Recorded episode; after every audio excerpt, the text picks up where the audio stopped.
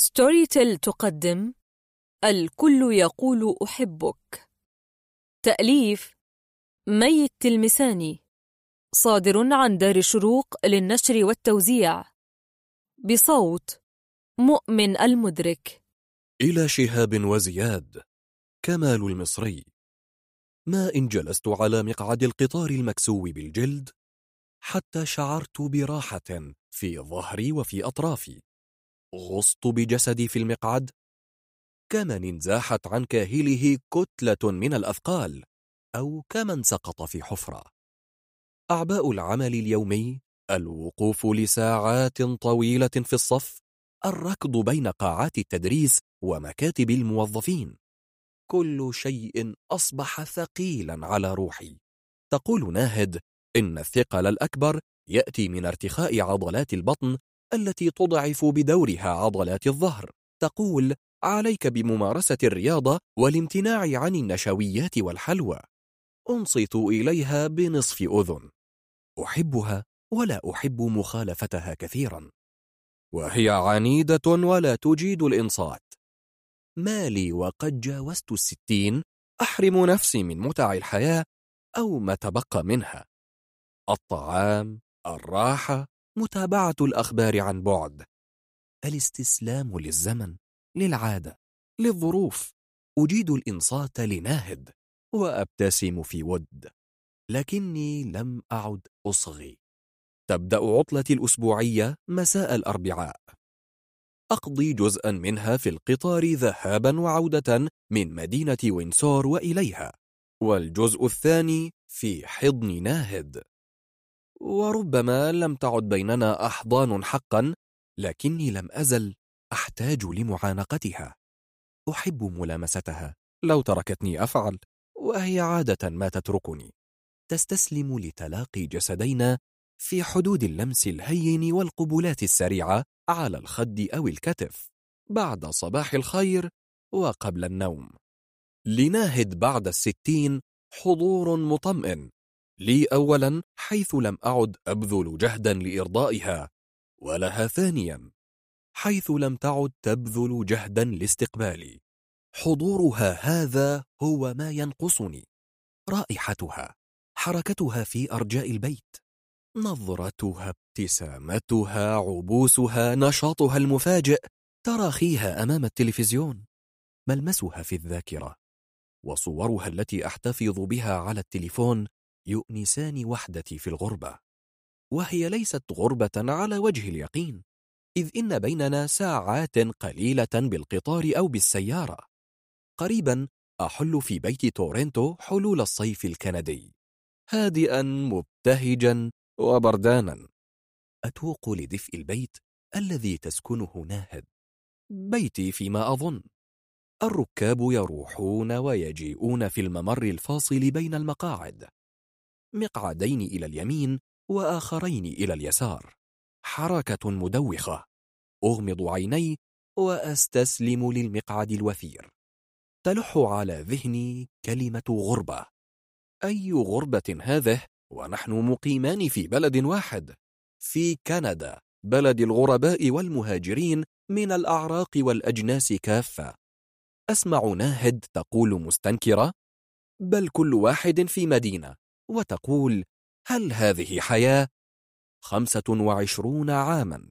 قضيتها في مدينة تقع على بعد أربع ساعات بالقطار من مدينة ناهد.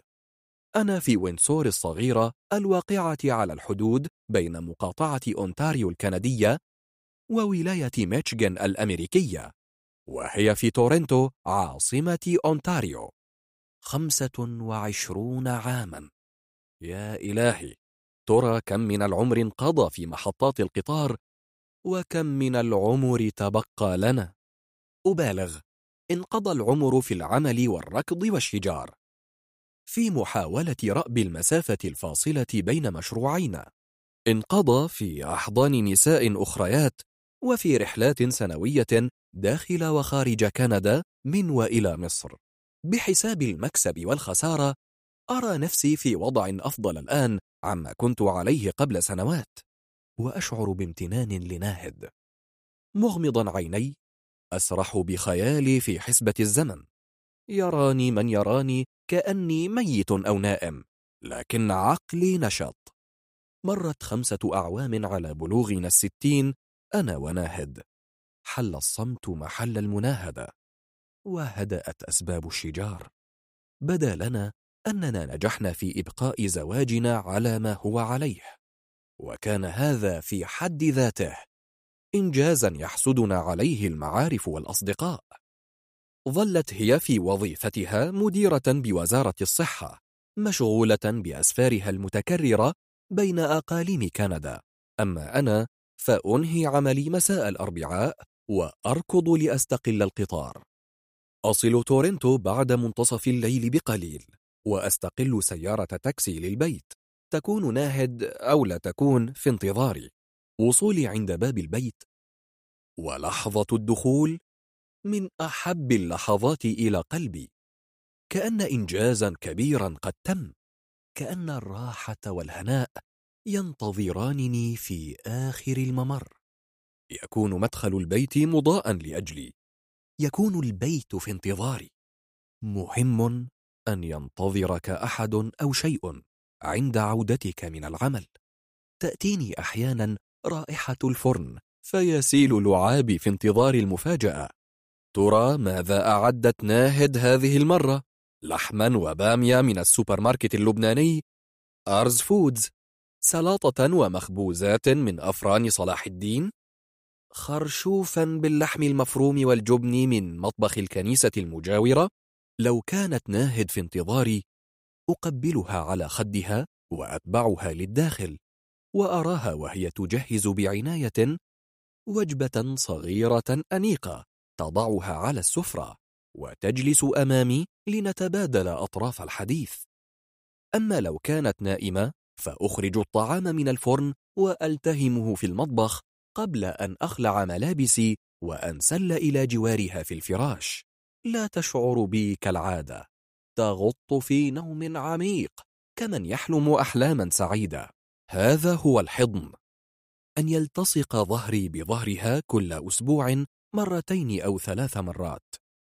في كل مرة ألتصق بها يراودني السؤال نفسه. كم من الوقت مضى على قرارنا بالاكتفاء؟ سنوات فيما أظن.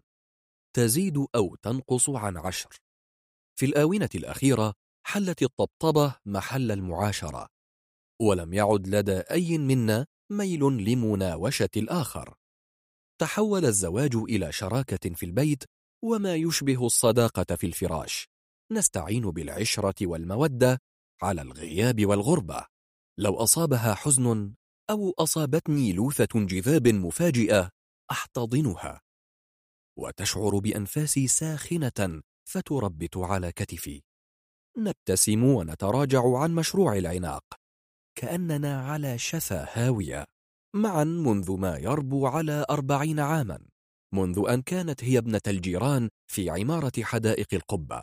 وكنت أنا ابن صاحب البيت في العمارة نفسها.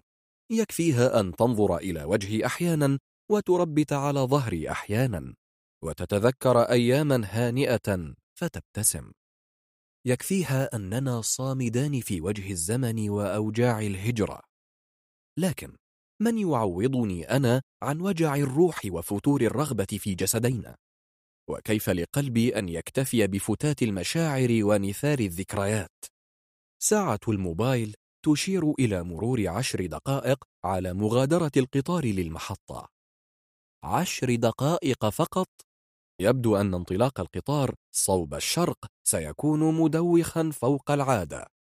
انتبهت لكوني جالسا عكس اتجاه السير وكأني أتقدم للوراء.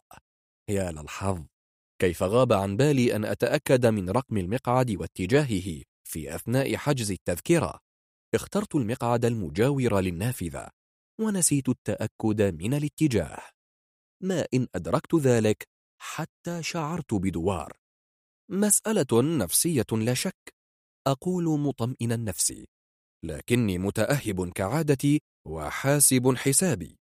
أخرج من حقيبتي الجلدية الصغيرة علبة الدواء المضاد للغثيان بطعم الزنجبيل وأضع حبة تحت لساني. حبة تشبه قرص النعناع كفيلة بتهدئة المعدة وتخدير الأعصاب ولو إلى حين. المقعد المجاور للنافذة أمامي شاغر. سأنتظر وصول القطار للمحطة التالية. لو لم يصعد أحد ليحتل المقعد فسأبدل مكاني. أما المقعد المقابل والمجاور للممر فقد احتله رجل أنيق تخطى الأربعين بقليل. دخل الحمام منذ قيام القطار ولم يعد. ترك حقيبته على الرف على المقعد واختفى. ربما خرج من الحمام ولم ألحظ خروجه. سيعود بلا شك وسأعتذر بأدب عن مزاحمتي له وأنا أبدل مكاني لأجلس بجواره. غفوت لحظات. ربما دقائق وحين أفقت كان ينظر إلي ويبتسم في ود. لم أشعر بمجيئه. كان يضع الكمبيوتر على ساقيه. ويضع فوقه كتابا تعرفت على غلافه على الفور. كتاب الباحث الإيراني حميد دباشي عن الربيع العربي. عدلت من جلستي المسترخية وضممت ساقي الممدودتين في الفراغ الفاصل بين المقعدين معتذرا بالإنجليزية فبادرني بلهجة مصرية سليمة. خليك على راحتك. ثم أردف سريعا بروفيسور كمال المصري مش كده؟ أجبته بابتسامة تعجب. أيوة. مد يده وقال أنا من جامعة وينسور اسمي كريم ثابت. مددت يدي وصافحته على مضض. كنت أفضل أن أغفو على هدهدة القطار حتى نصل المحطة التالية ثم أبدل مقعدي. أمني نفسي بالنوم حتى نبلغ محطة Union Station في تورنتو. لم تكن لدي رغبة في التعرف على زملاء جدد. ناهيك عن زميل من مصر. ولم افترضت أنه مصري. بسبب لهجته؟ عرب كثيرون يقلدون اللهجة المصرية. هممت أن أسأله فوجدته يقول أنا من القاهرة وحضرتك من حدائق الأبة وقبل أن أجيبه بادرني اتولدت في حي الظاهر. ثم أضاف بالإنجليزية نحن جاران في المنشأ وفي العمل. ثم ابتسم فابتسمت ووجدتني أسأله بالعربية من أي قسم. أجاب الإعلام. سألت بقالك كتير؟ أجاب عدة سنوات. وحضرتك؟ أجبته. أنا في وينسور من 1995 قبلها اشتغلت في جامعة تورنتو وقبلها في مونتريال. أجاب بالإنجليزية نعم أعرف. أدب مقارن. قرأت رسالتك للدكتوراه عن الاستشراق في الأدب والسينما. يعرف الكثير عني كما أنه قرأ كتابي الأكاديمي الوحيد المنشور بالإنجليزية. أمعنت النظر في وجهه الباسم؟ ولاحظت أن شعر رأسه تراجع للوراء وكشف عن جلد خمري أملس على جانبي الرأس. ذكرني بنفسي في سن الأربعين. في تلك الفترة أصابني ذعر بسبب تساقط الشعر. تزامن هذا مع ترقيتي لمنصب أستاذ مساعد بجامعة وينسور وقراري بعد سنوات من التردد والتفكير أن تظل الأسرة في تورنتو على بعد أربع ساعات بالقطار من وينسور وأن أداوم على السفر بين المدينتين. تعودت أن أعود إلى البيت في نهاية كل أسبوع وعلى قضاء عطلات الكريسماس وعيد الشكر والعطلة الصيفية مع ناهد والولدين في تورنتو. سألني هل بلغتك أنباء عن تحويل بعض الكورسات للتدريس أونلاين؟ لا لست متابعا جيدا لتصريحات الإدارة العليا. أنباء الوباء في الصين غير مبشرة وفي بعض الأماكن في أوروبا أيضا. أصبحنا قاب قوسين أو أدنى من كارثة كبرى. أصدقاؤنا في الغربة هم عزاؤنا الوحيد. ما يقوله هذا الغريب حق. في الغربة نصنع لأنفسنا عائلات موازية من الأصدقاء والمقربين والأحباب. وتتراجع العائلة الكبيرة في خلفية المشهد. حدث لي هذا حين تركت بيت حدائق القبة وجئت إلى مونتريال. ثم حين هاجرت من داخل الهجرة من مونتريال إلى تورنتو ثم منها إلى وينسور. في كل مرة تتغير علاقتي بفكرة وقيمة الأسرة. وتثقل على نفس الزيارات الاجتماعية الثنائية تلك التي يتبرع في اختلاقها المتزوجون وهم يتبارون في إبراز مدى تعلقهم بزوجاتهم وأبنائهم ومدى تماسك أسرهم السعيدة. في غمرة اللهاف والمنافسة على إثبات وتجديد الثقة تتلف الأسرة وتذوي. ولا أحد يدري من أين يأتي العطب. تجده ماثلا في نظرات العيون وفلتات اللسان ومحاولات الهرب من الشراكة الأبدية إلى الأحضان المؤقتة. ينكشف بعضها ويشعل الحرائق. ويظل بعضها الآخر مجهولا لجماعة المتزوجين. فيبدو الكل سعيدا بما أنجز في العلن أو بما نجح في إخفائه في السر. بعد الترقي واستقرار الحياة بين مدينتين اتخذت لنفسي صديقة في وينسور وتباعدت رحلاتي الأسبوعية لتورنتو طورا من الزمن. لم أفعل ذلك عامدا. لكنها تصاريف الحياة. بدا لي وكأن كل الأشياء تتجاوز مشاعر الحب تجاه ناهد الانتماء لشلة المتزوجين الروابط بيني وبين الولدين. رخاء العيش في تورنتو بمرتب أستاذ جامعي كبير وكذلك مصادقة النساء خارج الزواج. كانت آيلين من أصل أيرلندي تعمل مدرسة لنصف الوقت بقسم الفنون البصرية. فنانة جرافيك جذابة ذكية شقية التقينا كصديقين في البداية ولما شجعتني على الاقتراب اقتربت. شعرت في أول لقاء جنسي معها براحة واطمئنان. كنت أفتقدهما في علاقتي بناهد كانت حرة منطلقة وكانت أنانية في الحب. أردت أن أكون مثلها أن أقتنص حقي من الجنس بلا مشاعر إثم بلا اعتذار عما فعلت أو لم أفعل. يعجبها شعري المجعد تداعبه في كل مرة بافتتان. تطلب مني إطالته وتغضب لو شذبت لحيتي. تريدني خشنا نهما وأريدها مستقلة عني مقبلة علي.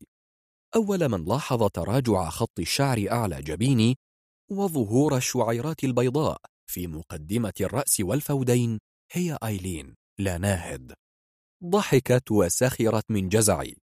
بعد حين فترت العلاقة بيننا بلا أسباب واضحة. ربما راح الإندهاش وربما نضبت الرغبة. تجاسرت وأخبرتها بميلي للابتعاد. ادعيت مشاعر ذنب معدومة تجاه ناهد لم تصدقني ولم تكترث. ثم كفت عن السؤال. ومرت بمكتبي ذات يوم دون أن تلتفت. انتقلت أيلين للعيش والعمل في مدينة فانكفور في أقصى الغرب الكندي وانقطعت أخبارها. بل لم تنقطع تماما عرفت أشياء عنها عن طريق الفيسبوك. ثم كاتبتها مرة فردت بصور عارية لها بصحبة كلب وعلقت عليها بكلمة تتبعها نقطة البديل لم نلتقي سوى مرة أخيرة بعد سفرها. كنا في مؤتمر علمي في واشنطن حين التقت أعيننا في بهو الفندق وأنكر كل خل خله الآن وقد انتصف عقد السابع سقط الشعر الذي أحبته آيلين وسقطت ذكراها. إلا ما تبقى من ملامحها ولفتاتها أثرا باهتا للرغبة. كانت أول وآخر صديقة عرفتها لأقيم معها علاقة جنسية بحتة. لا تربطني بها مشاعر حب. صديقة مع فوائد كما يقال هنا. ولو أمعنت التفكير لقلت إن للنساء بصفة عامة حضورا مؤقتا في حياتي. أفضل صحبة الرجال الممتدة في الزمن على صداقات النساء العابرة. وحدها لينا عقاد ظلت حاضرة. أما الأخريات فلهن نصيب هزيل من الذكرى ونصيب أكبر من النسيان. هل تسافر دائما في قطار الثامنة إلا الربع؟ انتبهت لسؤال كريم المفاجئ. وأجبت بنصف اهتمام. نعم نعم. أنا أيضا زوجتي تقيم في تورنتو. ما إن أنهي التدريس حتى أركض لمحطة القطار. بيتك في تورنتو؟ نعم وظيفة زوجتي ثابتة. تعمل في حكومة أونتاريو والأولاد يفضلون تورنتو على وينسور في أي مؤسسة تعمل زوجتك؟ وزارة الصحة. والولدان في مدرسة ابتدائية متميزة. أكره أن أخرجهما منها. تعرف أعرف ما يقول كريم جدا. بعد انتقالنا من مونتريال عاصمة مقاطعة كيبك الفرنكوفونية إلى تورنتو عاصمة أونتاريو التحق الولدان بمدرسة جابريال روا الفرنسية. وبرغم تنقلنا بين بيوت وأحياء تورنتو كشأن معظم الكنديين لم أسعى لإخراجهما من المدرسة بعد أن كون فيها صداقات حافظ عليها حتى انتهاء المرحلة الثانوية. بعد حصولي على منصبي الحالي قررنا أنا وناهد أن البقاء في تورنتو هو الحل الأفضل لها وللأولاد. وكذلك لاستقرار الأسرة. كانت ناهد قد جاوزت الأربعين. وكنت ما زلت أشتهيها بجنون. أعود كل أسبوع متشوقا لعناقها لتعاريج جسدها تأودها بين ذراعي صرختها. كان لعذابي في النأي عنها اسم وثقل. البعد عنها والعودة وحيدا لشقتي في وينسور كان الشقاء بعينه. حجرة وحيدة وصالة يضيئها النيون ومطبخ صغير وحمام بلا نافذة وغياب ناهد. أحيانا كانت تزورني بصحبة الولدين. تدخل البهجة من باب الشقة ولا تغادرها لأسابيع. تترك بصمتها على المكان وبقايا عطرها على الوسائد وترحل بهدوء كما السحاب. بعد زمن صارت تتململ من ضيق الشقة وتتحايل كي أسافر إليها بدلا من أن تأتي هي إلي وبدأت أسفارها بطول كندا وعرضها تلتهم وقتها وتشبع توقها للتميز ولفت الأنظار. تقول إن عملها يعوضها عن الحب والغياب. من جهتي خفتت مشاعر الوحدة بمرور الوقت وبانتظام دورة الحياة في شكلها الجديد. وظهرت نساء أخريات في الأفق صداقات عمل معاكسات عابرة تأتي وتروح بلا ضجيج. أعود لناهد مصحوبا بمشاعر الذنب أحيانا وتستقبلني بلهفة مفتعلة أحيانا أخرى. كبر الولدان. وانشغل كلانا بالعمل وأسباب النجاح. أتذكر ملامح ناهد في تلك الفترة بفضل الصور. ولولاها لغابت تفاصيل وجهها في متاهة الذاكرة. جمالها هادئ وصارم بشفتين رقيقتين وعينين واسعتين كعيون نيفرتيتي وأنف حاد وشعر مموج تعقصه على هيئة كعكة إسبانية عند التقاء خط الشعر بالعنق. أتذكر أنها حافظت على جسدها من الترهل بفضل التمارين الرياضية حتى ما بعد الخمسين. في تلك الفترة ظهرت عليها أعراض ما يسمى الولع باقتناء الأشياء أخذت تسرف في جمع الكراكيب وتبرر الاقتناء بعشرات الدوافع والمسببات العاطفية المنطقية وغير المنطقية. وكأن البيت أصبح امتدادا لجسدها يترهل بدلا منها ويراكم الزوائد والدهون مثل ما يراكم الأتربة والذكريات. كانت تحتفظ بكل شيء تطوله يداها. قطع أثاث لجيران غادروا المبنى هدايا موسمية من زملاء العمل. ملابس مضت عليها حقبتان أو ثلاث. صناديق ضاقت بها بيوت الولدين فأودعاها ركنا من أركان البيت أو البدروم. زجاجات عطر فارغة تذكرها برحلة قمنا بها. أنواع لا حصر لها من الحلي والإكسسوارات النسائية الموروثة أو تلك التي اشترتها حديثا وناسيتها في أحد الأدراج. صار البيت في تورنتو متحفا صغيرا لمقتنيات ناهد. وصرنا نتحرك بين الأثاث بحذر. خوفا من أن نكسر فازة تحبها ناهد أو نطأ وسادة وضعتها على الأرض لخلق جو شرقي تقول إنها تفتقده في الغربة. أحببت بيت ناهد في صورته الجديدة وتأقلمت مع ولعها بجمع الأشياء تماما مثلما تأقلمت هي مع غيابي عنها وغيابها عن شقة وينسور الضيقة. برغم مرور السنين ما زلت منجذبا لناهد. أشتهي جسدها. لكني لا ألح في الطلب. المؤسف حقا بالنسبة إلي هو أن روحها بمضي الوقت تسللت من بين أصابعي وغابت. ربما يكون هذا الغياب هو أقسى ما حدث لنا على مدى أكثر من أربعين عاما من الحياة المشتركة. من السبب؟ كلانا غالبا. ميلي للمبالغة في التعبير عن العواطف يقابله حزم ناهد في التعامل معها. أدركت بمضي الزمن أنها أغلقت بابا بيننا ولم تفتحه قط. هل يا ترى عرفت تفاصيل انجذابي لأخريات أيلين ولينا مثلا؟ لا أعرف على وجه الدقة. كل ما أعرفه أنها في لحظة ما اتخذت قرارا ولم تتراجع عنه. ولماذا في أوج لحظات الشجار والخلاف بيننا لم تطلب الانفصال عني؟ لماذا لم تطرح يوما فكرة الطلاق؟ لماذا ظلت تحافظ على البيت وتصون العشرة؟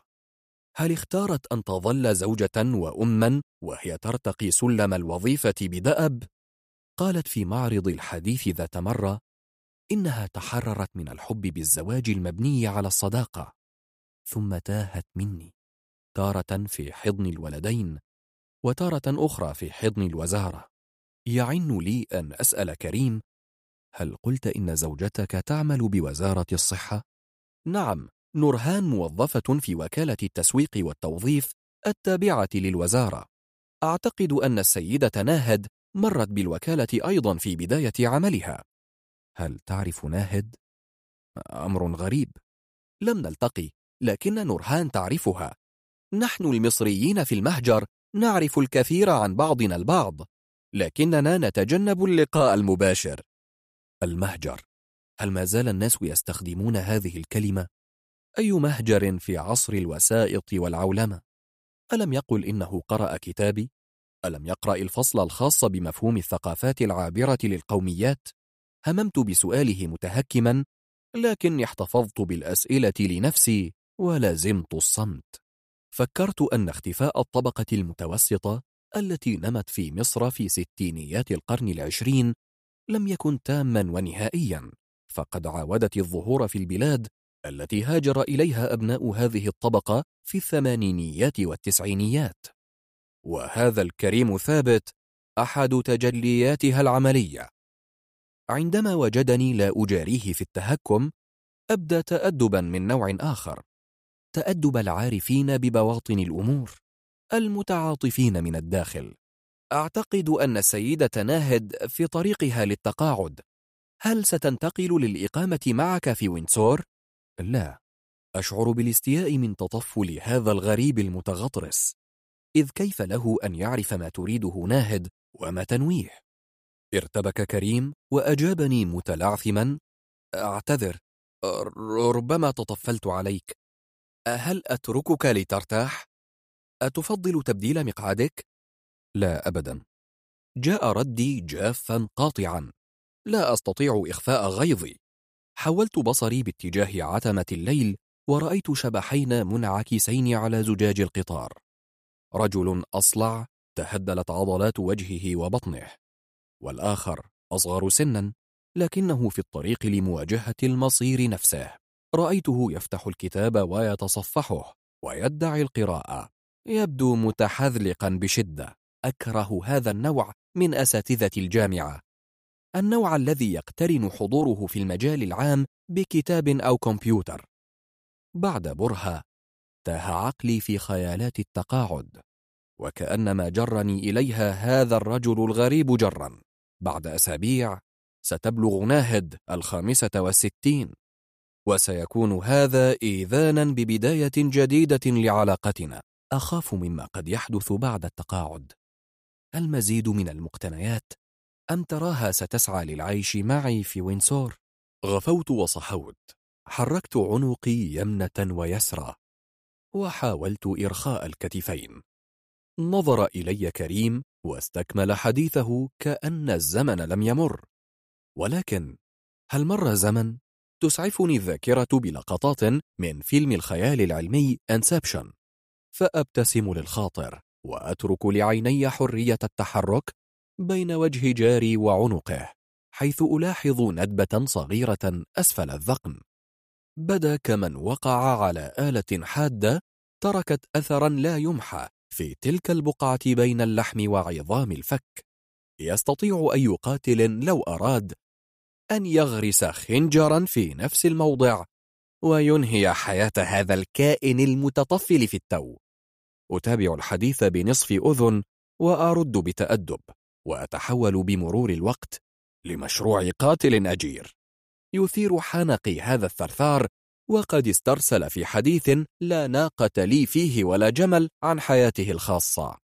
تقول نورهان إنها تفضل البقاء في تورنتو. حتى تظل قريبة من المطار. رحلة مصر للطيران مقدسة لديها. يضحك ثانية فتضيق عيناه. هل تسافر زوجتك كثيرا؟ تسافر في عطلة الصيف. تترك الولدين لي وترحل لمدة شهر. تزور الأهل والأصدقاء في الإسكندرية. تتسوق. تسهر. تسافر أحيانا للعمل أيضا. معظم الأوقات داخل كندا. وأنت ألا تسافر إلى مصر؟ لا يا سيدي يكفيني ركوب القطار ذهابا وعودة كل أسبوع. ثم إني لا أشعر باشتياق كبير لمصر. تعجبني الحياة في كندا خاصة في الصيف. كل شيء هنا هين. أفكر أن كل شيء هين في كندا إلا النساء. ولكن لما هذا الخاطر؟ ألم تمضي حياتي هينة بصحبتهن؟ ولماذا أفكر بصيغة الجمع؟ لو قرأ هذا الرجل أفكاري لتصور أني كازانوفا وربما تكون له تجارب مماثلة فحذلقته هذه تعجب بعض السيدات وربما توقعهن في حبائله بسهولة في الحقيقة لم أقم علاقة ممتدة خارج الزواج إلا مع امرأتين فقط آيلين الأيرلندية التي دامت صلتي بها عامين وعلى فترات متقطعة ولينا عقاد السورية التي استمر حبي لها أربعة أعوام. كان حبا طاغيا لا يشبه حبي لناهد. تلبستني حالة جذاب لم أعهدها في نفسي من قبل. لا أدري كيف ولا متى. أغواني الحب بحياة مختلفة بعد انتصاف الخمسين. في غفلة مني راح يتغلغل ويستقر ينمو ويتفرع. ثم انكسر مثلما تتكسر أغصان السنديان في مواجهة ريح عاتية. حدث هذا بلا دراما بلا أسى. أتذكر ما قالته لينا في خطابها الأخير كأننا اتفقنا أن حبا كهذا لا يموت. حتى لو ضيعناه. يتخذ أشكالا ليس من بينها اللقاء لكنه لا يموت. فلماذا البكاء إذن؟ وعلى أي شيء؟ كانت محقة. أصابنا حزن كبير قرب نهاية العلاقة وخيم ظله على لقاءاتنا الأخيرة. ثم زال الحزن رويدا رويدا وحل محله ثقل في المعدة. وشعور مزمن بالغثيان. اليوم بعد أن هدأت العاطفة واستقرت المشاعر أتذكر أشياء وأنسى أشياء. مرت ست سنوات. صحيح أن الذكريات تتشابه وتختلط الوجوه والأحداث لكني لا أنسى. يقطع كريم حبل أفكاري مستفسرا هل تعود لوينسور في قطار الأحد مثلي؟ نعم. أليس غريبا أن نذهب ونعود في القطار دون أن نلتقي؟ بل التقينا لكنك تنسى. حقا معذرة. أصبحت أنسى كثيرا هذه الأيام. متى التقينا؟ أول مرة في حفل استقبال الأساتذة الجدد بكلية الآداب منذ نحو عامين. منذ عامين؟ آه تذكرت. طلب مني العميد التحدث باسم الكلية بسبب اضطراره للسفر كان قد تقدم سرا لوظيفة رئيس جامعة صغيرة وكان على موعد مع لجنة التعيين. نضحك معا. كانت كلماتك مؤثرة. إيمانك بأهمية العلوم الإنسانية والدراسات الثقافية والأدب المقارن. الانفتاح على الثقافات. دور المثقف العضوي أمام هجمة الليبرالية الجديدة. عقل شاب وثاب. أشكرك. إطراء لا أستحقه. لدي ذكرى غائمة عما قلته ذلك اليوم. لكني بالتأكيد أشرت لإدوارد سعيد وفرانس فانون. أفتعل أحيانا أي حديث للتذكير بأصولي كمهاجر. ذكرت أيضا ستيوارت هول وحميد دباشي هذا الكتاب تحديدا. يبتسم فتضيق عيناه. أوه نعم. مقالاته عن الربيع العربي. التحدي المؤجل. كتاب رائع. بدوري أتخذ سمت العلماء. قرأته في خضم الثورتين المصرية والسورية. وبدا لي أنه يجمع بين الحركين الشعبيين بشكل غير مباشر. وقد يجمع الله الشتيتين بعدما يظنان كل الظن. ألا تلاقيا. ألتفت باتجاه النافذة وأتذكر تلك العبارة التي كتبتها لينا ودستها بين ملابسي. كنت مسافرا لتورونتو في نهاية فصل الربيع وكان هذا أول فراق طويل بيننا. اهتز القطار ساحقا القضبان بعنف مدون. المقعد أمامي ما زال شاغرا بإمكان استكمال الرحلة في اتجاه سير القطار لكني عازف عن الحركة برغم شعوري بدوار خفيف. أفضل الجلوس في مواجهة كريم لا بجانبه. أريده أن يراني وأن أراه كعادتي في التحسب من الغرباء. فضلا عن كونه ثرثارا لا يؤمن له جانب. فقد أدخلني في تفاصيل لا شأن لي بها عن حياته الخاصة. اشترينا بيتا في تورونتو قبل حصولي على الوظيفة في ونسور كانت نورهان تلح تؤكد أن مرتبها يكفي تقدم الدلائل دراسات لسوق العقارات حسابات بنكية مقارنات بجيران وأصحاب. اقتنوا بيتا قبل ارتفاع الأسعار. احتياجات الولدين. أوه نسيت. ينقر كريم الهاتف بإصبعه. يفتح ملف الصور. يمرر طرف الإبهام على الشاشة بسرعة ويبتسم وهو ينظر للموبايل ثم يمده نحوي. على الشاشة صورة لطفلين يردد اسميهما. يعلو صوت القطار فجأة. أشير بالسبابة لأذني فيهتف. هذا آدم! عشرة أعوام! وأخوه مالك اثنا عشر عاما! يمر القطار في نفق. ويخفت صوت اصطكاك الحديد بالحديد. ألتقط خيط الحديث وأقول لكريم أنا أيضا لدي ولدان. أدهم يحتفل ببلوغه الثلاثين بعد أيام. ومازن قارب الثانية والثلاثين. بعد شراء البيت بأشهر قليلة عرض علي العمل في وينسور. كنت الثاني على قائمة المرشحين. المرشح الأول على القائمة رفض عرض الجامعة. اختار البقاء في وظيفة مؤقتة في مونتريال مع زوجته وأبنائه. حظ. تعتبر نفسك محظوظا. أليس كذلك؟ طبعا ما فيش نسبة. مستقبلي تبدل. ونظرة الناس ليا اتغيرت. الاستقرار مهم ولا إيه؟ وبعدين البيت هيروح فين؟ بيت الأسرة في تورونتو وأنا شقتي مش وحشة في ونسور أوضة وصالة. فل.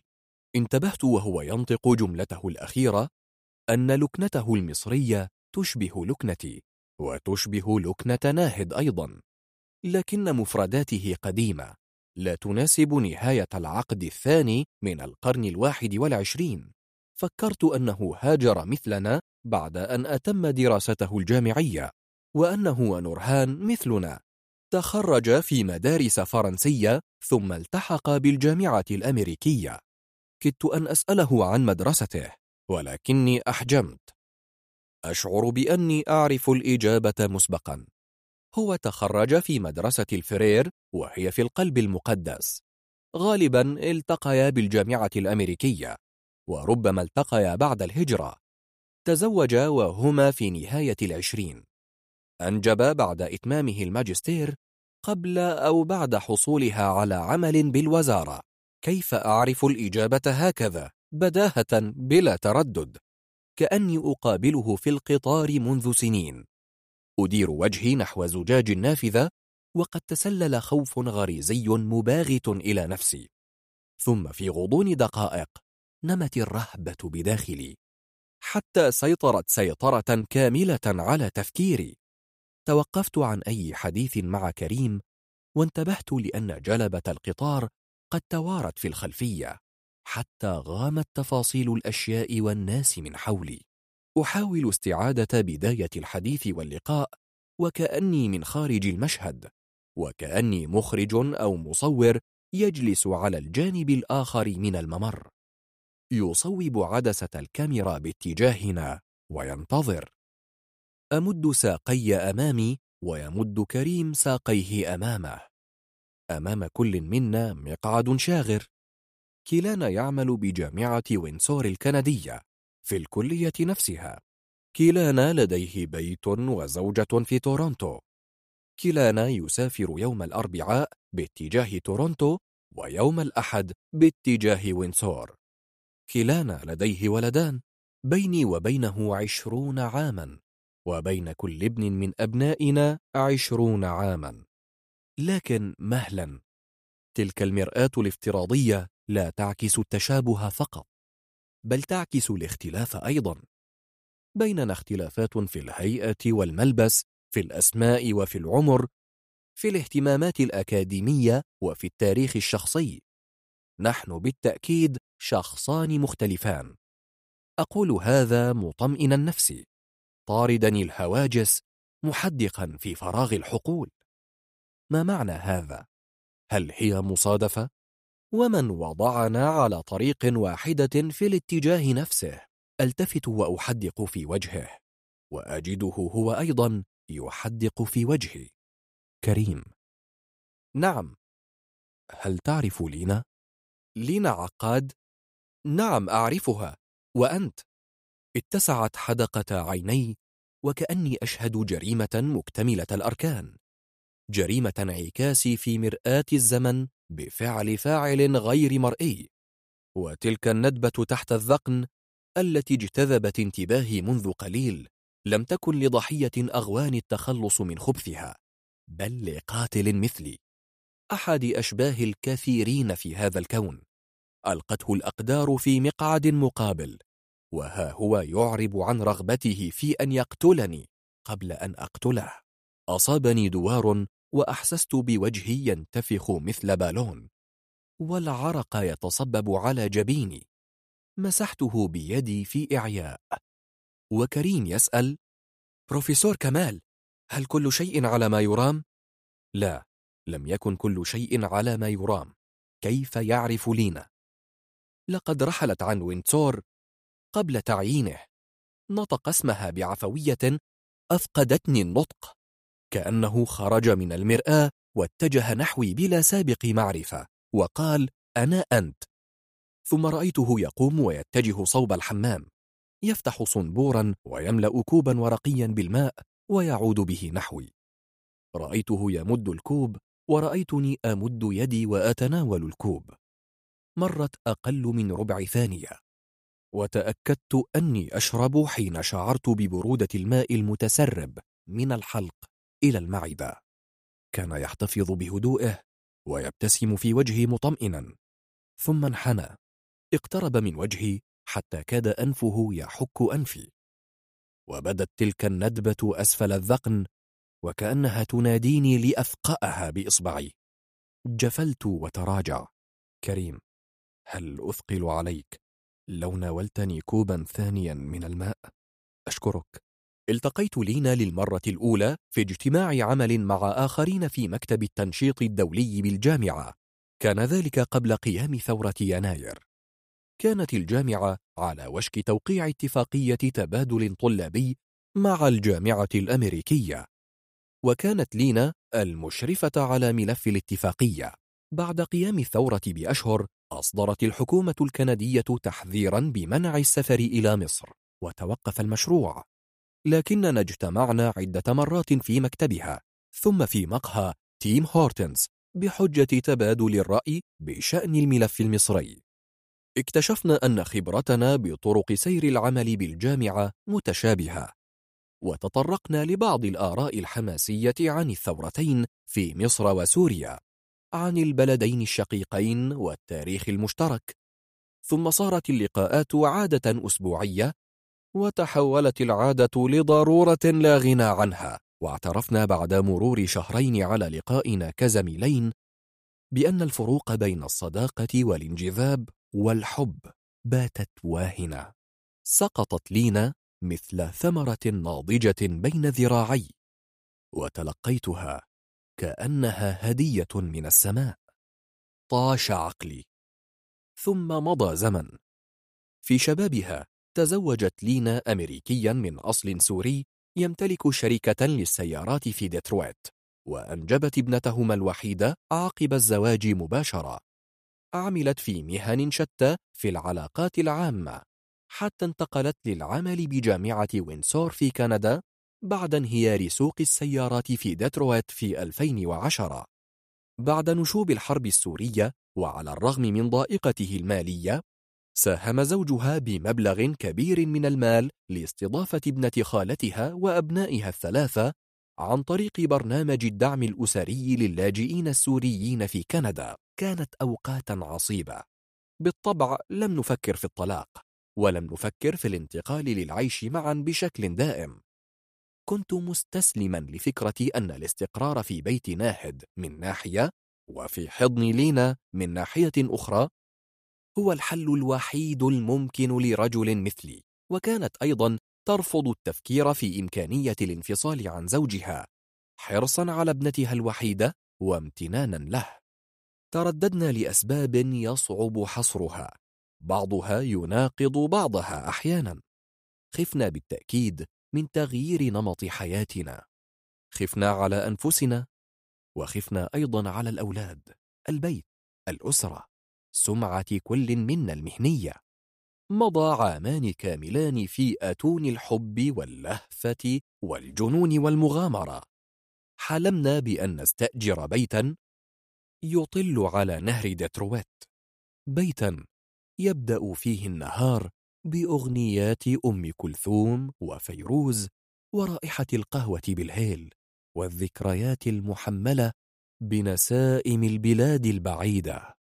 وينتهي فيه الليل بعناق ومناجاة وأحاديث ممتدة. نستهلها بالضحك ونختتمها بالقبلات. حلمنا بشكل رومانسي مثير للشفقة. ولم نحقق إلا نزرا يسيرا من أحلامنا. وبمرور الوقت اكتفيت أنا بإعادة اكتشاف الجنس والشهوة. والتحرر مؤقتا من القيود والتوقعات والأماني محاولا تعويض البعد عنها في الواقع بحضورها الطاغي في الأحلام. ثم قضينا عامين آخرين نتأرجح بين الرغبة في الاستمرار والخوف من التغيير بين استحالة اللقاء في الخفاء واستحالة التخلي عن هذا الشيء الذي جمع بيننا. أسميناه أسماء كثيرة ولم نسمه بما يكفي. كانت تطلق عليه أحيانا الحب الممكن وكنت أجيبها بأني عاجز عن وصف العلاقة. اكتفينا بالعناق عن الحديث ثم مر زمن وصرنا نكتفي بالحديث عن العناق. أدركت آنذاك أن الاكتفاء كان عدونا الأول أو هكذا خيل إلي حين ذهب كل منا في طريق. نفس مشاعر النأي التي خلفتها زيجتي بناهد تكررت بعد سنوات مع لينا. تباعدنا. وكان هذا إيذانا بنهاية لم نرتب لها. انتظرت قرارها بترك زوجها. والاستقرار معي. كمن ينتظر أن يجبره أحد على الانتحار؟ تخيلت أن الضوء الأخضر من جانب لينا سيساعدني على أن أعترف لناهد بما جرى وأتخفف من مشاعر الذنب ومرارة الكذب والخيانة. ثم كففت عن الإلحاح على لينا. كي نحدد مصيرنا معا. تجنبت الحديث في الأمر في العام الثالث بأكمله. وبات حلم الاستمرار مستحيلا. حين أضنتني مشقة التأرجح بين حياتين. وشعرت بوطئها. قبيل نهايات خريف العام الرابع. في ذاك الخريف خرجنا في جولة بمنطقة الحدائق الدولية بوينتسور. يومها بدا لنا بوضوح ما كنا نتجنب الحديث عنه لسنوات. هي لن تترك زوجا كريما عاطوفا من أجلي وأنا لن أضحي بسنوات العمر مع ناهد من أجلها. لا حب لا شهوة لا بيت لا غناء لا نهر لا نسائم لا شيء في هذا الوجود من شأنه أن يغير مصائرنا. لم نلتقي أنا ولينا لننهي علاقتنا. انقطعنا عن اللقاء في ونسور تدريجيا في أثناء العام الدراسي واكتفينا بالمراسلات في أثناء عطلة الصيف الطويلة. ثم وصلتني منها رسالة مقتضبة على الإيميل تعترف فيها بصعوبة البعد عني. واستحالة الحياة معي. تركت لها رسالة على الموبايل أطلب فيها بإيجاز أن نلتقي. لكنها لم ترد. وكان هذا ما كان. بعد انقضاء أشهر الصيف عدت للعمل بنصف عقل نصف روح. وبلا أمل أدركت أني أصبت بالاكتئاب حين ألمت بي هواجس الموت. وتمثلته طريقا يخلصني من اليأس. خفت على ناهد من خيالات الموت والنزوع للتفكير في القتل كلما أمسكت سكينا أو وقفت إلى جوارها نطل من نافذة عالية. انهمرت دموعي بسبب وبلا سبب. أدركت ناهد ما أنا فيه ونصحتني بالذهاب لطبيب نفسي أوصاني بتناول الأدوية المضادة للقلق وبالراحة التامة بعيدا عن وينسور. استقر بي الحال في تورونتو لمدة شهر. ثم دب شجار بيني وبين ناهد أفضى للانفصال عنها لمدة عام كامل. سافرت أثناءه لمصر وعدت كما رحلت بل أكثر بؤسا. لم أهدأ بالا إلا حين بلغني أن لينا قد عادت إلى زوجها في ديترويت وأن ابنتها تزوجت وأنجبت طفلة هناك. وبرغم قرب ديترويت ووينسور إذ يفصل بينهما نهر وكوبري ونفق فإن الحد الجغرافي بين البلدين وضع حدا لأمنيات العودة وأوهام الغرام. ثم لا أدري كيف تبدل الحال ولا كيف عادت إلي نفسي. عدت من القاهرة وقد بلغت الستين وبلغت ناهد العتبة نفسها بعدي ببضعة أشهر. اختارت ناهد الاحتفال بعيد ميلادي في البيت. زينته قبل الموعد بأسبوع كامل. جاء الولدان كل بصحبة صديقته. أرسلت ناهد الدعوات للأصدقاء واشترت الهدايا باسمي وباسمها. حيث كنت أتكاسل دوما في شراء الهدايا لأي أحد مهما بلغت أهمية المناسبة. ثم قضت أياما تعد الطعام ونهارا كاملا. تختار الثياب المناسبة لي ولها ونهارا آخر في منتجع خارج المدينة للعناية بجمالها. في يوم الاحتفال بدت متألقة بل مشعة. كان يوما مبهجا للجميع. في تلك الليلة قالت لي ونحن نأوي أخيرا للفراش إنها تتمنى أن نبدأ الحياة من جديد. قالت ربما غاب الحب ولكن تبقى المودة. وقبلتني على شفتي. قبلة كنت قد نسيت طعمها. بدأ عامي الستون بقبلة وعدت للعمل. عدت لكتابة ونشر الأبحاث العلمية. عدت بنصف قلب لنصف الوقت لكني لم أمت. أقول لنفسي إن نصف حياة أفضل من موت محقق. منحنا عمرا جديدا في غفلة من الزمن بحساب بسيط وعادي. أنقذنا رقم الستين بما له علينا من سحر. خطوت مع ناهد تلك العتبة يدا بيد.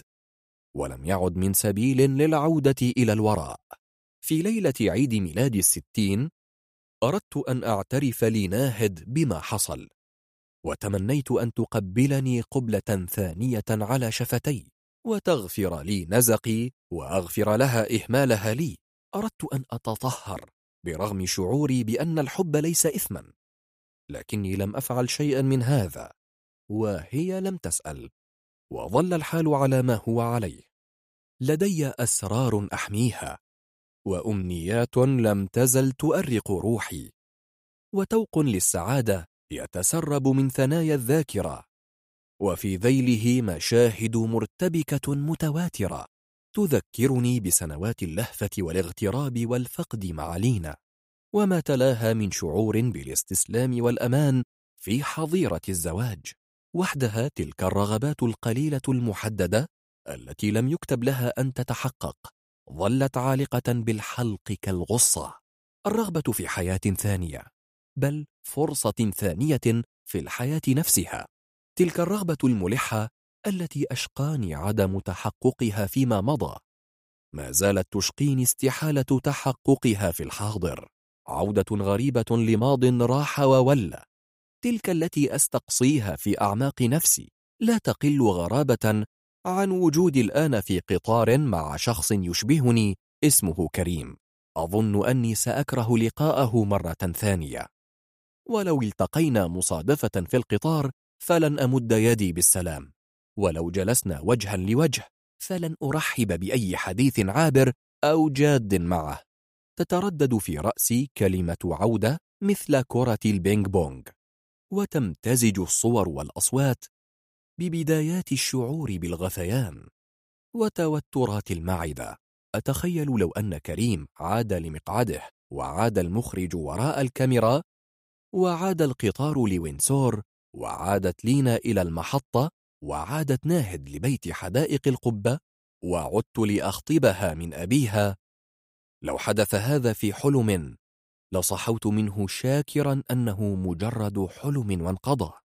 لو عادت بي الأيام لسن الثلاثين لأمزق أوراق الهجرة أو للأربعين لأرفض الوظيفة في مدينة لا تعيش فيها ناهد أو للخمسين لأعترض على فراق لينا. لكنت إنسانا آخر الآن حرا ربما مقيدا بقيود أخرى غالبا بائسا في كل الأحوال. كانت تعمل بالجامعة قبل التحاقي بها. من؟ لينا عقاد تسألني عنها. أليس كذلك؟ آه نعم. أه تعرفها إذن. أعرفها عن طريق ابنة خالتها. مترجمة متطوعة في مركز مساعدة اللاجئين السوريين بوينسور. وأيلين. أيلين شيبرد أستاذة العلوم السياسية. بل أيلين أخرى. لا عليك. اقتربنا من محطة Union Station. نعم انتصف الليل. سأطلب أوبر للبيت. لابد أن نورهان نائمة. وصولي عند باب البيت ولحظة الدخول من أحب اللحظات إلى قلبي كأن إنجازا كبيرا قد تم. كأن الراحة والهناء ينتظرانني في آخر الممر. يكون مدخل البيت مضاء لأجلي. يكون البيت في انتظاري. مهم أن ينتظرك أحد أو شيء عند عودتك من العمل. تأتيني أحيانا رائحة الفرن فيسيل لعابي في انتظار المفاجأة. ترى ماذا أعدت نورهان هذه المرة؟ لحما وبامية من السوبر ماركت اللبناني. أرز فودز؟ سلاطة ومخبوزات من أفران صلاح الدين خرشوفا باللحم المفروم والجبن من مطبخ الكنيسة المجاورة. لو كانت في انتظاري فسأقبلها على خدها وأتبعها للمطبخ وأراها وهي تجهز بعناية وجبة صغيرة أنيقة. تضعها على السفرة وتجلس أمامي لنتبادل أطراف الحديث. أما لو كانت نائمة فسأخرج الطعام من الفرن وألتهمه في المطبخ قبل أن أخلع ملابسي وأنسل إلى جوارها في الفراش. لا تشعر بي كالعادة تغط في نوم عميق كمن يحلم أحلاما سعيدة. هذا هو الحضن. أن يلتصق ظهري بظهرها كل أسبوع مرتين أو ثلاث مرات. أليس كذلك؟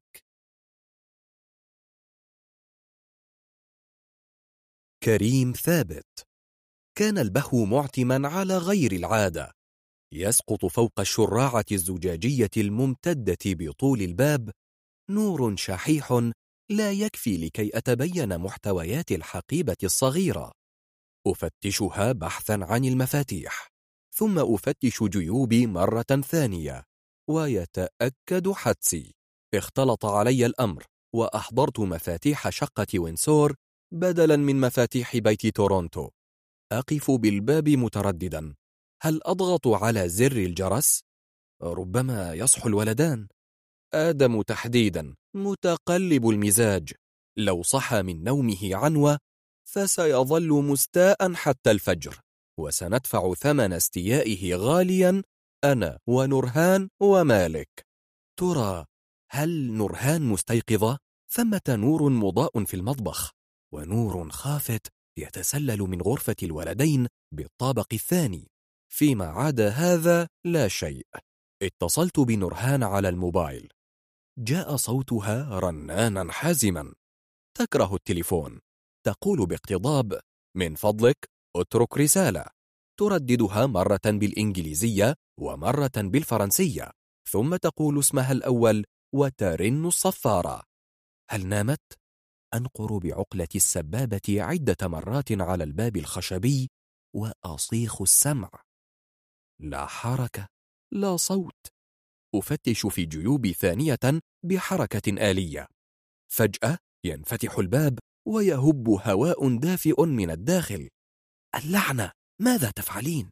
تقف نرهان بالباب حافية القدمين ترتدي روبا من الساتان الخمري محكما بحزام من نفس اللون حول الخصر وفي يدها مضرب هوكي تستعد بشكل مثير للضحك للانقضاض على سارق وهمي سارق مهذب يطرق الباب قبل أن يسطو على المنزل وأنت ماذا تفعل؟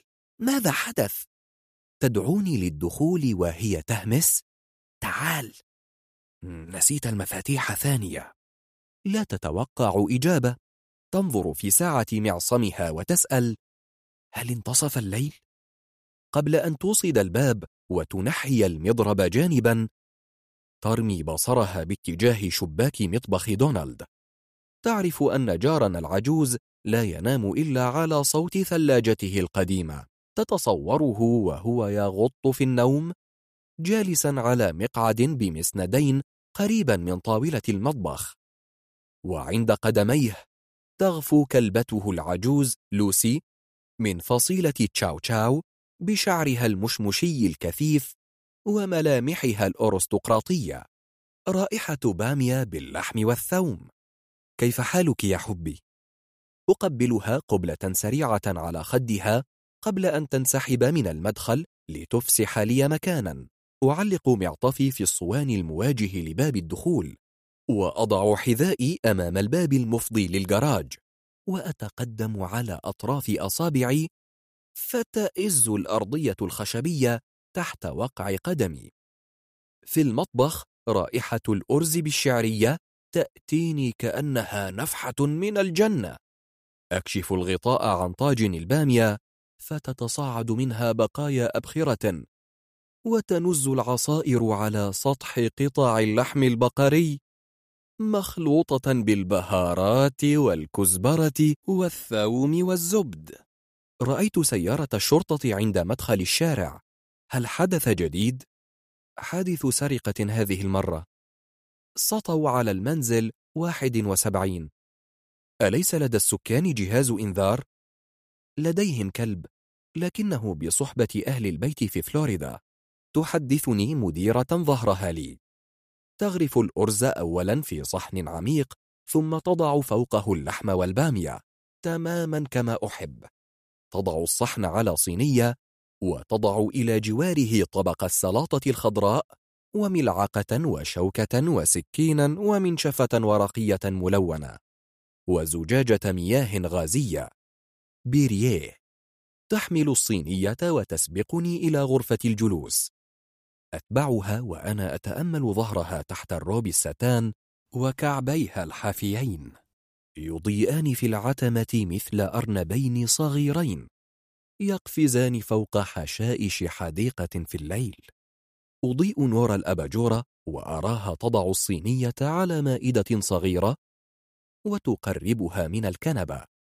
ثم تنحني وتلتقط شيئا من الأرض وتبتعد هاتفا آدم يا ربي ألعابه في كل مكان. ابقي معي قليلا مستعطفا أرجوها أن تطيل الليل. أشتاق إليها ولا أخفي اشتياقي. تعرف وتبطئ من خطوها لتجلس في مواجهتي. أصحو غدا في السابعة صباحا. ثم تضيف بغنج أصبحنا غدا. تجلس واضعة ساقا تحت إليتيها والساق الأخرى فوق فخذها. ينحسر طرف الروب. وتبرز ساقها الملساء وأصابع قدمها الصغيرة مطلية بطلاء أظافر أزرق. أتمنى لو أقبل كل إصبع على حدة. لو تتركني أمص أصابعها الدقيقة بعد العشاء. الساعة جاوزت الواحدة صباحا. وهي صامتة تقاوم النعاس وتفكر في إمكانية الهرب. أقبل على الطعام بنهم وأسألها عن الولدين. حبيبي آدم مدعو لحفل عيد ميلاد أندرو ظهر السبت. ومالك مشغول كعادته يستعد لمسابقة التمثيل. هل اختارت المعلمة مشهدا من مسرحية؟ نعم اختارت مونولوجا من مسرحية لكاتب أمريكي من أصل مصري. أظن اسمه ستيفن ستيفن جرجس تسبق كلمة حبيبي بالعربية اسم آدم الصغير. لا تقول حبيبي مالك ولا حبيبي كريم إلا نادرا. أحيانا تناديني بكلمة بابا فأغضب. لا أريد أن ألعب هذا الدور.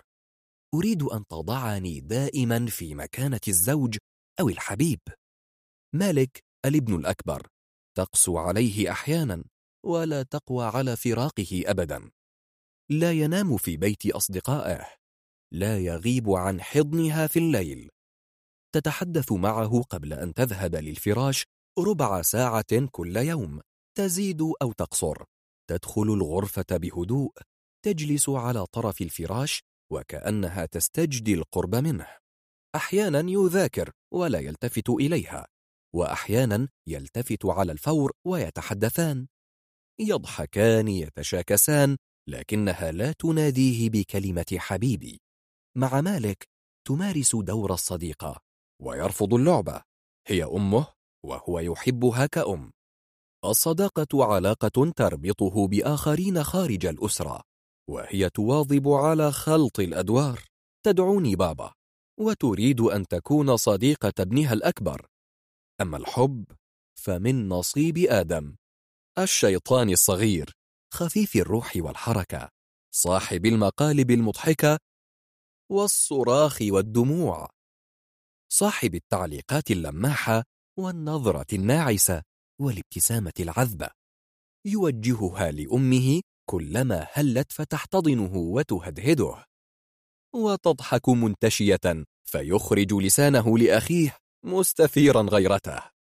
بين نورهان وآدم تقارب في الأمزجة وعلاقة تمر من بوابة اللمس والضحك والحكايات. بينها وبين مالك حب وثقة لا يحتاجان لشرح ولا تفسير ولا لمس. مرت أشهر على بلوغ مالك الثانية عشرة من العمر عندما اكتشف أنه أصبح أطول من أمه بعدة سنتيمترات. أعلن منع العناق بينه وبينها والاكتفاء بلمس الأكتاف أو نقر قبضتي اليد المضمومتين على طريقة الفتيان من جيله. أما آدم حبيبي فما زال أقصر من نورهان بعدة سنتيمترات وما زال يلجأ لحضنها ويقبلها على خدها كل صباح وكل مساء. اتصلت بك أليشيا وتركت رسالة تقول إنها أرسلت لك إيميلا وتنتظر الرد غدا على الأكثر. حقا سأراجع الإيميل في الصباح. لم تخبرني بأنها عادت إلى كندا؟ نسيت. عادت منذ شهرين بعقد مؤقت في وينسور. رسالتها مقتضبة. تبدأها بجملة مرحبا نور وكريم. وكأننا كنا معا بالأمس. لماذا وينسور بالذات؟ حصلت على وظيفة مدرس بعقد محدود. أعلن عنها القسم في الربيع الفائت. تذكرين جاءت في سبتمبر الماضي إذن. صحيح. لا أحب نبرة صوتها وهي تستجوبني عن أليشيا. يخيفني احتمال العراك قبل النوم. سيطير النوم من عيني لمجرد ذكر الاسم ولشعوري بأن نورهان تعرف أو تخمن.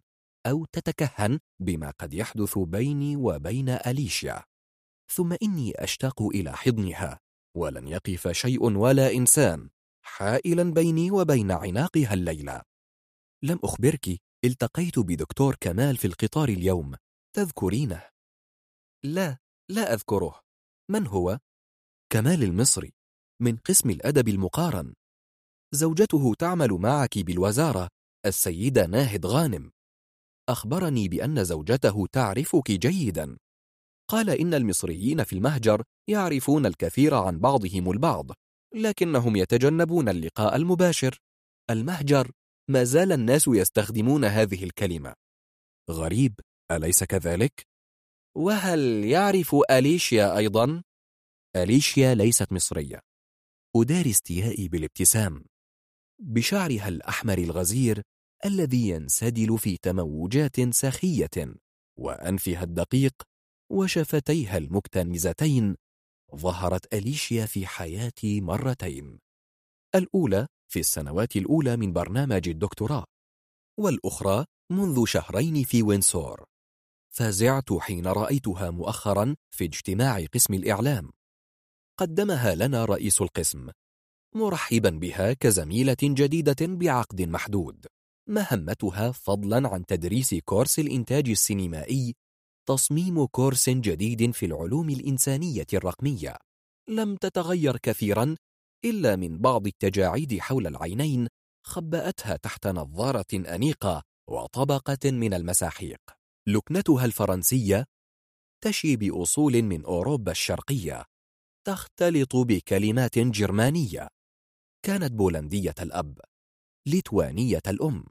تعلمت اللغة الفرنسية في سن مبكرة واستخدمتها فضلا عن الإنجليزية للدراسة والعمل درست التصوير بكلية السينما ثم قررت التخصص في هندسة الصوت ثم غيرت التخصص في السنة الثالثة والتحقت بقسم دراسات الميديا.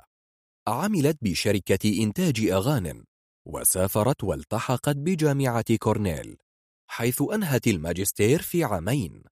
وعادت لمونتريال لعمل الدكتوراه في الكلية التي التحقت أنا بها في البرنامج نفسه في العام نفسه. رأيتها من ظهرها أول مرة في الممر المفضي لكافيتيريا الجامعة.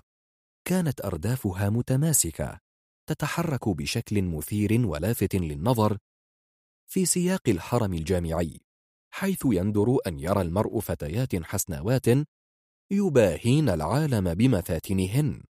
كنت بصحبة زميلة كيبيكية نادتها فالتفتت وتوقفت للسلام وحدث التعارف. ثم اعتذرت إليشيا عن الجلوس معنا متعللة بحاجتها لإنهاء قراءة مقال قبل الصف. واختارت مائدة بعيدة وظلت مديرة ظهرها لنا حتى غادرنا الكافيتيريا. لم أصدق أن لون شعرها طبيعي. وسألت زميلتي فاستنكرت السؤال ولم ترد. ما الفرق؟ كل البنات يصبغن شعرهن في كندا. مسألة حرية شخصية. تقاربنا أنا وآليشيا في محاضرة مناهج البحث ببرنامج الدكتوراه. واندمجنا في شلة تضم طوني من أصل لبناني ولوسي من هايتي وليزا الفرنسية وآخرين. ثم دعوتها للعشاء في بيتي مع الأصدقاء. كنت الأب الوحيد في المجموعة فرح الجميع بالتعرف على نورهان وبفرصة اللعب مع مالك وآدم خاصة أليشيا الجميلة. لم يكن أحد من مجموعة الأصدقاء قد تجاوز الثلاثين أو قاربها فيما عدانا أنا ونورهان. هكذا تحولت شقتنا الصغيرة لبيت العائلة بالنسبة إلى الكل.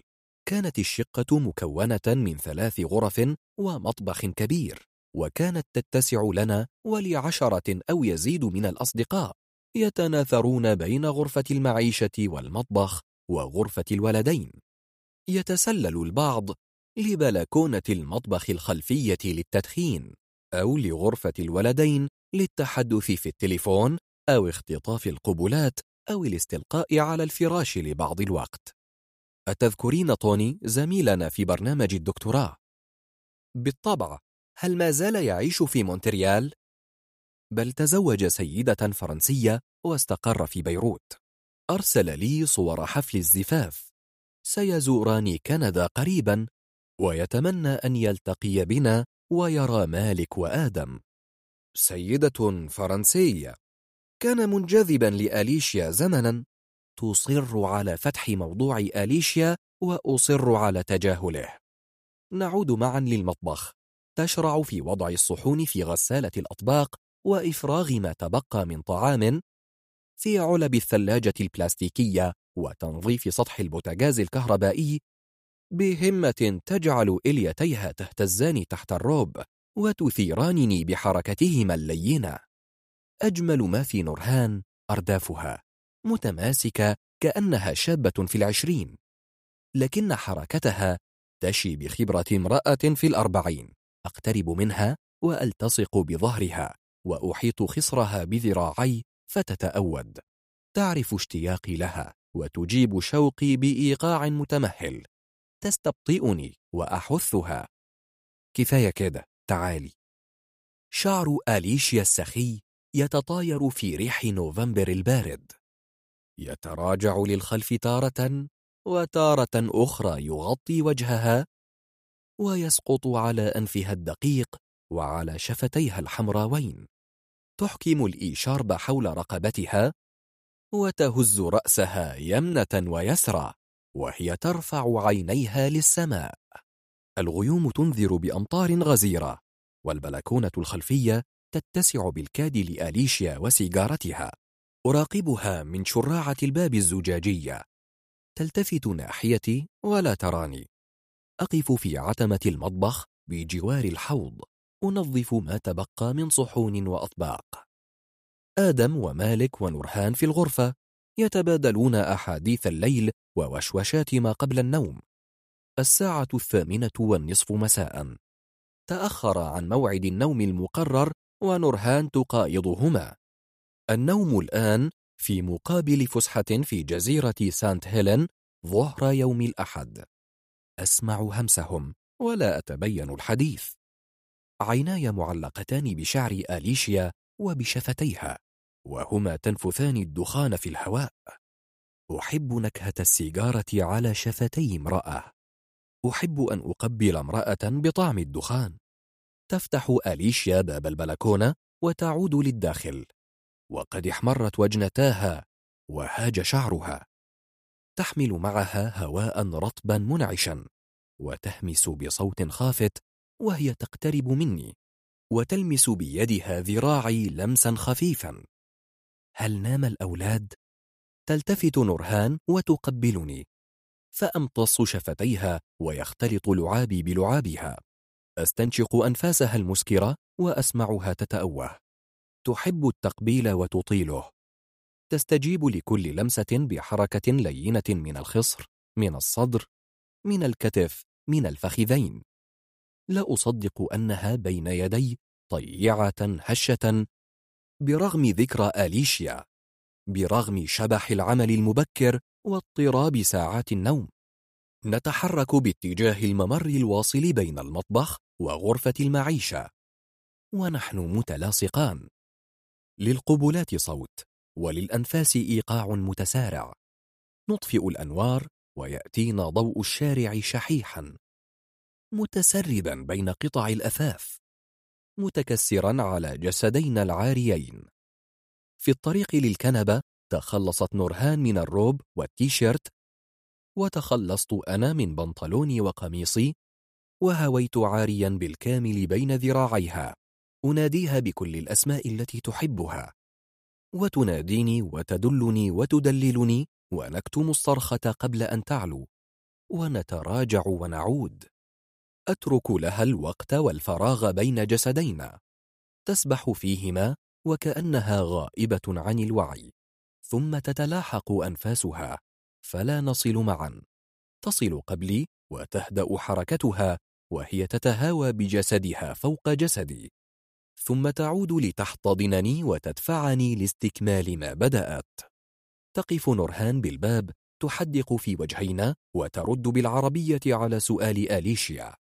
الأولاد ناموا. تستند آليشيا بيدها إلى ذراعي. بينما تتقدم نورهان نحونا وهي تغتصب ابتسامة. تترك آليشيا ذراعي فأشعر ببرودة تتسرب لتلك البقعة من جسدي. وكأنما تركت يدها هناك لساعات وكأنما اشتعل جسدي من لمسة. تخلع معطفها فتظهر تحته بلوزة قصيرة من التريكور روز بأكمام طويلة تنتهي تحت خط الصدر بحزام من الساتان وتكشف عن جزء من البطن والسرة. يبدأ خط الجينز بعد سنتيمترات من خط البلوزة. ويحدده حزام من الجلد الأسود. خصرها النحيل ناصع البياض. يتحرك مثل بقعة ضوء مشعة في عتمة المطبخ. تبتعد لتضع المعطف على ظهر كرسي وتجلس وهي تسوي من شعرها وتلف عنقها لتواجهنا بدلال.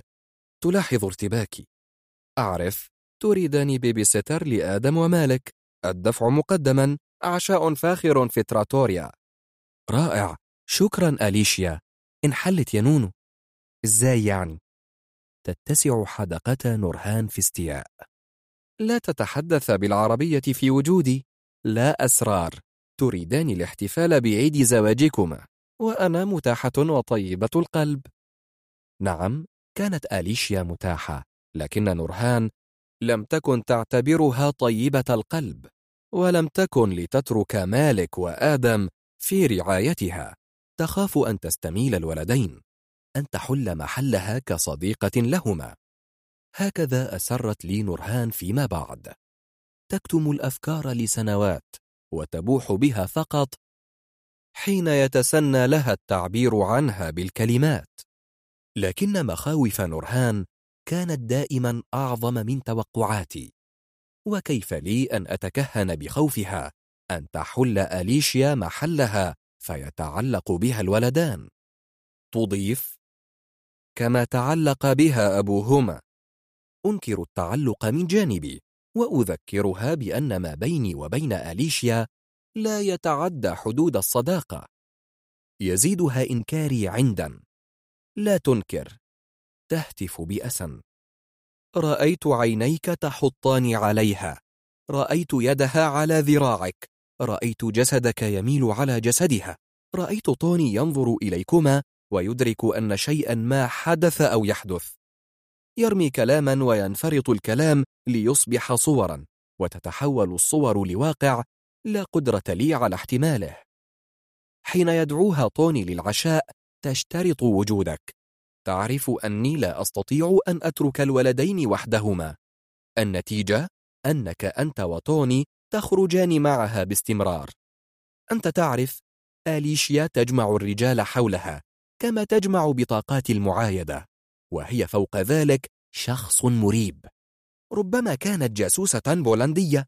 نعم من أين لها بتلك الملابس الفاخرة والسيارة والشقة الأنيقة بوسط المدينة؟ استمر هذيان نورهان بشأن آليشيا شهورا.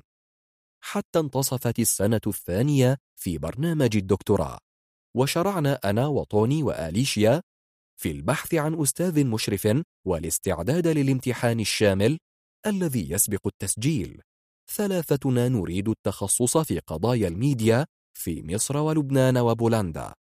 وثلاثتنا نتمنى الحصول على وظائف جامعية تؤهلنا للعمل في كندا وليس في أوطاننا الأم. تقاربنا في تلك الفترة كثيرا وقضينا ساعات في شقة أليشيا لقربها من الجامعة. نناقش الأفكار ونتبادل المشورة والمعلومات عن المشرفين والمشرفات وعن المنح الكندية وعن أفضل السبل للحصول على عقود التدريس وغير ذلك من قضايا تشغل بال الباحثين والطلاب المهاجرين. مرة واحدة غاب طوني عن اجتماعنا. وصلت فوجدتها ترتدي قميصا فضفاضا ينسدل حتى ركبتيها وحذاء بيتيا بدون كعب. أعدت بعض الشطائر وقادتني لغرفة نومها. جلسنا نأكل على الفراش. ثم خلعت قميصها وقبلتني. شعرها الأحمر ينسدل على كتفيها وظهرها. رائحته خليط من عطر الليمون والتفاح. وشوشتني بما تريد. وانسقت لحضنها بلا تردد. رفعت ساقها قريبا من شفتي فقبلتها وقبلت أصابع قدمها. وانتهينا من الحضن في دقائق. كانت دقائق فائقة النشوة. كأني أحقق أمنية تأخر حدوثها وأثبت هواجس نرهان بما لا يدع مجالا للإنكار أو التراجع. نهضت أليشيا قفزا من الفراش واختفت تحت الدش ثم عادت تجفف شعرها أمامي وتستكمل الحديث كأن ما حدث كان حلما وانقضى. لم نكرر المقابلة في شقة أليشيا وابتعدت هي تدريجيا عن بيتنا وعن الأولاد وعن اللقاءات الجماعية. لم نتحدث عن تلك الليلة من قريب ولا من بعيد ولم نلتقي إلا لتناول القهوة في كافيتيريا الجامعة ومناقشة موضوعات الدكتوراه وتبادل الأخبار والنكات. وصادف أن اخترنا الأستاذة نفسها للإشراف على الدكتوراه فكانت لنا لقاءات ثنائية معها. فيما عدا هذا لا شيء. اختفت أليشيا كعادتها. طوني هو الوحيد الذي داوم على الاتصال بها. وكان ينقل إلينا أخبارها من حين لآخر. يستقبل أسئلتنا عن علاقتهما المستمرة بابتسامة ماكرة. ويواجه نهمنا للثرثرة بالمزيد من الكتمان. قبل انتهاء صيف السنة الرابعة عادت أليشيا تطلب المساعدة من الأصدقاء.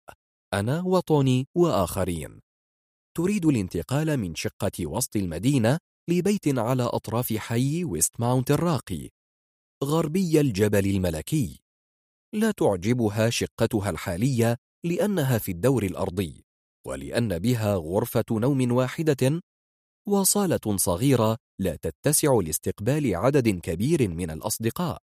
وافقنا بلا تردد.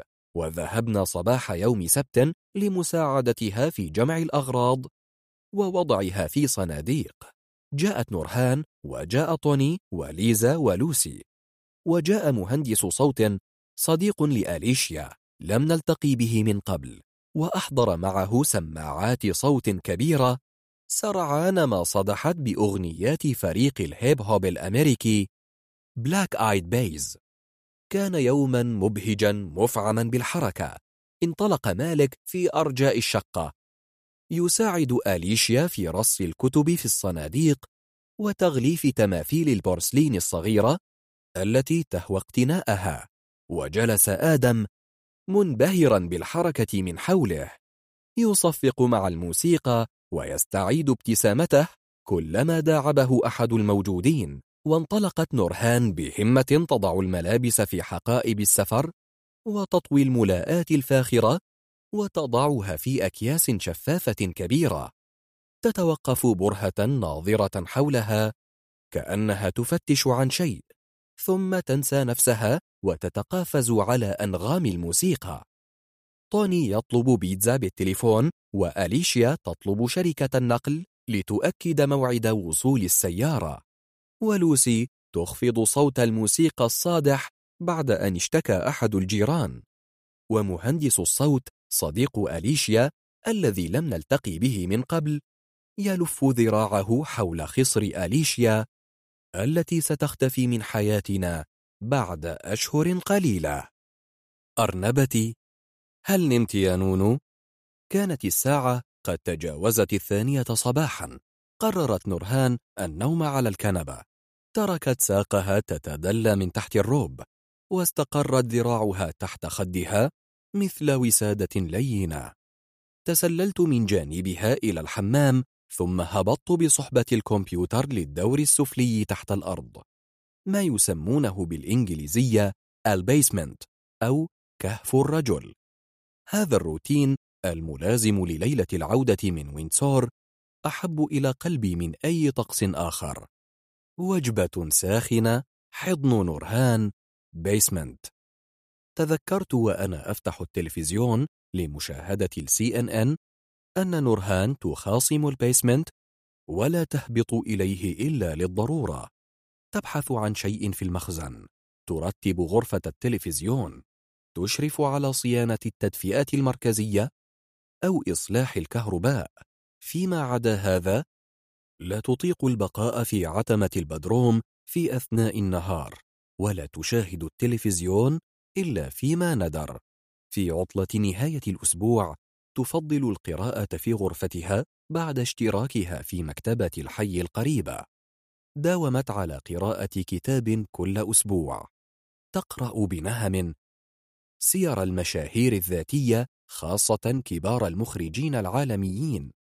أمثال وودي آلن فيليني كوستا غافراس ومن آن لآخر تقبل على قراءة الكوميكس الإيروتيكي.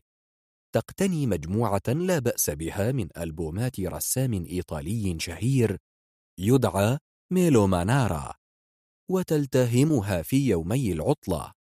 يدهشني افتتانها بهذا النوع من الكتب. تترك الكتاب على منضدة مجاورة للفراش وألومها خوفا من أن يقع في يد مالك. لا تكترث وتنساه كعادتها. في المقابل تأبى الفرجة على أفلام البورنو معي. أحيانا ترفض بعنف وأحيانا أخرى تخفف رفضها بابتسامة قائلة دعنا نصنع الحب. هذا أفضل كثيرا. تدغدغني بحة صوتها في أذني وهي تقول Let's make love.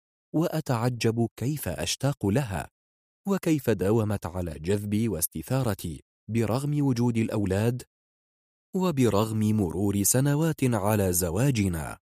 وحين أراها مستغرقة في قراءة ألبومات الكوميكس أعجب كيف يثير الرسم خيالها أكثر من الصورة الحية والمتحركة. التلفزيون يبث أخبارا عن تبعات الدعوة لعزل دونالد ترامب التي أطلقها الديمقراطيون منذ أكثر من عام وأثرها على نتائج الانتخابات في شتاء 2020 أنصت بشغف لخبراء ان ان ونقاشاتهم الساخنة. أفكر أن التغطية الإعلامية لهذا الحدث تصلح موضوعا لبحث الترقية بالجامعة وربما أيضا للحصول على منحة من مجلس البحوث في العلوم الإنسانية والاجتماعية الكندي. أفتح ملفا جديدا على الكمبيوتر وأسطر بعض الملاحظات عن عملية العزل والمقارنة الممكنة بين تغطيات CNN و Fox News. الأولى تساند الديمقراطيين والثانية تدعم الجمهوريين. وكلاهما من باب الأمانة الإعلامية يدعو الخبراء من الجانبين للتعليق والتحليل لكنهما في نهاية المطاف لا يخرجان عن الخط المرسوم لكليهما مسبقا سواء للتنكيل بالحزب الحاكم ودعم الحزب المعارض أو العكس انشغل بالي بما قالته نورهان عن أليشيا ترى لماذا طلبتني على الهاتف في البيت؟ لماذا فعلت ذلك برغم إمكانية استخدام الإيميل في المخاطبات الجامعية؟ أطل سريعا على صفحتها الخاصة على الفيسبوك ولا أجد شيئا يخفف من حيرتي. آخر post لها يعود لأسبوع مضى صورة لها مع قطتها على أريكة حمراء. فيما يبدو وكأنه شقتها الجديدة في وينسور.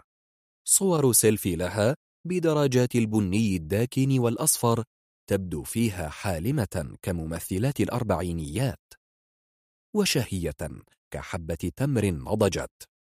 مشاركة بلا تعليق لمقال في نيويورك تايمز عن تهديدات ترامب بالحرب ضد إيران. أغنية كيكي هل تحبينني؟ وتعليق منها يقول إنها فخورة بحصول دريك مغنيها المفضل على جائزة إيمي وقراره شراء بيت والاستقرار في تورونتو. أفتح إيميل الجامعة فأجد رسالة قصيرة منها تقول إنها ترغب في سحب دراستها عن مدارس السينما في بولندا وأثرها على السينما العربية من مشروع كتاب كنت أقوم بتحريره عن تاريخ السينما في الشرق الأوسط. تقول إنها تنتظر أن نلتقي لتشرح لي الأسباب وتنهي الرسالة بكلمة واحدة معذرة. كان هدفي من دعوتها هو تشجيعها على النشر والاندماج في عالم البحث الأكاديمي وساءني أن تكون هديتي لها مرفوضة أجلت الرد عليها للغد وظل السؤال معلقا لماذا طلبتني على الهاتف في البيت؟ كان بإمكانها أن تنتظر عودتي هل أرادت أن تعرف نورهان بوجودها في وينسور؟ ولماذا؟ غفوت أمام التلفزيون وأفقت على دبيب أقدام الولدين وهما يهبطان السلم المؤدي للبيسمنت. سي إن إن ما زالت تبث أخبارا عن ترامب والساعة تشير للسابعة وعشر دقائق.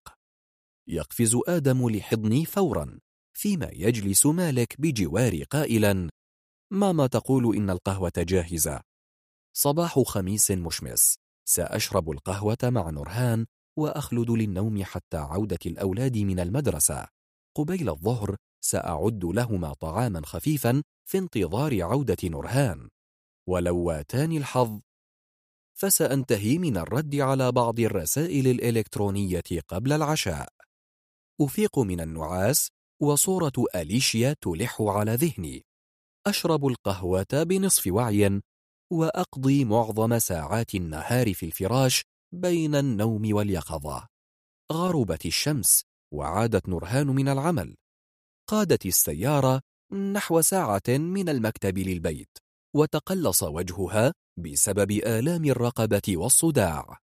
لا يبسط أساريرها سوى آدم حبيبي ما إن دخلت وخلعت حذاءها حتى اندفع يرحب بها. أعلنت على الفور أنها لن تعد طعاما طازجا هذا المساء. ستفرغ الثلاجة من بقايا طعام الأمس وقبل الأمس. وستكتفي بعمل طبق سلاطة كبير اعترض آدم يكره الطعام البايت ويكره السلاطة لكن نورهان أقنعته بتسخين بيتزا مجمدة سابقة التجهيز وطلبت منه مساعدتها في تحضير السفرة في مقابل الخروج لمطعم مساء الغد يتوقع الخروج يوم الجمعة كعادتنا كل أسبوع فما الجديد؟ برغم استيائه أقبل على مساعدتها بهمة وأنهى شريحتين من البيتزا في عجالة ثم اختفى في غرفته. وضع مالك الأطباق في الغسالة وتسلل للبيسمنت. وسمعناه بعد قليل يتحدث في الهاتف مع صديقته. تكاسلنا أنا ونورهان حول المائدة. أمامنا كوبان من الشاي الأخضر وقطع صغيرة من البقلاوة اليونانية. حكيت لها ما دار بيني وبين بروفيسور كمال. أخبرتها بأنه يستقل القطار كل أربعاء من وينسور لتورونتو ويرجع كل يوم أحد مثلي تماما وأنه تعجب كيف لم نلتقي من قبل. لكني ذكرته بلقائنا في يوم استقبال الأساتذة الجدد منذ عامين. شخصية سينمائية بحق. تجاوز الستين بلا شك.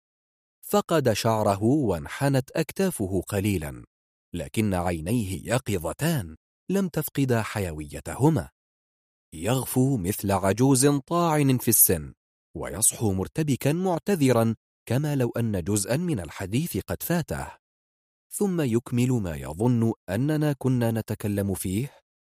كأنما لم ينم نصف ساعة. غريب حقا ما اسمه؟ كمال المصري. عارف كل حاجة عني يعرف إني من الظاهر ويعرف اسمك ومكان عملك. واكتشفت إن بينا أصدقاء مشتركين. لينا عقاد مثلا. بتقول إن مراته في وزارة الصحة معايا؟ ناهد غانم. أكيد اتقابلتم. مش متأكدة. على فكرة لينا مش صديقتنا. اتعرفنا على سوسن بنت خالتها في وينسور إنما هي فنعرفها معرفة سطحية. تتوخى الدقة في كل شيء. كعادتها لا تريد أن تخطئ وتصحح أخطاء الآخرين بإصرار ودأب. أقول لها أحيانا دعك من التدقيق. فترد بل دعك أنت من الأحلام والأماني كلانا يعرف أن الدقة لا تعني الصرامة ولا ينقصها الخيال وأن الأماني كثيرا ما تكون دقيقة ومحددة ولولا ذلك ما خفنا أن تتعثر أمانينا. أحدق في ملامحها الجميلة عبر مائدة المطبخ. يعجبني شعرها الأسود كشعر أبيها وعيناها الزرقاوان كعيني أمها وبشرتها الخمرية كبشرة بنات الإسكندرية الفاتنات. تختفي آثار الإرهاق من وجهها بعد الطعام والمسامرة فأشعر بالامتنان لها ولحياتي بقربها. حياة كاملة لا يكاد ينغصها شيء سوى ربما غيرة نورهان وحدسها الذي يلاحقني أينما ذهبت. لم يقضي الزواج على اختلافات كثيرة بيننا سببها النشأة والتربية والمزاج الشخصي. هي ولدت في مونتريال لأب مصري مهاجر وأم كيبيكية. ماتت أمها بسرطان الثدي وهي في السنة الرابعة بالجامعة وتزوج أبوها سيدة مصرية وأنجب ولدا أسماه عمر من زوجته الثانية. بعد عام من ميلاد الابن قرر الأب العودة للعيش في الإسكندرية. اليوم ما زال عمر مقيما مع والديه هناك لكنه يحلم بالاستقرار في كندا. تقضي نورهان مع أبيها وزوجته وأخيها شهر مايو كاملا بالإسكندرية. هو شهر إجازتها الوحيد. أحيانا تصطحب مالك وآدم. وغالبا ما تسافر وحدها. فالولدان مثلي لا يحبان السفر لمصر. في السنوات الأخيرة ارتفعت أسعار تذاكر الطيران بشكل جنوني. وأصبحنا نتردد في السفر كأسرة. وفضلا عن ضيق شقة حماي المطلة على محطة قطار فإن الضوضاء تقلق نومنا والزحام يضايقني ويزعج الولدين.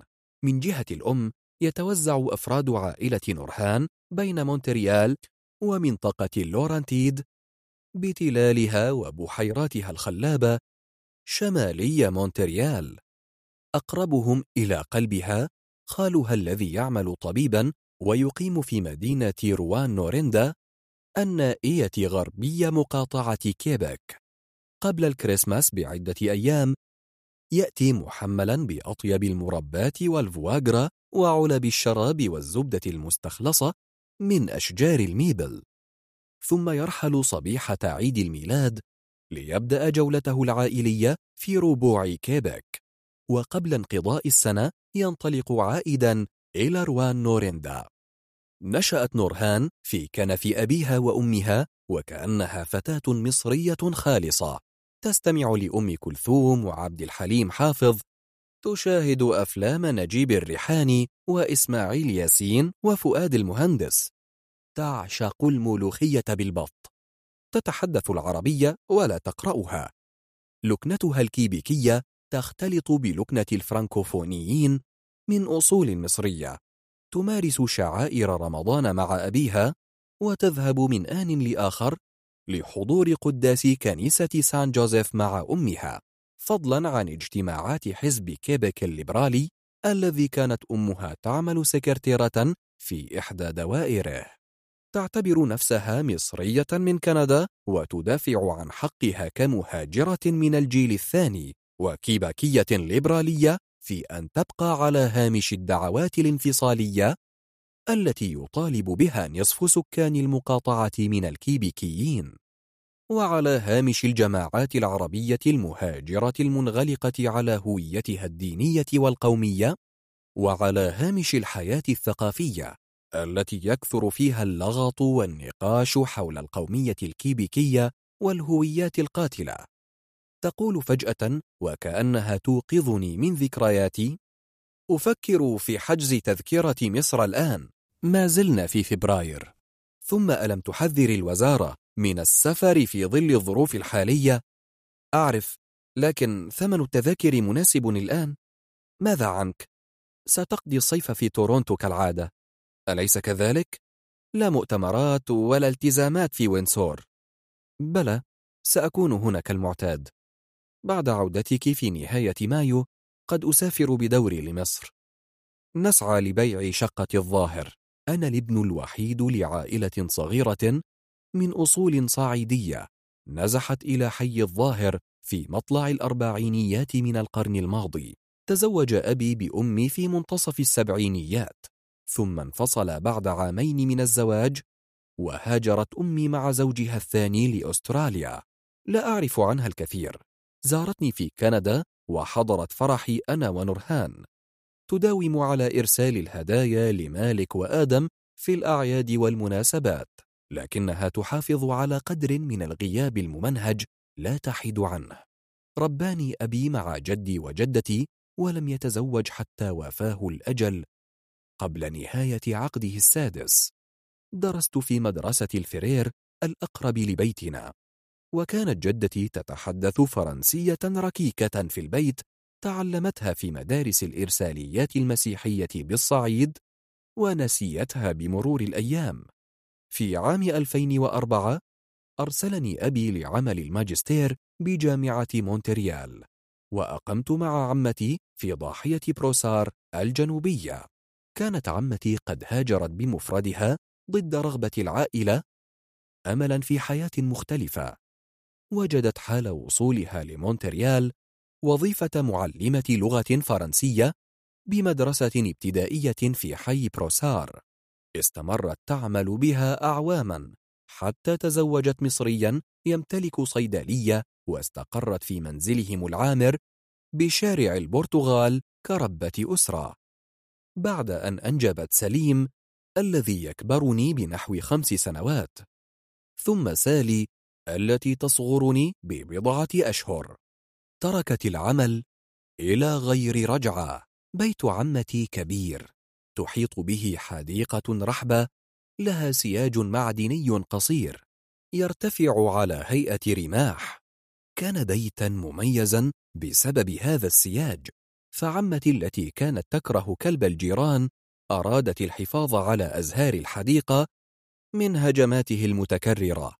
فقامت بتركيب السور ووضعت لافتة قريبا من المدخل مرسوما عليها علامة ممنوع الكلاب. استاء معظم الجيران من السور واستاء بعضهم من اللافتة وتضامن أولئك وهؤلاء مع الجارة صاحبة الكلب وصاروا يعبرون الطريق إلى الرصيف المقابل بصحبة كلابهم لكي يتجنبوا المرور أمام بيت عمتي. اعتبروا أن اللافتة تحرمهم حقا من حقوقهم الطبيعية ولم يدركوا أن بين عمتي وبين الكلاب عداء تاريخيا لا سبيل لتجاوزه. أقطع الرحلة من بروسار للجامعة في حوالي ساعة وعشر دقائق. أستقل عددا من الباصات وأتأخر عن موعد المحاضرات الصباحية بسبب الزحام خاصة في منطقة الاختناق على كوبري شامبرلين وحتى محطة بونافنتور. من المحطة أستقل المترو للجامعة أو أمشي لو كان الجو صحوا. في طريق العودة أطالع بعض المقالات والكتب في المترو والباص. وأعود في المساء مغسولا كما يقول الكيبيكيون لأجد عمتي وزوجها وأبناءها في انتظاري للعشاء. ثم نتفرق جميعا. أصحب زوج عمتي للبيسمنت لمشاهدة الأخبار في التلفزيون وتصعد عمتي لغرفتها لتشاهد المسلسلات العربية عبر شبكة قمر صناعي مسروق. ويأوي سليم وسالي لغرفتهما يذاكران أو يستمعان للموسيقى. إيقاع رتيب لم يتغير على مدى سنوات إقامتي في بيت بروسار وحتى انتهائي من الماجستير في دراسات الميديا ثم زواجي من نورهان. أقضي أشهر الصيف كل عام بشقة الظاهر مع أبي وجدتي وأعود كل عام في نهاية أغسطس لمونتريال محملا بأكياس الملوخية المجففة لعمتي وعلب شاي العروسة ومعسل سلوم لزوج عمتي. شقة الظاهر هي كل ما تبقى لك في القاهرة.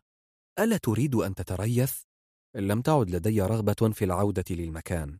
تغيرت ملامحه ومات كل من أعرفهم. حتى جارتنا الست هيلينا ماتت العام الفائت عن عمر ناهز التسعين. ماتت وحيدة. كل أبنائها وأحفادها في اليونان وإيطاليا وأمريكا. وما رأي عمتك؟ أليس لها نصيب من الميراث؟ بلى أظن أنها ستوافق على البيع. ألمحت لذلك من سنين. لكنها تريد العودة معي والانتهاء من تصفية الأثاث ودواليب الفضية تذكر كل قطعة باعتزاز كبير تريد أن تورث بعضها لسالي وأنت ألا تريد الاحتفاظ بشيء من روائح زمان؟ وكيف لي أن أجيب عن هذا السؤال؟ لقد تقطعت خيوط المحبة بيني وبين القاهرة أصبحت غريبا عن البيت وعن المدرسة وعن الحي بأكمله. خطواتي لا تعرف الشوارع وعيناي تدركان حجم الخسائر في الحي وفي طبائع الناس. وأنفي لا يشم إلا رائحة العطن وعوادم السيارات. يفاجئني هذا الخليط العجيب من الضوضاء والرائحة الذي ينبعث من البيوت المكتظة المهملة ومن المحال الرثة والطرقات التي لم يعد بها مكان للمارة. يفاجئني ويمحو في كل مرة جزءا من ذكريات أبي عن الحي العريق في أربعينيات القرن الماضي. فيما مضى كان أبي يضفي على تلك الذكريات نفحات من تاريخه الشخصي مدعومة بالصور والوثائق وبوصف دقيق للمكان. وتحولاته كما عاصرها. كنا حين نخرج للنزهة في ليالي الصيف الرطبة نعيد اكتشاف الحي بعيونه. نلاحظ التغيرات التي طرأت عليه. نتأمل الواجهات النادرة التي حافظ عليها أهلها. ونتحسر على الجامع المهجور وعلى بيوت بها مسحة جمال قديم. تبدو كأطلال شبه مهجورة يقطنها سكان موسميون.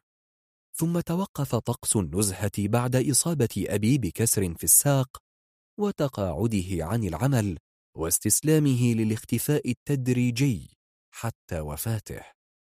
في زياراتي المتباعدة لرعايته كنت أخرج وحيدا وأعود كتائه فقد بوصلة المكان. لم تسعفني حكايات أبي كي أرتبط بحي طفولتي. ونسيت قسطا من تلك الذكريات بالترحل والانخراط في حيوات أخرى تبعد آلاف الأميال عن أبي وحنينه للماضي البهيج لا أتصور أن تكون للشقة قيمة بالدولار لكن أي مبلغ من المال سيساعد في تسديد سلفة البنك. حبيبي هل تسمعني؟ أسمع ولا أرغب في الرد. تزعجني الأرقام وترهقني حسابات المكسب والخسارة. أهز رأسي يمنة ويسرى علامة التردد وأقوم حاملا أكواب الشاي الفارغة إلى المطبخ. انقضى يوم الخميس سريعا كعادته. ذابت الساعات في النوم وفي الحديث مع نورهان. واختفى اليوم من الذاكرة كأنما سقط من عداد الزمن. لم ينتهي أسبوع العمل بعد. لا راحة ولا استرخاء قبل نهاية الغد. بعد ذهاب الأولاد للمدرسة ونرهان للمكتب أقضي نهار الجمعة في العمل على الكمبيوتر. ساعتين للقراءة أو كتابة بحث ساعتين لكتابة مشروع منحة ساعتين للرد على الإيميل وساعة أو يزيد لتحضير محاضرات الأسبوع القادم. في المساء نذهب لتناول العشاء بالخارج. نصطحب الولدين لمطعم تايلاندي أو مطعم همبرجر. يتناوبان اختيار المكان كل أسبوع. الطعام الآسيوي اختيار مالك المفضل والهمبرجر اختيار آدم. يوم السبت والأحد مقدسان. لا أرد على الإيميل. لا أكتب لا أقرأ لا أستمع للرسائل المتروكة على هاتفي في وينسور. أخصصهما للعب مع الأولاد. هوكي في الشتاء كرة قدم في الصيف كما أحب التسوق مع نورهان وزيارة أصدقائها في الوزارة في حال وجهت لنا دعوة. ثم أقضي ساعات المساء والليل في الكهف متنقلا بين التلفزيون والفيسبوك. حتى ينتصف نهار الأحد حينها ألملم أوراقي وملابسي المبعثرة في كل مكان وأعد الحقيبة للسفر. حل صباح الأحد وجلسنا نتناول القهوة والإفطار على مائدة المطبخ. تقترح نورهان أن نرتب مواعيد الأسبوع القادم.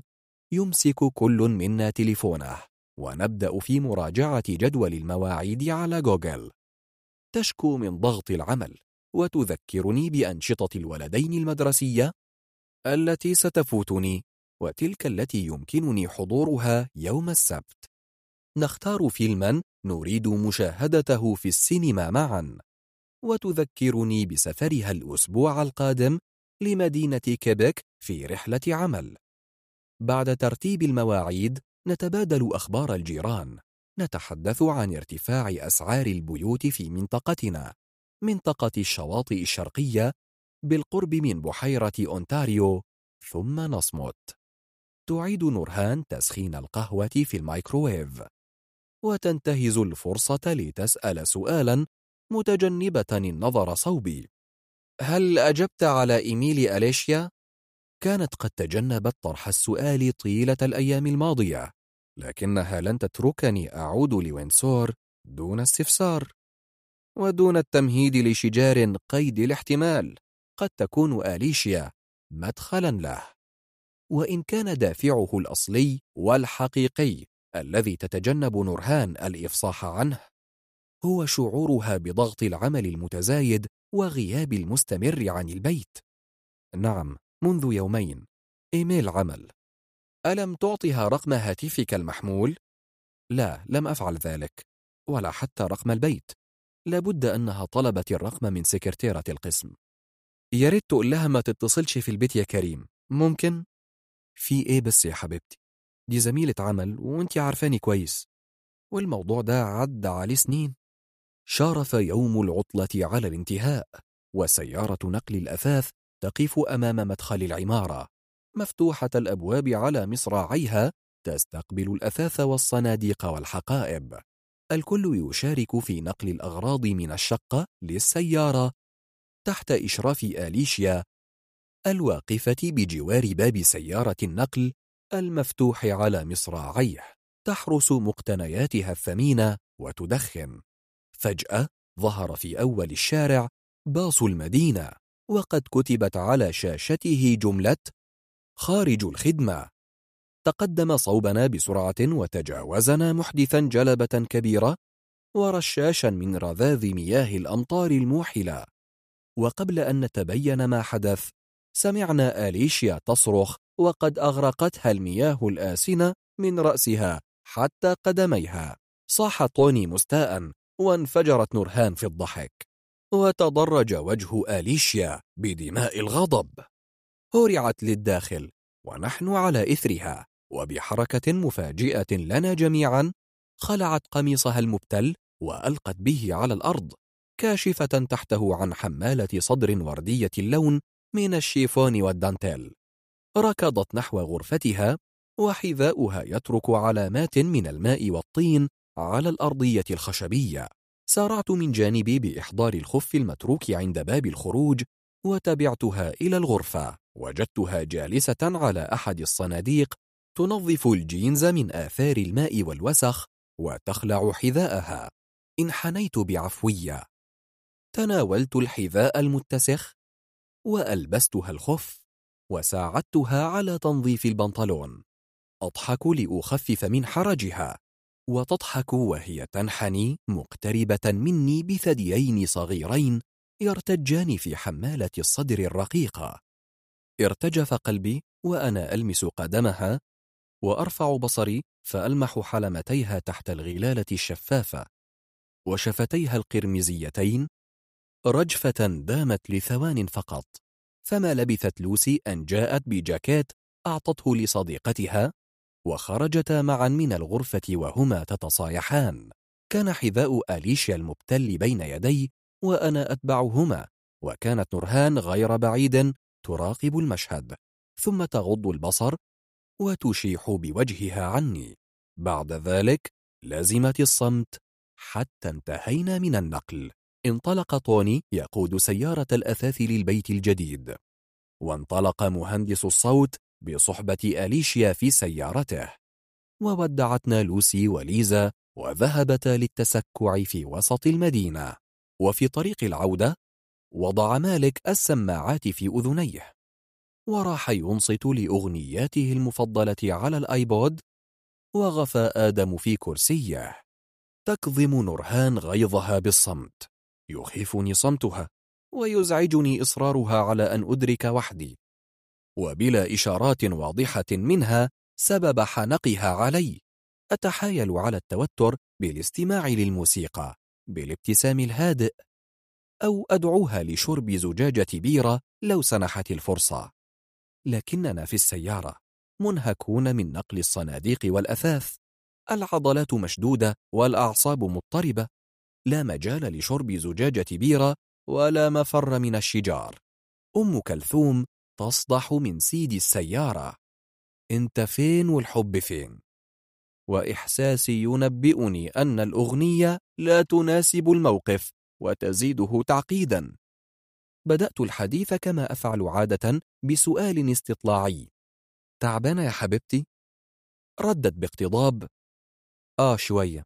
بما يعني أن سبب غضبها ليس التعب بل أمر آخر. قلت متوسلا. طيب نامي. ردت. مش قادرة. ربت على خدها. في حاجة؟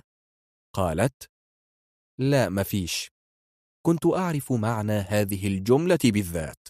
أعرف أنها إيذان ببداية الشجار وأن نورهان تكتم غيظها بحثا عن الكلمات المناسبة. بعد صمت من جانبي ومن جانبها قالت بالإنجليزية بنبرة يأس خيبت أملي. ها قد بدأنا. أحبها. وأتفانى في إرضائها وإرضاء مالك وآدم قدر الإمكان. وبرغم ذلك أكون دوما السبب في خيبة أملها. نظرت إليها نظرة عتاب وقلت مستخدما لغة القلب. دنت نرعين يا نونو؟ ردت بالإنجليزية. هراء كف عن هذا. ثم هتفت بالعربية. كلهم شافوك مش بس أنا يا كريم. حاجة مهينة جدا ليا وليك اللي عملته كان شيء مش مفهوم. ومش مقبول. لم أرغب في الرد. تركت الموسيقى تتحدث بالنيابة عني ولذت بالصمت. لكن النغمات لم تأتي بالأثر المطلوب. صدحت أم كلثوم ليه بتتجنى كده على الحب ليه؟ ورانا الصمت من جديد على السيارة. ركزت كل اهتمامي في الطريق. أخاف أن يفوتني المخرج المؤدي لحي سان لوران. بعد قليل بدأ ضغط من نوع آخر. بكت وسمعت نهنهتها ربت على يدها واعتذرت. لم تقبل الاعتذار. شرحت أن ما حدث يعتبر طبيعيا بين الأصدقاء. فرددت بنبرة ساخرة. طبيعي! قلت إن كل شيء حدث عفو اللحظة ولم تصدقني. ردت أن العفوية دليل إدانة. رأت في حركة جسدينا أنا وأليشيا. توترا يفسر المشهد ويؤكد ظنونها القديمة. رأت وفهمت وانتهى الأمر. فما قيمة الاعتراف؟ كانت المرة الأولى التي أشعر فيها بالاختناق في وجود نورهان. بدأ زواجي منها كأنه حبل مشنقة يلتف حول رقبتي. تراجع الحب فجأة وحل محله شعور بالأسر. كأني أقف مسلوب الإرادة وراء قضبان وهمية مضطرا لتلفيق الأعذار. سجين اختيارات طبيعية وغرائبية في آن واحد. حتى اختيار الخيانة بدا مثل سجن أفسدته علي نورهان بشكوكها. أتوق لدخوله لكني لا أعرف كيف أنجو منه لو شئت الهرب. كانت نورهان بحساسيتها المفرطة السبب في هذا المأزق. كنت مكشوفا أمامها كطفل يوم مولده. لا أستطيع أن أتخلى عن حبي لها ولا أرغب في التنازل عن انجذاب الطبيعي لنساء أخريات. فما العمل؟ قررت في نهاية المطاف أن أردد على مسامعها كلاما عاما عن الفروق بين الحب والصداقة وأنا أبتهل للآلهة كي تمر الأيام التالية بسلام. وفعلا مرت الأزمة وانقطعت أخبار آليشيا وشلة أصدقاء الجامعة بعد أن انتهيت من الدكتوراه.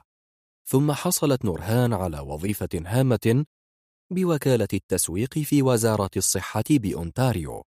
وانتقلنا للعيش في تورونتو. عندما ظهرت آليشيا مؤخرا في اجتماع قسم الإعلام بونسور تذكرت أن عمرا قد مر وأن بيني وبينها حديثا لم يتم. كنت أرغب في استدراجها للكلام عن تلك السهرة الوحيدة التي قضيناها معا وعن رغبتها المفاجئة في النوم معي ثم اختفائها وإصرارها على قطع الصداقة. كنت أريد تذكيرها بسنوات الدكتوراه وحثها على الاعتراف ولو قسرا. بانجذابها نحوي. هذه المرة كنت أيضا راغبا في التأكد من مشاعري. أقصد تنشيط تلك المشاعر والزهو بها كأي رجل متزوج في الأربعين يبحث عن مغامرة. أعيش نصف العام بعيدا عن نورهان والوحدة بدأت تثقل علي. ولكن ألست أنا من اختار هذا النمط من الحياة؟ ألم ترضى نورهان باختياري؟ وأقنعتني بضرورة بقائها في تورونتو مع الأولاد؟ ألم تستأجر شقة وينسور بنفسها وترتبها كما يحلو لها؟ ألا يعني هذا موافقتها ضمنيا على شكل علاقتنا الجديد؟ زواج وحب عن بعد مش كفاية أننا عايشين ديستانت لاف بقالنا سنتين؟ تاني يا نونو أليشيا فهمت وعايزة تنتهز الفرصة وترجع لك تاني كلامها في البيت ملوش معنى تاني مفيش معنى أولاني ولا تاني يا حبيبتي. مجرد زميلة بيني وبينها عشرة وصداقة. صداقة صداقة. من فضلك بلاش تزعليني يوم سفري. يعني هي تزعلني عادي؟ خلاص تعالي في حضني. تستسلم على مضض. أعرف أنها بحاجة للتطمين. أضمها لصدري وأضغط بيدي على ظهرها هامسا في أذنها أنها حب عمري.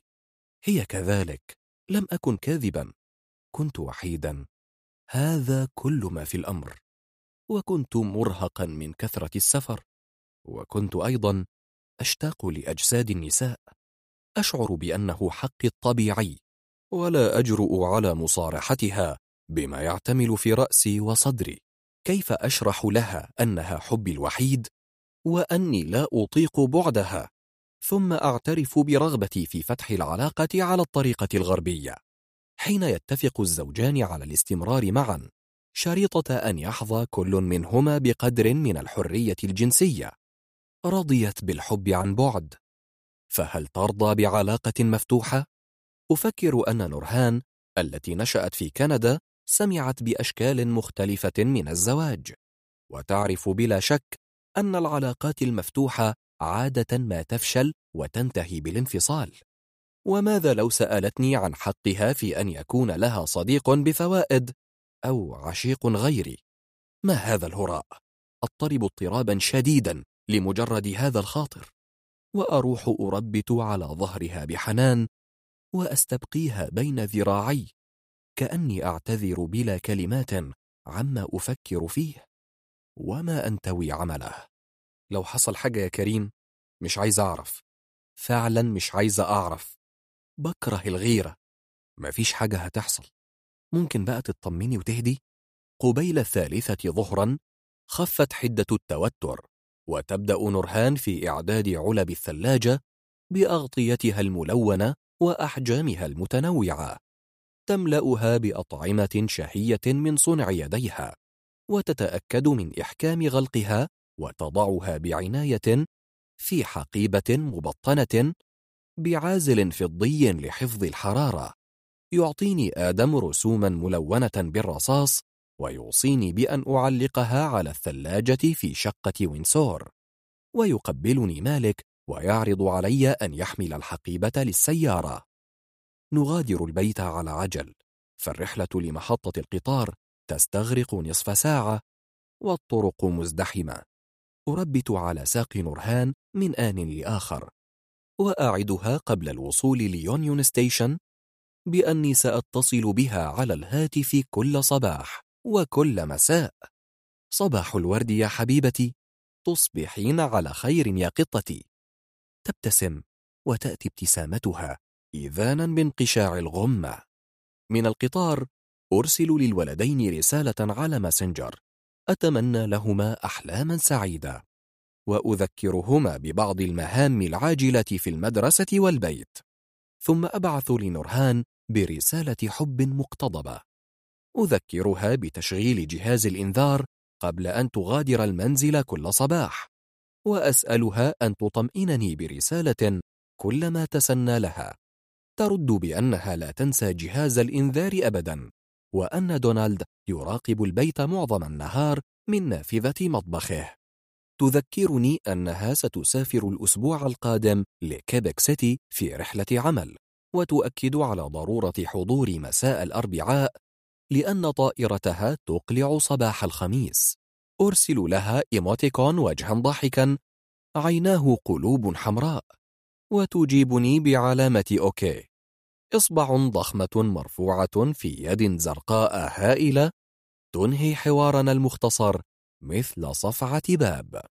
كان القطار قد قطع نصف المسافة لوينسور حين عادت مونتريال. وذكريات مونتريال تخايلني تطفو تارة وتتوارى تارة أخرى في متاهات الذاكرة. شرعت في قراءة كتاب استعدادا للنوم وأنا أسأل نفسي هل سافرت مع الدكتور كمال وهو لا يراني؟ أم أنه سافر معي وأنا الذي لا أراه؟ غفوت لحظات ربما دقائق وحين أفقت كان ينظر إلي ويبتسم في ود لم أشعر بمجيئه.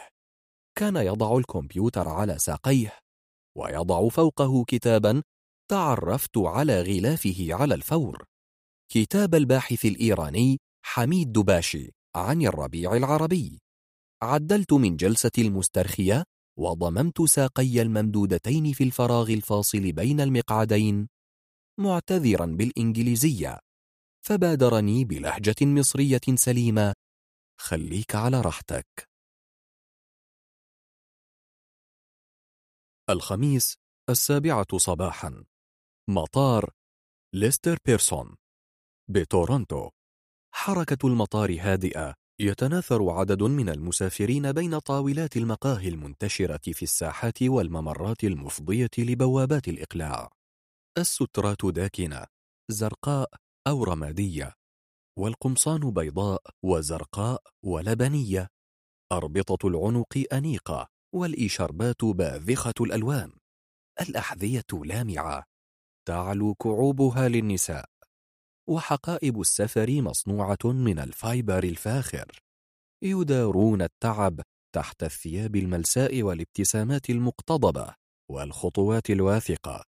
موظفون وموظفات رجال ونساء أعمال سياسيون. يسافرون في رحلات قصيرة ويعودون منها منهكين مثلي. لكني لا أشبههم ولا يفوتهم أني غريبة. بشعري الأسود وملامح العربية التي لا تخطئها العين. لا يفوتهم أن ملابسي ليست باهظة الثمن برغم أناقتها مقارنة بملابس سيدات الأعمال. وأني سأستقر مثل عموم الموظفين والموظفات على مقعد في مؤخرة الطائرة. ملبسي وحقيبتي يشيران لكوني موظفة في الحكومة الإقليمية أو الفيدرالية موظفة عمومية تكافح كي تصعد. تقول فريدة زميلتي في الوكالة لا تكوني واعية بذاتك طوال الوقت. اصرفي ذهنك عن نفسك ولا تطيل النظر إلى الناس من حولك. تقول وهي تبتسم. صنعت الهواتف النقالة لهذا الهدف تحديدا. أتذكر كلمات فريدة فأغض بصري وأنشغل بفتح الهاتف ومراجعة صفحتي على الفيسبوك. معظم المسافرين يطالعون هواتفهم أو الآيباد قليلون يفتحون الكمبيوتر. بعضهم اشترى قهوة وتركها تبرد والبعض الآخر يأكل حبات لوز محمص من كيس صغير ابتاعه من محال وان مينت الرائجة الطائرة المتجهة لمدينة كيبك تقلع بعد ساعة والرحلة تستغرق ساعة ونصفا. أستقر على مقعد في مواجهة بوابة الخروج وأتلهى بمراجعة التذكرة وبطاقة الإقلاع. ثلاثة أحرف تشير لكود مطار بيرسون YYZ. أبحث عن معنى للكود على الإنترنت ولا أجد شيئا. هو كود يحدده الاتحاد الدولي للنقل الجوي والمطارات إياتا. أفتح صفحة المطار على ويكيبيديا ومنها أنقر على اسم ليستر بيرسون. فتظهر صفحته على الموقع. حصل على جائزة نوبل للسلام قبل أن يصبح رئيسا لوزراء كندا في الستينيات. تعلمت هذا في المدرسة ونسيته. حصل على الجائزة لأنه نظم قوات الطوارئ التابعة للأمم المتحدة والمسؤولة عن حفظ السلام بمنطقة الشرق الأوسط إبان حرب السويس. كان أبي يشير إلى الحرب بتعبير العدوان الثلاثي على مصر. أتفق معه على تسمية الأحداث بأسمائها وعلى كره العدوان. سمعت في بيتنا أحاديث معادية للسياسات البريطانية ولثقافة الهيمنة الأنجلو ساكسونية في غمار تعليقات أبي على الأوضاع في مصر وتعليقات أمي على الأوضاع في كيبك. سمعتهما يرددان أن بريطانيا قوة استعمارية معادية للعرب والكيبيكيين ويتفقان على ضرورة سيادة الدولة الكيبيكية وتحريرها من التبعية لبريطانيا. يضيف أبي تماما كما تخلصت مصر من الاستعمار على يد عبد الناصر. أتذكر خالي وهو يزوم لا يعجبه تشبيه مصر بكبك يقول عن قناعة إن حرية تحديد المصير لا خلاف عليها ويردد جملة ديغول الشهيرة التي هتف بها في معرض مونتريال 67 يحيا كبك حرا. هذا دأب خالي يخلط الأزمنة والأماكن والأحداث بشكل غرائبي. الفتاة ذات السنوات العشر التي كانت تنصت لأحاديث الكبار في نهاية الثمانينيات تنظر حولها بعد انتصاف التسعينيات. فلا تجد ملاذا من فوضى هويتها الثنائية سوى الشك فيما يقال واللجوء للعلوم الطبيعية لتفسير العالم. ترغب في الوقوف على أرضية أكثر ثباتا وأقل تحزبا. هكذا اختارت دراسة علوم الصحة الأبعد عن نمط عمل أبيها في الجريدة والأبعد أيضا عن طبيعة عمل أمها بالحزب الليبرالي بكيبك. باستثناء ليستر بيرسون الذي أعرب أبي عن احترامه له أكثر من مرة لم تكن للفيدراليين مكانة طيبة في المحيط العائلي وعلى الأخص في محيط خالي بمنطقة روان نوريندا. نسيت أن أهاتفه لأعلمه بزيارة القصيرة لكيبك. سأحاول الاتصال به بعد الانتهاء من العمل. باتت تلك المهام العائلية ثقيلة على نفسي. لا أدري سببا لذلك. ربما نتيجة لاغترابي عن المحيط الفرانكوفوني في تورونتو. فقد أصبح طبيعيا بعد زواجي بكريم وانغماسي في دوائر الجالية المصرية ألا نتحدث أنا وخالي إلا في المناسبات والأعياد. يؤرقني هذا الخاطر. فأكتب في رزنامة اليوم الثامنة مساء مكالمة لخالك. أتابع البحث على الهاتف. حصل بيرسون على نوبل للسلام بعد حرب السويس مباشرة سنة 1957 وكان وقتها وزيرا للخارجية. بعد أربع سنوات من هذا التاريخ أصبح رئيسا لوزراء كندا وأدخل نظام الصحة المجانية ميديكير الذي تعمل به اليوم الوزارات الإقليمية مثل وزارة الصحة بمقاطعة أونتاريو. ومثيلتها في مقاطعة كيبك. أكتب في محرك البحث على ويكيبيديا اسم السياسي الكيبيكي جان لوساغ الذي سمي مطار كيبك الدولي باسمه. هو أقل بريقا وشهرة على المستوى الفيدرالي من قرينه ليستر بيرسون. كان لوساغ رئيس وزراء مقاطعة كيبك بين عامي 1960 و1966 ارتبط اسمه بالثورة الهادئة التي اجتاحت المجتمع الكيبيكي في الستينيات وحولته من مجتمع خاضع لسلطة الكنيسة الكاثوليكية لمجتمع يؤمن بالعلمانية وبدور دولة الرفاهية في تحقيق الرخاء للمواطنين. درست تاريخ القادة السياسيين الكنديين في المدرسة. لم نكن ندرس تاريخا في المدرسة سوى تاريخ كندا. ثم تاريخ الحربين العالميتين كيف نسيت التفاصيل والأحداث؟ وهل لو سئلت عن تاريخ مصر في الحقبة نفسها فستكون لدي إجابات وافية؟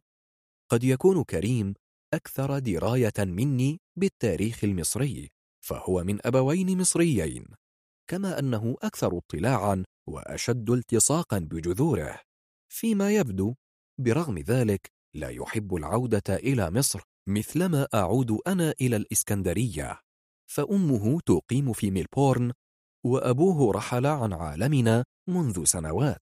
يجول بخاطري أني أكثر مصرية من كريم برغم أني ولدت في كندا وأبتسم لأن هذا الرأي يثير حنقه وغيرته كما أنه أصبح مادة للتندر بين أصدقائنا. لا أحد يعرف كيف يكون مصريا أصيلا في الغربة.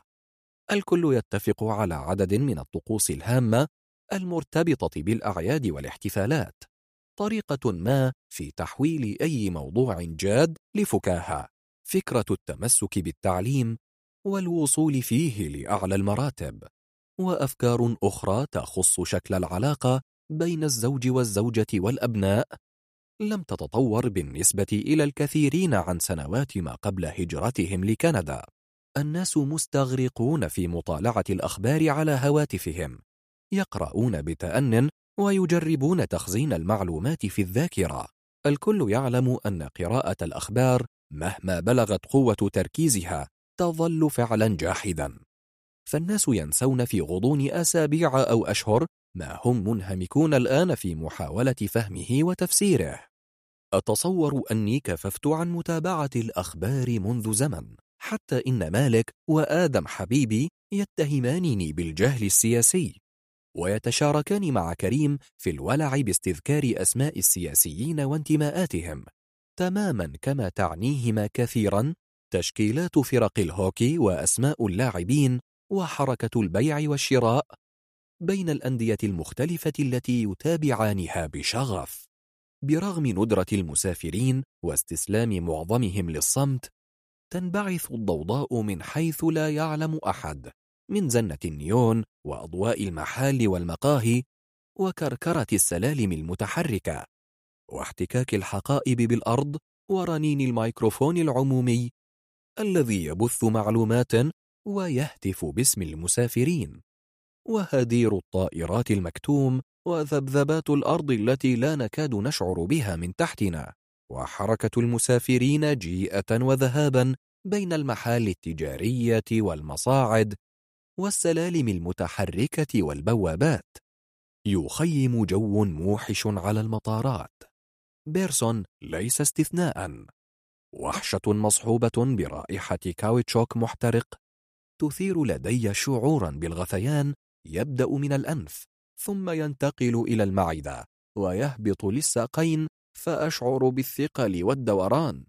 أحاول أن أصرف انتباهي عن نفسي وأروح أراجع ترتيبات اليوم. أصل لكيبك قبل العاشرة بقليل وأتجه فورا للاجتماع بزملائي في وكالة التسويق الكيبيكية في تمام الحادية عشرة. أذهب إلى الفندق في نهاية الظهيرة وأتناول عشاء مبكرا في غرفتي. بعد ذلك أنهي كتابة تقرير عن الزيارة أسلمه لرئيستي السيدة كلارك في تورونتو ظهر اليوم التالي. أكتب على ماسنجر رسالة لكريم أطمئنه على مسار اليوم وأسأله عن الولدين. يعطيني كعادته معلومات مسهبة عن تطورات اليوم في البيت والمدرسة. أقرأها في عجالة ولا أرد إلا لو احتاج الأمر لتدخل مني. صباح اليوم التالي أستقل طائرة العاشرة والنصف لأصل مكتبي بالوزارة يوم الجمعة بعد فسحة الغداء. أنهي يوم العمل في نحو الثالثة مساء وأعود إلى البيت بالسيارة. أقضي ساعة أو أكثر على الطريق السريع. أستمع لأغنيات شرقية قديمة وأدندن معها فتهون المسافة. تعطيني تلك السفرات القصيرة الحق في عطلة يوم الاثنين أقضيها وحدي بالبيت. أستمتع بالهدوء بعد سفر كريم وخروج الولدين للمدرسة. أبقى بالداخل لو كان الجو غائما وأخرج في نزهة لو أشرقت الشمس. ربما يدعوني دونالد لتناول الشاي في مطبخه أو في الشرفة لو كان الجو صحوا. وربما أذهب سيرا على الأقدام حتى شاطئ بحيرة أونتاريو. وأستمتع بالفرجة على المحال وتناول القهوة على تراس أحد المقاهي لكننا في نهاية فبراير ولا أتوقع أن يذوب الجليد قبل شهر ولا أن تفتح المحال شرفاتها قبل انتصاف مايو. تحين مني التفاتة صوب اليمين. غير بعيد عن البوابة المؤدية للطائرة ألمح ثوبا أبيض في كيس من البلاستيك الشفاف ينبسط على ثلاثة أو أربعة مقاعد ويكاد طرفه يلمس الأرض. ثوب فرح. تجلس بجواره سيدة في الستين أو أصغر قليلا. لا تحمل هاتفا ولا جريدة ولا مجلة ولا حقيبة سفر. تحمل حقيبة جلدية ماركة غوتشي. تعلقها على كتفها اليسرى. وتهبط عابرة منطقة الصدر إلى الجانب الأيمن من خاصرتها. ترتدي بنطلون جينز وسترة قطنية تحتها تي شيرت وحذاء رياضيا أزرق نعله أبيض مفلطح. تتطلع من حولها متأملة وجوه المارة والموظفين الحكوميين وتبدو مرتاحة معتدة بذاتها. بعد قليل ألمحها تفتح حقيبتها فأتوقع أن تخرج هاتفها مثل معظم الركاب. لكنها تخرج إصبع زبدة كاكاو وتمرره على شفتيها عدة مرات. ثم تعيده للحقيبة وترفع بصرها فتتقاطع نظراتنا برهة أغض البصر وأعود لهاتفي. صوت المضيفة يصدح بالنداء على ركاب الطائرة. يلتقط المسافرون النداء وينشطون لجمع أغراضهم. فيما يسرع أكثرهم حيوية للوقوف في مقدمة الصف. تتهادى السيدة حاملة الفستان الهائل باتجاه الطابور. تصل قبلي بخطوتين فأدعوها للوقوف أمامي بابتسامة وهزة من الرأس. عن قرب تبدو لي من أصول عربية لكني لا أغامر بالتخمين. هنا يعتبر الجميع أنفسهم كنديين. ويستاء البعض لو سئل عن أصوله العرقية. تحتل السيدة مكانها في الطابور وتطوي كيس الفستان على ذراعها طيتين ثم تلتفت نحوي وتسألني بفرنسية ركيكة رحلة عمل؟ أجيبها بالإنجليزية؟ نعم. تعودت عليها ثم أضيف مومئة للفستان بذقني وعيني وأنت تجيب هذا ثوب ابنتي. أهنئها ظنا مني أن ابنتها في سبيلها للزواج. فتبتسم وتجيب لا تزوجت منذ عام واحد وتركته في خزانتي سأعيده إليها لكي أفسح مكانا لأغراضي. يتقدم الطابور بطيئا. يخرج معظم الركاب رخصة القيادة لمراجعة الاسم على بطاقة الإقلاع. تخرج السيدة من حقيبتها جواز سفر أمريكيا. تسأل المضيفة عن إمكانية وضع الفستان في خزانة درجة رجال الأعمال. تجيبها المضيفة بود سيساعدونك عند باب الطائرة. في نهاية الممر المفضي لباب الطائرة يتشكل طابور صغير آخر تسبقني السيدة بصحبة أحد المضيفين ناحية الدرجة الأولى وأتقدم أنا صوب مقعدي بجوار النافذة في الصفوف الأولى من الدرجة الاقتصادية. ما إن أجلس وأربط الحزام حتى أغمض عيني تجنبا لحركة الركاب وجلبتهم. حين أفتحهما تكون الطائرة قد تحركت على ممر الإقلاع وتكون السيدة صاحبة الفستان جالسة إلى جواري. يفصل بيني وبينها مقعد شاغر. تقول حين تراني أنظر إليها رحلة سعيدة. وأجيبها بمثلها. تقلع الطائرة وسط جلبة المراوح والمحركات وتوجس المسافرين وحركة المضيفة المترنحة في الممر. أغمض عيني مرة ثانية وأبتهل ألا يصيبني دوار في أثناء الرحلة. لن أتناول حبة الدواء المضاد للغثيان لأنها تصيبني بنعاس يلازمني لساعات.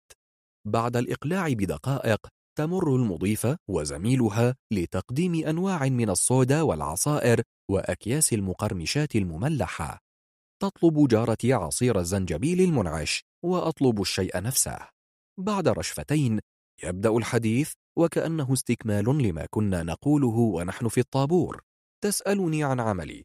أجيبها بأني موظفة بوزارة الصحة في أونتاريو. وأسألها عن عملها فتقول باقتضاب مصورة فوتوغرافية. أطلق آهة تعجب وأنا أبحث في ذهني عن تعليق مناسب على مهنتها. لم ألتقي بمصور أو مصورة من قبل. بعد برهة أسألها إن كانت تعمل بالصحافة تجيب بالإيجاب. ثم تضيف أنها تكتب تحقيقات مصورة. أسألها عن الصحف التي تكتب فيها. تجيب عملت بمجلة ناشونال جيوغرافيك زمنا. والآن لي كتابان في التصوير. الأول بعنوان رحلة إلى المخيم والآخر بعنوان قرمزي عن الثورة السورية. أسألها إن كانت تكتب بالإنجليزية. تومئ برأسها علامة التأكيد وهي تبتسم. ثم تردف وبالفرنسية أحيانا برغم أني لا أتقن النطق بها. وحين أتعجب أنها أمريكية وتكتب بالفرنسية؟ تقول إنها تخصصت في الترجمة من الفرنسية إلى الإنجليزية في الجامعة وقدمت في شبابها ترجمات إنجليزية لأشعار فيرلين ولوتريامون. ألوذ بالصمت. كأني نسيت أسماء الشعراء الفرنسيين الذين قرأت عنهم ولهم أيام المدرسة. تماما مثلما نسيت دروس التاريخ. أتذكر فقط شاعر كيبك الأشهر إيميل نيليغان. أسألها عنه وتجيب بنبرة اعتذار مهذبة أنها لا تحب أشعاره. ثم ينقطع الحديث حين تعود المضيفة لجمع علب الصودا الفارغة والأكواب البلاستيكية والقمامة. أحمد المصادفة على تلك الفسحة من الوقت التي تمكنني من تجنب الحديث في الأدب ربما توقعت أن أسألها عن موضوعات كتبها لكني لم أفعل ويبدو أنها ارتاحت للصمت. أفكر في أن أسألها عن مكان سكنها في أمريكا عن سبب سفرها عن طريق تورونتو إلى كيبك عن ظروف وجود ابنتها هناك. كلما عن لي موضوع لفتح الحديث مجددا بدا لي إشكاليا نظرا إلى خصوصية تلك الأمور ونفور الناس من الخوض فيها خاصة مع الغرباء. اسمي داينا سليمان وحضرتك؟ نورهان. بتحكي عربي؟ إيه خلقانة هون بكندا.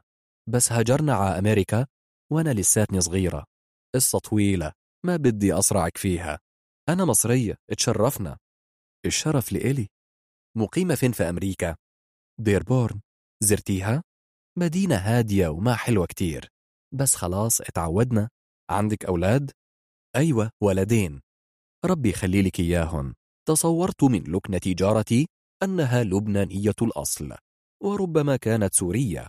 ليس لدي خبرة كافية باللهجات العربية.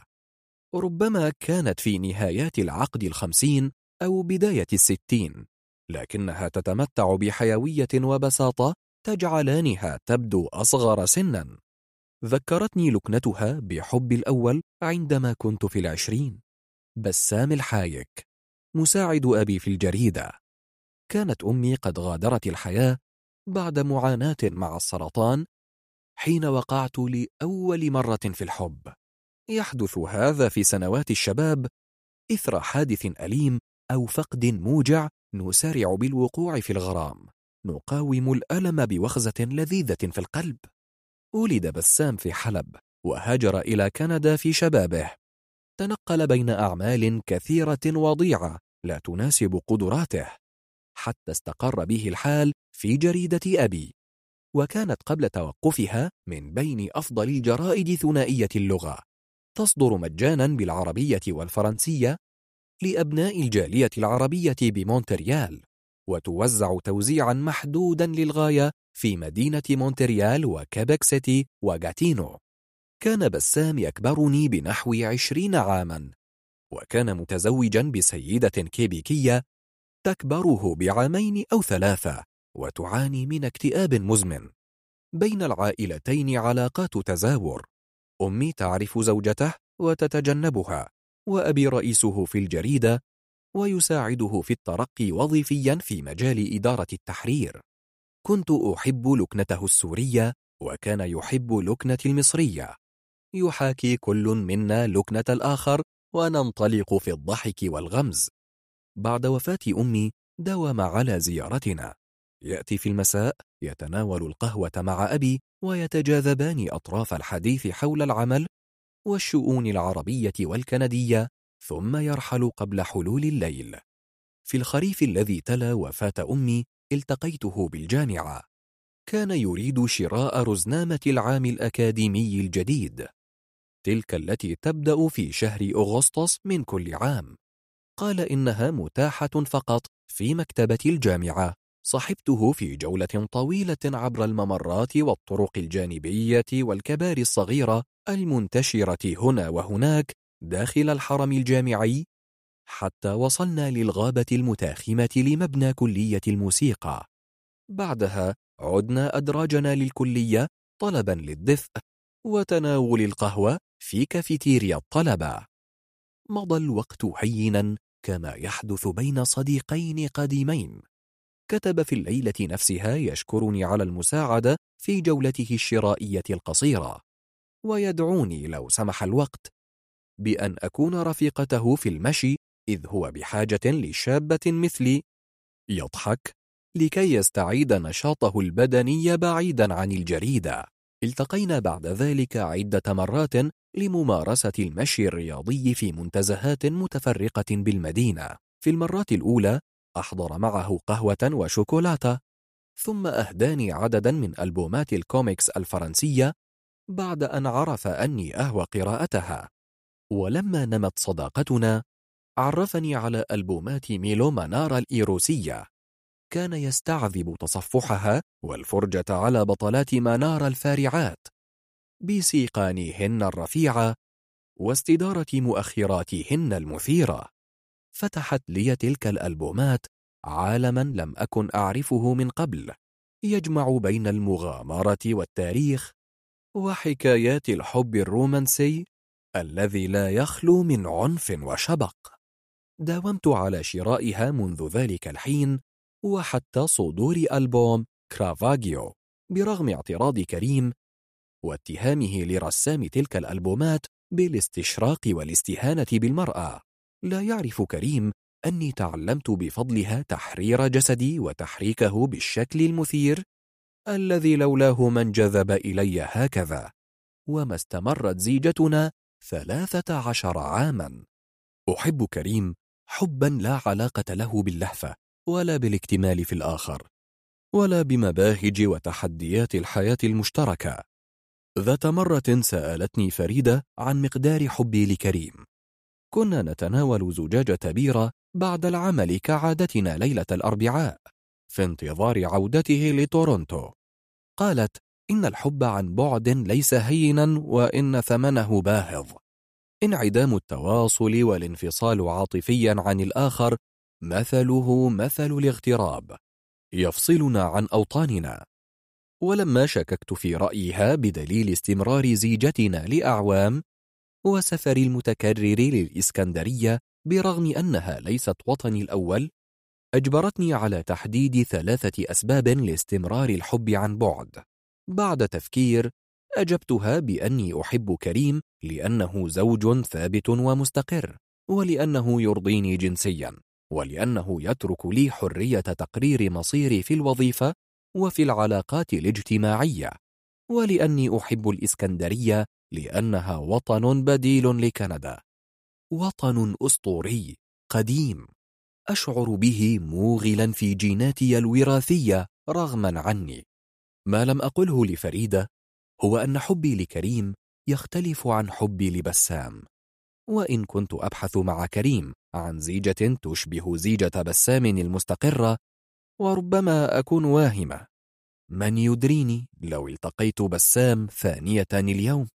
هل كنت سأراه بعيون غير عيون الناس؟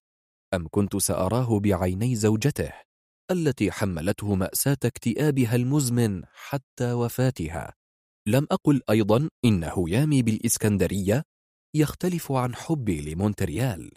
فقد لوحت شمسها وبحرها وهواؤها قبل عقود من مولدي بشرة أبي وبشرة جدتي التي لم أرها في حياتي سوى في الصور.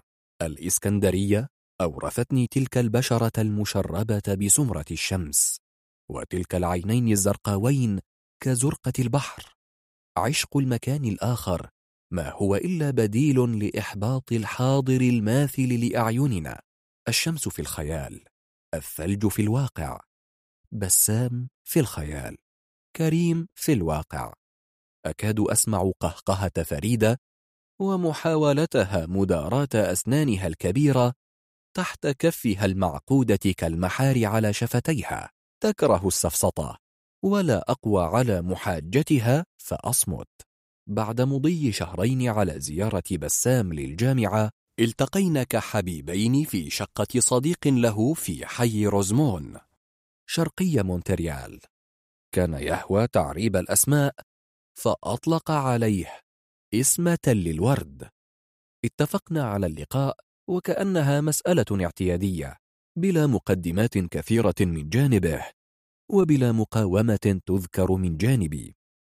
كان قد بدأ يجتذبني بهيئته وحديثه خاصة وهو يعلق على المادة المنشورة في الجريدة التي يديرها أبي. ويتحدث عن طموحه للكتابة الصحفية الجادة في جرائد عربية وليس في جرائد المهجر. أعجبني أنه فارع الطول شديد الأناقة. يهتم بتناسق الألوان ويرتدي دائما الملابس الملائمة لحالة الطقس. أعجبتني لحيته الكثيفة وشعره الغزير اللامع واستدارة شفتيه خاصة السفلى. وهو يقبلني القبلة الأولى تحت شجرة صنوبر في غابة مونرويال أو الجبل الملكي. كان أيضا يقرأ الشعر بلغة عربية ساحرة. ويدمن موسيقى الجاز والأفلام السوداء الأمريكية التي تدور أحداثها في الأربعينيات. ويحب أفلام وودي آلن وفليني ويقتني معظمها على أشرطة دي في دي. في اللقاء الأول في شقة تل الورد مارسنا الجنس بمتعة فائقة وبحنان شديد. حرص عليه ظنا منه أني عذراء. كان ممتنا لي يستعذب كل لحظة ويطيلها قدر إمكانه. وكنت مبهورة الأنفاس. أنظر إلى وجهه غير مصدقة كيف نمت الصداقة لتصبح حبا؟ وكيف صار الحب رغبة جارفة؟ وكيف استسلمنا لها بيسر وبلا تساؤلات. قرب المساء غادرنا الشقة معا لنستقل المترو. نداري فرحتنا ونتحدث كأن شيئا لم يكن. نتفق على موعد للمشي. نفكر في أنها المرة الأولى والأخيرة التي نذهب فيها إلى تل الورد. نستقل قطارين في اتجاهين متعاكسين. هو إلى بيته في ضاحية مارسييه الشرقية وأنا إلى بيت أبي في منطقة ساحل الثلوج. في المساء كتمت عن أبي خبر لقائي ببسام وكنت قد أخبرته أننا نتجول أحيانا في الجبل الملكي قريبا من مقر الجريدة. قضينا الليلة نفسها في حديث طويل على الهاتف.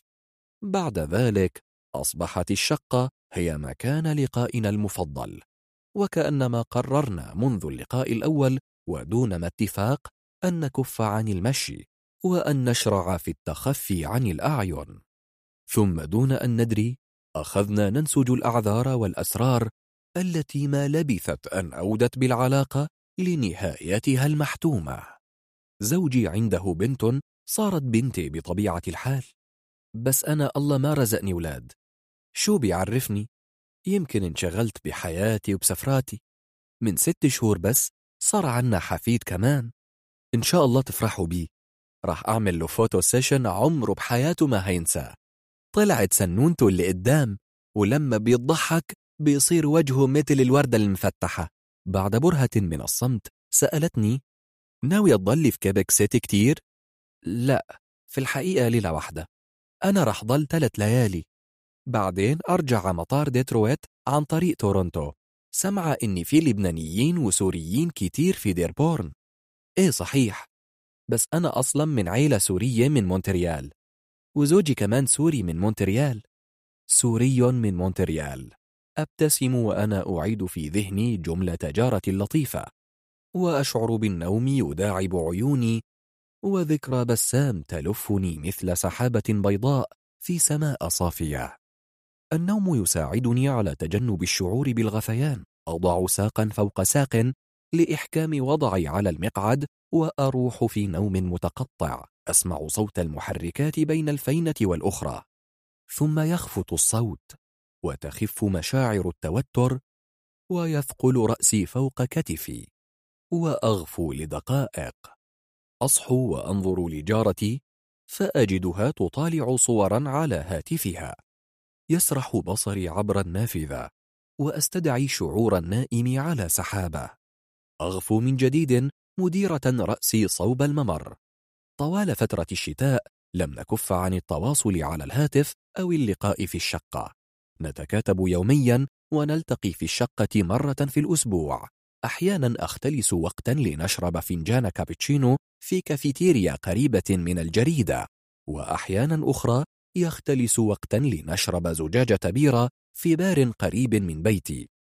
حتى بات اللقاء محدودا بحدود الشقة. خاصة بعد أن سافر صديقه في مهمة إلى دمشق ولم يعد. نمت الصداقة حرة مطمئنة وبلا حدود ولا حواجز. ربما بسبب فارق السن وربما لأن لكل منا نوعا مختلفا من الخبرة بالحب. كنت أتعامل معه بخبرة فتاة مندفعة وجسور وقعت في الغرام وطاش عقلها. أما هو فكانت لديه خبرة مختلفة. خبرة رجل سبق له الانجذاب لنساء أخريات. يجيد التعامل مع مشاعر الحب في طورها الوليد ويتكهن بتطورها الطبيعي ونهايتها المتوقعة. كان حبا عميقا وحقيقيا. ما دفعنا للمغامرة وتقبل العواقب. يقول مدللا على عمق حبه لي إنه بات يعرف كل شيء عني وأعرف كل شيء عنه.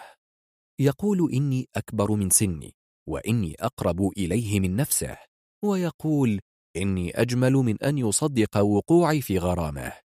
باتت لقاءاتنا برغم ضيق الوقت وأحاديثنا الليلية التي تتحدى المحاذير مصدرا من مصادر السعادة لكلينا.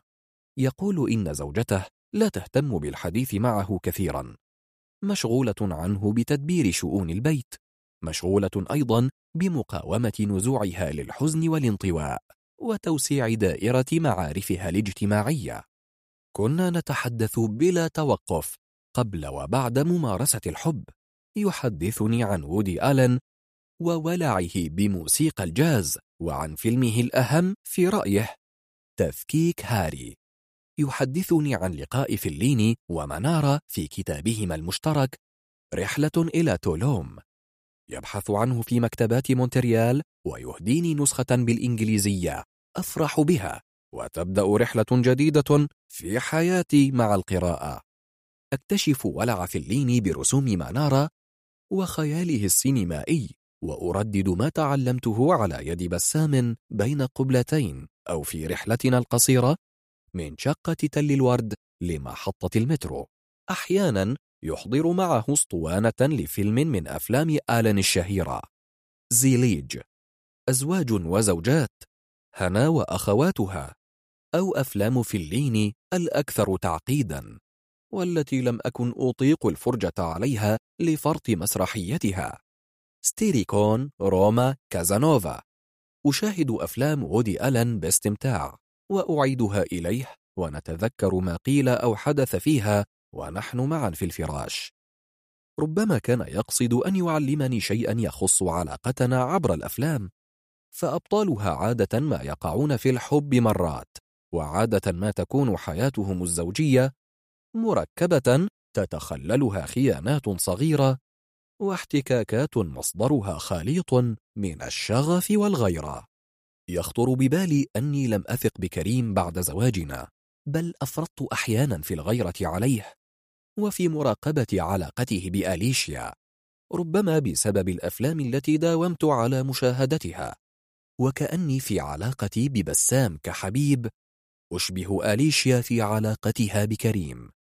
مسألة معقدة. أصحو من غفوتي القصيرة وأهز رأسي لأنفي الأفكار الشائكة وأسخر من التحليل الزائد. وفي ذهني وجه فريدة صديقتي بالوكالة وهي تقول بعينين متسعتين لا تكوني واعية بذاتك هكذا طول الوقت لكني أعود وأفكر في الحالتين سعيت للحفاظ على كريم وعلى استقرارنا الأسري تماما كما سعى بسام لرأب صدوع زواجه التعس. أليس قدرا غريبا ذلك الذي يدفعنا لتكرار حياة الآخرين؟ وكنا فيما سبق نحاكمهم وندينهم بسببها. تخرجني داينا من ذكرياتي. وتسألني وكأنها غير متأكدة من إجابتي. وانتي زوجك مصري؟ آه كريم مصري كندي أستاذ بجامعة وينسور اسمه حلو زوجك. وأنا زوجي بيشتغل بشركة فورد موتورز مدير فرع. جميل. شو بيقولوا بوزارة الصحة بخصوص الفيروس الجديد يلي جاي لنا من الصين؟ في تخبط شديد ومعلومات متضاربة. كندا في وضع جيد مقارنة بدول أخرى. إيطاليا وإسبانيا مثلا. عنا بأمريكا الوضع سيء كتير. بس ما حدا بيجرؤ يعلن عن الأرقام الحقيقية. حسيت كأنه الربيع جايب إلنا أخبار حزينة. لن أستطيع طمأنتك يا داينا. اجتماعي اليوم مع الزملاء في كيبك سيحدد أشياء كثيرة. من بينها التنسيق بين موقف الحكومة الفيدرالية ووزارات الصحة الإقليمية بشأن التعامل مع الفيروس والحملة التوعوية المزمع القيام بها في مقاطعتي كيبك وأونتاريو. أشيح بوجهي لتجنب الحديث مع جارتي في أمور الصحة. فالناس يداومون على سؤالي عن عملي. تماما كما يحدث مع الأطباء يتوقعون مني طمأنتهم بشأن الصحة العامة. وأحيانا يطالبونني بالتعليق على تصريحات الوزارة فأمتنع وأتهرب من الرد. أغمض عيني وأتذكر ربيعا آخر أقل حزنا. قضيت قسطا منه بصحبة بسام. كان الجليد قد بدأ في الذوبان مبكرا عن موعده وارتفعت درجة الحرارة لتصل إلى عشر درجات فوق الصفر. أرسل لي بسام رسالة على الهاتف يقول فيها يوم كامل بين ذراعيك هو ما أتوق إليه الآن وأجبته وأنا أيضا لكن لا تعدني بشيء لا تستطيع تحقيقه. بعد أيام منحني على غير عادته يوم العطلة كاملا. كان يعرف أني أسافر إلى روان نوريندا لقضاء إجازة عيد الفصح مع خالي.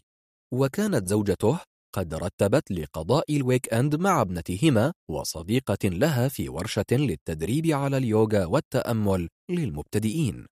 اقترح بسام أن نمضي يوم السبت في شقة تل الورد وأن نتناول الطعام في مطعم بالحي نفسه. ما إن تجاوزت عتبة الباب حتى بادرني بالعناق والملاطفة. قبلني طويلا وأنا أقف على أطراف أصابعي. ومارسنا الحب بشبق وتأن على الأريكة ثم على السجادة. حين استرحنا على ظهورنا وضعت ساقي فوق بطنه كما يحب. وعن لي أن أسأله عن أكثر شيء سيفتقده في غيابي. أجاب بعد تردد القرب منك. لا أدري لماذا غمرني الفرح عند سماعي لتلك الجملة. قفزت من مكاني إلى جواره. وارتج ثدياي مثل عصفورين وأنا أجلس فوقه قائلة كل السعادة والنعيم في القرب منك. هتف ضاحكا في حدا بعمرك بيتذكر عبد الوهاب؟ أسكته بقبلة ثم أسلمته ثديي مثل أم ترضع وليدها بعد شبع. لحظة قرب لم تغب عن ذاكرتي إلى اليوم. أتذكرها وأبتسم. بعدها مارسنا الحب باستمتاع للمرة الثانية. يناديني بكل الأسماء التي أحبها وأناديه وأدله وأدلل فيه. وكأني غائبة عن الوعي. ثم تتلاحق أنفاسي فلا نصل معا. أصل قبله وتهدأ حركتي وأنا أهوي بجسدي فوق جسده. ثم أعود لأحتضنه وأدفعه لاستكمال ما بدأنا. فعلت جملة القرب منك مفعول السحر. وجاء رد فعل بسام عذبا صافيا خاليا من التوتر الذي صاحب لقاءاتنا السابقة حين كان يلملم أغراضه بسرعة ليعود للبيت في الموعد المتوقع أو يضطر للرد على الهاتف لو اتصلت به زوجته أو ابنته في أمر عاجل. بمرور الوقت أيقنت كم كنت أفتقد القرب منه وكم كان القرب مستحيلا كانت أولوياته في الحياة تدور حول أشخاص بعينهم. زوجته لا يريد الإساءة إليها. ابنتهما الوحيدة تحتاج إلى أبيها في سن المراهقة. أصدقاؤه في العمل. مكبل بظروف العمل وأمنيات الترقي. معارفه من الجالية العربية والسورية. لا يلتقون إلا كأزواج. أدركت أن القرب الحقيقي لم يكن ممكنا. لأني لست من ثوابت حياته ولا من أولوياته اليومية. كنا نتواعد فقط في أيام العمل نظرا إلى استحالة اللقاء في الويك أند وفي ساعات معلومة بين الثالثة والسادسة مساء إلا لو تعذر الهروب من الجريدة قبل نهاية الدوام. تتفاوت مدة اللقاء بين ساعة وساعتين مرة كل أسبوع أو كل أسبوعين وفقا لظروف الأسرة والعمل والمسؤوليات الاجتماعية الأخرى. نعوض الغياب بمراسلات متكررة يوميا عبر الهاتف. مكاني محفوظ ومتغير وفق الظروف. والحب واللهفة يخفتان أيضا وفق الظروف. قريبة من القلب. قريبة عند الحاجة وبشروط. أهمها ألا أهدد استقراره العائلي وألا أظهر في محيط عمله أو حياته الاجتماعية التي خلت من وجودي. أدركت في ربيع ذلك العام أن البعد عنه في روان نورندا وغيابه عني في مونتريال أصبحا متشابهين. لا فرق بين أن أكون على بعد مئات الأميال من بيته أو أن أكون على بعد خمس محطات مترو. انتبهت لأنه يقود الدفة بوهم أني من يختار. وأني من بيده الأمر والنهي بشأن علاقتنا.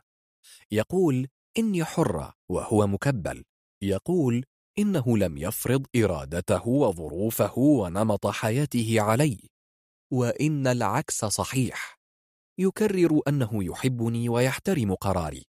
نختلف حول معنى القرب ويتحول الحب لنثار أوقات مسروقة أعيشها على هامش حياته. كزهرة ملقاة على قارعة الطريق. تموت وتذبل في العشرين وتنسى كأن لم تكن. صارحت خالي بقصة الغرام دون ما إفاضة في التفاصيل.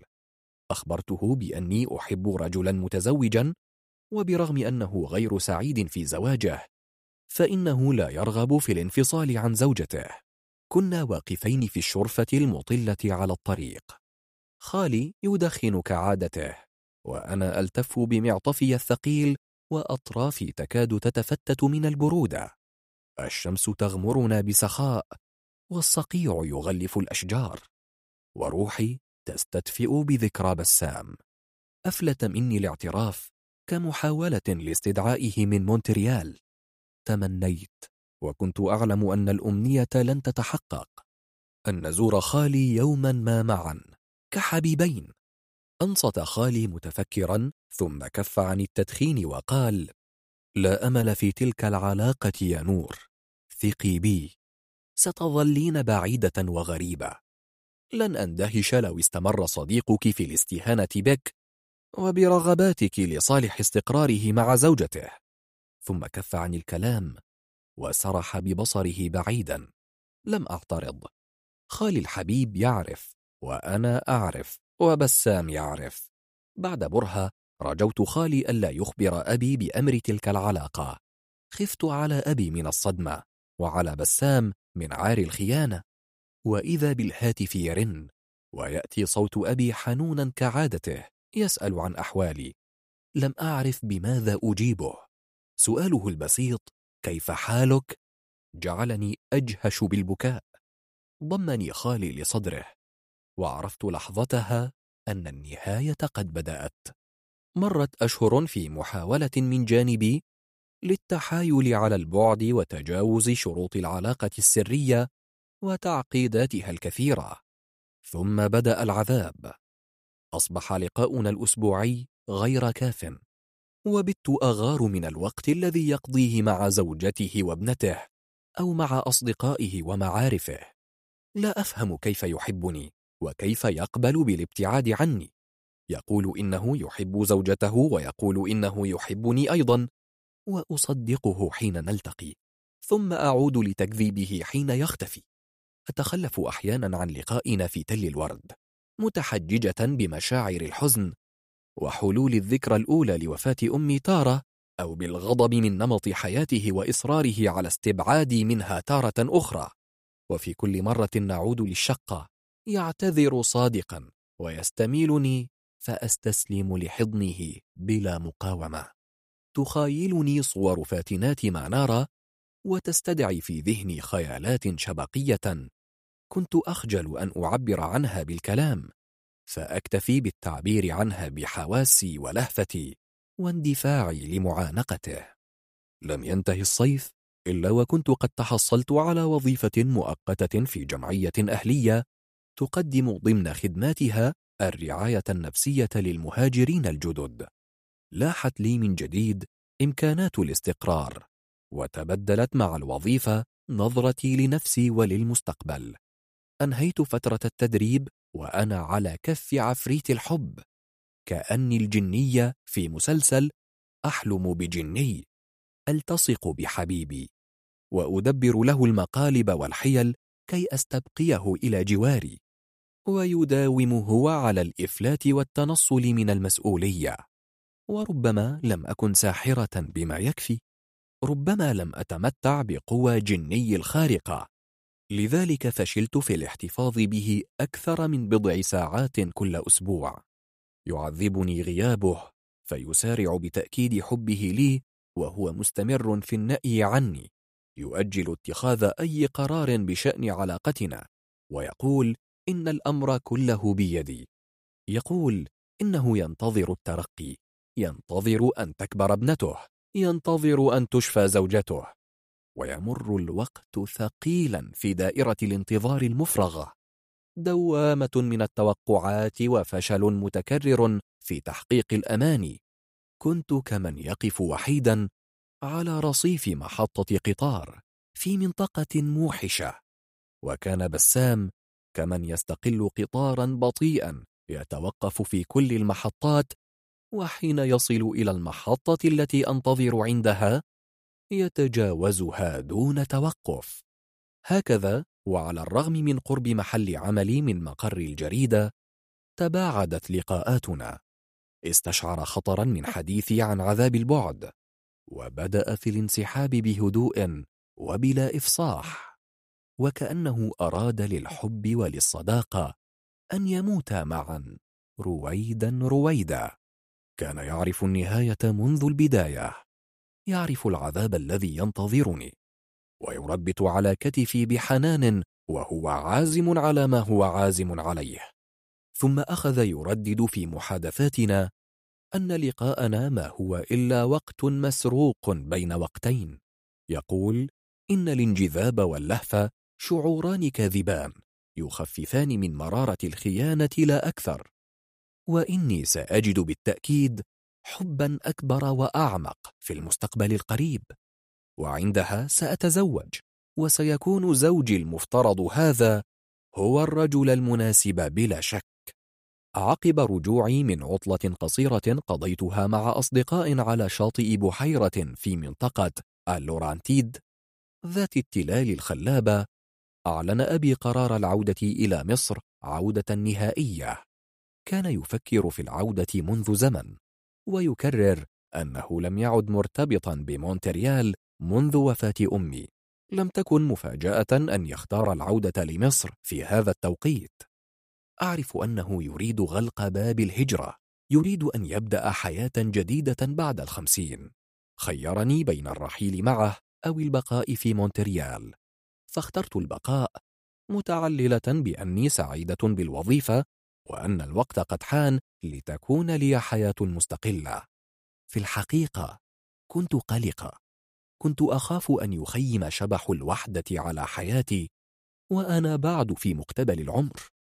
أعرف أني أرفض الوحدة مهما كانت الأسباب ولكني أرى نفسي أغوص فيها بمرور الوقت. لم ألح على بسام ليمنحني وقتا واهتماما كبيرين. شرعت في البحث عن صداقات بديلة عن حب بديل وعلاقات أخرى مستقرة ناضجة. في تلك الأثناء تواصلنا بشكل متقطع عبر الهاتف. راقبت أحاديثه معي وردود أفعاله لقراراتي بعين مختلفة. راقبت نمط حياته وحاولت تقليده. حتى تساوينا في طريقة التفكير وأشكال التمني. نعم أمر غريب ما حدث. بت أشبه بسام. يحبني وينشغل عني زمنا. أفكر فيه وأختفي. يعود فجأة متمنيا أن يضمني إلى صدره. كما كنا في الماضي. أتمنى الشيء نفسه لكني أعتذر لضيق الوقت. نكتفي بلقاء عابر في مقهى. وأفرح وهو يحكي عن يومه في العمل كأننا كنا معا بالأمس فقط. ثم نفترق بلا وعود وبلا رغبة في لقاء قريب. ثم حدثت القطيعة في سبتمبر 2001 أذكر التاريخ جيدا. علمت من أبي أن بسام ترك العمل بالجريدة وينوي السفر إلى أمريكا بصحبة زوجته وابنته. هو لم يخبرني احتفل بالسفر مع عائلته وأصدقائه المقربين ونسيني كانت علاقتنا قد أتمت عاما وبضعة أشهر من بداية السنة الأخيرة بالجامعة وحتى بداية السنة الأولى في عملي بالجمعية. في سبتمبر المشؤوم انتهت حياتي كما عرفتها وانتهى الغرام كما بدأ هادئا مترويا من جانبه. عاصفا حزينا من جانبي. ستة أشهر من الوله الشديد به. ستة أشهر من العذاب الدائم في غيابه. تلتها سنة أو يزيد من الاستشفاء. سافر أثناءها لأمريكا وانقطعت أنا عن مهاتفته. حتى تسربت مغامرة الحب المسروق من بين أصابعنا وانتهت إلى زوال. كان بسام محقا إلى حد بعيد في تصور مستقبلي وأنا على أعتاب حياة مهنية مستقلة. تزوجت الرجل المناسب بلا شك وأحببته حبا هادئا استمر لسنوات حبا عاريا من اللهفة. ثم نمى الحب بفضل وجود الولدين اللذين عوضاني عن غياب أبيهما بحضورهما المبهج. انتظمت حياتي بفضل العمل وبفضلهما. لم أفتقد كريم حين وافق على العمل في وينسور ولم أشعر بثقل الانتظار أو لهفة الحنين. رتبت الحياة معه بشكل منهجي لضمان الاستمرار وأحببته مع الزمن ومع تأكد امتلاكي له وبدعم من عقلية عملية تطورت بداخلي مع الوقت. على فكرة عنا أصحاب كانوا عايشين بونسور وهلأ مستقرين بأمريكا لينا عقاد رفيقتي وزوجها احتمال كريم يعرفها. إيه لينا كانت بجامعة وينسور قبل. بعدين هلأ صارت بجامعة ميشيغان آن آربر. بس أحيانا بتروح وينسور بسبب الشغل. احتمال تتقاعد السنة الجاية. شو بيعرفني؟ كلياتنا حاسين بإرهاق رغم إنه لساتنا شباب. صحيح. كمان بنتها اللي لينا رفيقة بنته البسام زوجي هل سمعت جيدا؟ هل رن اسم بسام في أذني فعلا؟ ألم يأتي من رأسي ومن سيل الذكريات التي انجرفت معه على غير هدى؟ لقد نطقت جارتي بالاسم على ما أظن استعدت بسرعة البرق جملا من ثرثرتنا القصيرة متزوجة بسوري من مونتريال له ابنة واحدة وتقيم في ديربورن طبعا هناك آلاف السوريين بالمدينة وهناك آلاف المتزوجات برجل سبق له الزواج ولديه ابنة. لكن كيف غابت عني التفاصيل منذ بداية الحديث؟ وهل جفت الذكرى إلى هذا الحد؟ حتى إني نسيت سفره لديربورن مع زوجته وابنته. اسمها صافية هاي صورتها مع لينا. بلكي تتذكريها. صافية هنا الحايك؟ إيه بس أبوها بيناديها هنا. تعرفي بسام لكان؟ يطن الاسم للمرة الثانية في الفراغ الفاصل بين مقعدينا. ويحلق كسحابة تؤذن بالمطر. لكن الطائرة ترتج فجأة فينقطع الحديث. ليس بسام الذي أعرفه. ربما كان حايك آخر من مدينة أخرى غير حلب. مئات السوريين ينتمون لعائلة الحايك. أو لعائلات تحمل الاسم الشهير نفسه بل هو بسام وهي هنا ومن تلك الغريبة إذن؟ زوجة ثانية لبسام؟ ماذا حدث يا ترى؟ وكيف انقطعت أخباره كل هذا الوقت؟ تعودت اختفاءه وظهوره في الفترة التي تلت فتور العلاقة بيننا أما اختفاؤه التام عن منصات الميديا المعتادة فقد كان مثيرا للتساؤل بل غريبا على رجل عمل لسنوات في مجال الصحافة. كان زميل والدي في الجريدة أيام مونتريال. بدا لي التعبير غريبا. متى انتهت تلك الأيام؟ بس أنت من تورنتو. ما هيك؟ أصلا من مونتريال. لكن اسمك نورهان شو؟ نورهان عبد الحميد. كان والدي رئيس بسام في الجريدة. يا الله! عالم صغير عن جد. شو هالصدفة الحلوة؟ حكالي عن الجريدة زمان وسمع عن الوالد طبعا بس ولا ممكن أتصور أبدا ألتقي بحدا من معارف بسام من هاي الفترة.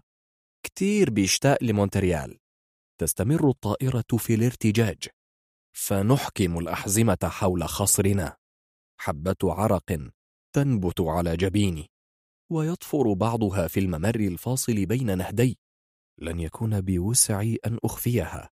ولا أن أقاوم الدوار المفاجئ الذي يسبق الهبوط. تستمر دهشة جارتي وتبتسم كأن ما يحدث للطائرة لا يعنيها. تنقر بسرعة على الموبايل تريد أن تريني صورة زفاف هنا.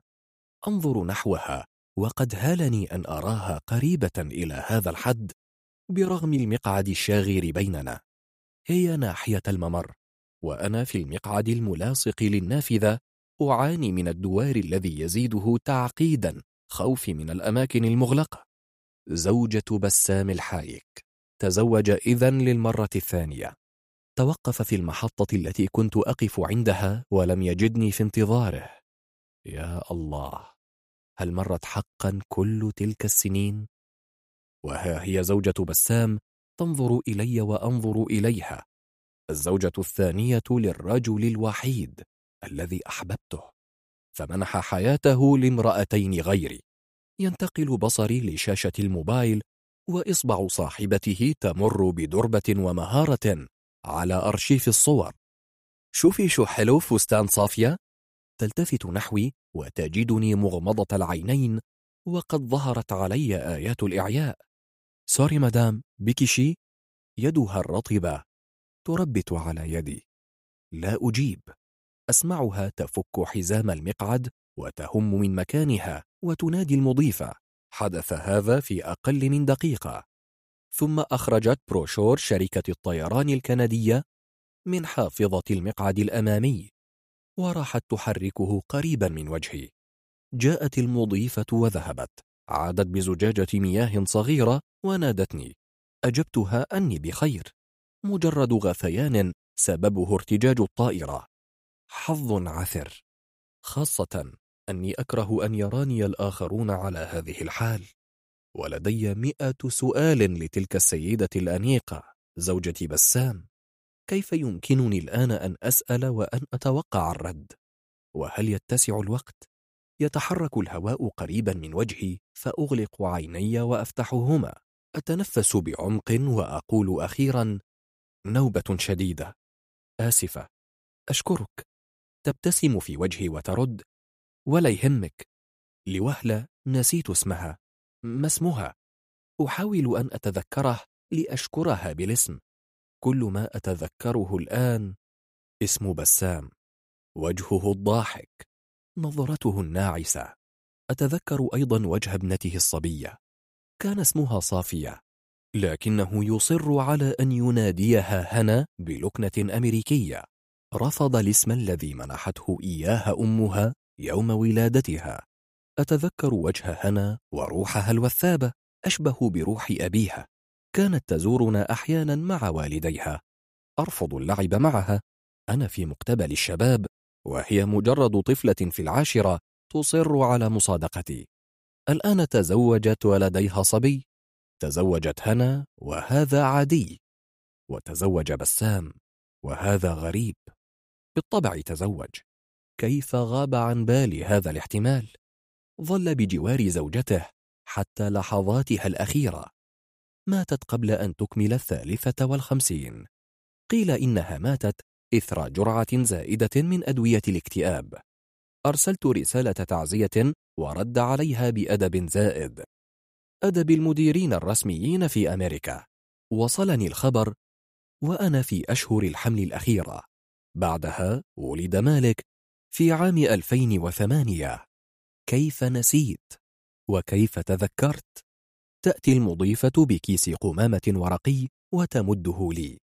في يدها زجاجة كحول طبي برائحة اللافندر تمررها تحت أنفي. تؤكد أننا في الطريق للهبوط. مرت ساعة وربع ولم تبق سوى دقائق ونهبط في كيبك. جارتي تبتسم ابتسامة تشجيع. أغمض عيني ثانية حتى لا أرى المضيفة وهي تهتز مع اهتزاز الطائرة في سلسلة لا نهائية من المطبات الهوائية. بيكون حدا ناطرك بالمطار شي؟ أشير بالنفي. ولا يهمك. صافية بتكون هنيك. لو بدك بنوصلك على الأوتيل. صافية هنا. ماتت أمها. تزوجت وأنجبت. ولماذا تقيم في كيبك؟ ولماذا شاءت المصادفة أن ألتقي بزوجة بسام الثانية؟ تلك التي حلت محلي وأن أضطر لملاقاة ابنته وتذكيرها بنفسي. ولماذا يعمل بسام بشركة سيارات؟ هل تخلى عن طموح الكتابة للصحافة؟ ألتفت لأتفحص وجه داينا وهي مشغولة بالنظر في مرآة صغيرة أخرجتها من حقيبتها. جميلة. بروفايل الوجه. ينم عن راحة وهناء صاحبته. تجاعيد بسيطة جدا حول العينين وابتسامة ساحرة. بعد دقائق هبطت الطائرة هبوطا مدويا مرتجا على أرض المطار. قالت جارتي الحمد لله على السلامة وأجبتها بتحية من الرأس وقد سرى الخدر في أوصالي. لدي مئة سؤال وسؤال. هل التقيا في ديربورن ومتى؟ بعد وفاة زوجته. أم قبل ذلك؟ أتذكر تلك الليلة البعيدة عندما أشار أبي لرحيل بسام إلى أمريكا وكأنه تحصيل حاصل تماما مثل قراره بالعودة النهائية لمصر. كنا نشاهد برنامج المذيع والكوميديان كونان أوبراين على التلفزيون. وكان ضيف الحلقة الممثل الأفرو أمريكي الكوميدي الشهير جيمي فوكس. أبي يتابع البرنامج باهتمام ويقهقه مع كل نكتة. وأنا منشغلة بالحديث مع صديقة على الهاتف نرتب لقضاء أسبوع في بوسطن لزيارة أقارب لها هناك. كانت ليلة الثلاثاء الرابع من سبتمبر 2001 وكانت المرة الأولى التي تصيبني فيها نوبة ذعر. أخبرني أبي بنبأ سفر بسام وكأنه خبر عابر. أنهيت الحديث مع صديقتي بذهن مشتت وانسحبت إلى غرفتي. في تلك الليلة عزمت على أن أغلق باب الاجتهاد في الحب وأن أعثر على الرجل المناسب للزواج بغض النظر عن المشاعر والرغبات. بحسبة علمية بسيطة أدركت أني الخاسرة في العشق. كتبت رسالة على الإيميل لبسام ولم أرسلها. انتظرت أن يخبرني بنفسه بنبأ سفره المفاجئ. نمت واستيقظت وقد ضاقت أنفاسي وبدأت في البكاء وأنا أدور في الغرفة. ثم قضيت الأسبوع التالي في الفراش منهكة. أنام وأصحو للأكل فقط. وأبي يعتقد أن سفره هو السبب في شقائي. مع نهاية الأسبوع انتهى كل شيء. استيقظت وفتشت في قلبي عن موضع الألم فلم أجده. انطفأت مشاعر الحب واللهفة وعذابات الغياب وحل محلها غضب مكتوم ولوم وعتاب لنفسي قبل كل شيء وله لأنه كان يعرف النهاية منذ البداية. ثم قرار حاسم لم يتغير منذ تلك اللحظة وحتى اليوم. أن أكتفي بالزواج عن الحب. أن أجرب وصفة بسام في نموذج الحياة الزوجية السعيدة. في اللحظة التي أفقت فيها على حقيقة مشاعري الجديدة حدثت كارثة تفجير برجي التجارة العالمية في نيويورك. نقلتني الأحداث بفعل السحر وبهول الأسى الكوني لمنطقة أخرى خارج ذاتي. انغمست في العمل بشكل كبير وعن عمد. اشتركت في مجموعات صغيرة لمواجهة أخطار العنصرية ضد العرب. ثم بعد رحيل أبي إلى الإسكندرية شرعت في البحث عن شقة صغيرة قريبة من محل عملي وحثني خالي على التفكير في مستقبلي كشابة في مقتبل العمر مهددة بالتعاسة بسبب خطأ لم تتعمد ارتكابه. بعد ذلك بنحو خمس سنوات كففت عن اللهاف وراء أحلام العمل التطوعي الصبيانية وسيلان المشاعر النزقة وقررت أن أعيد بناء نفسي من جديد. سجلت في برنامج للماجستير في مجال الصحة العامة بجامعة مونتريال. وأقبلت على الدراسة المسائية لمدة ثلاثة أعوام لحين حصولي على الدرجة العلمية. داومت على الذهاب إلى الجيم وعلى المشي ساعة يوميا مهما كانت ظروف الطقس.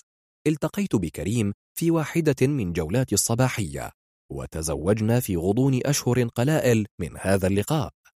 في تلك الآونة كان خالي هو الوحيد القادر على فهم ما أعانيه وعلى إسداء النصح بشكل رقيق وبلا إصرار وهو أول من استشرت في مسألة زواجي راقت لي فكرة الارتباط بشاب مهاجر مصري حين راقت له وقد أعجبه كريم كثيرا لثقافته الواسعة وطموحه العلمي كانت حقبة مؤرقة وحزينة من حياتي بدأت بوفاة أمي وانتهت بلقائي بكريم وزواجي به.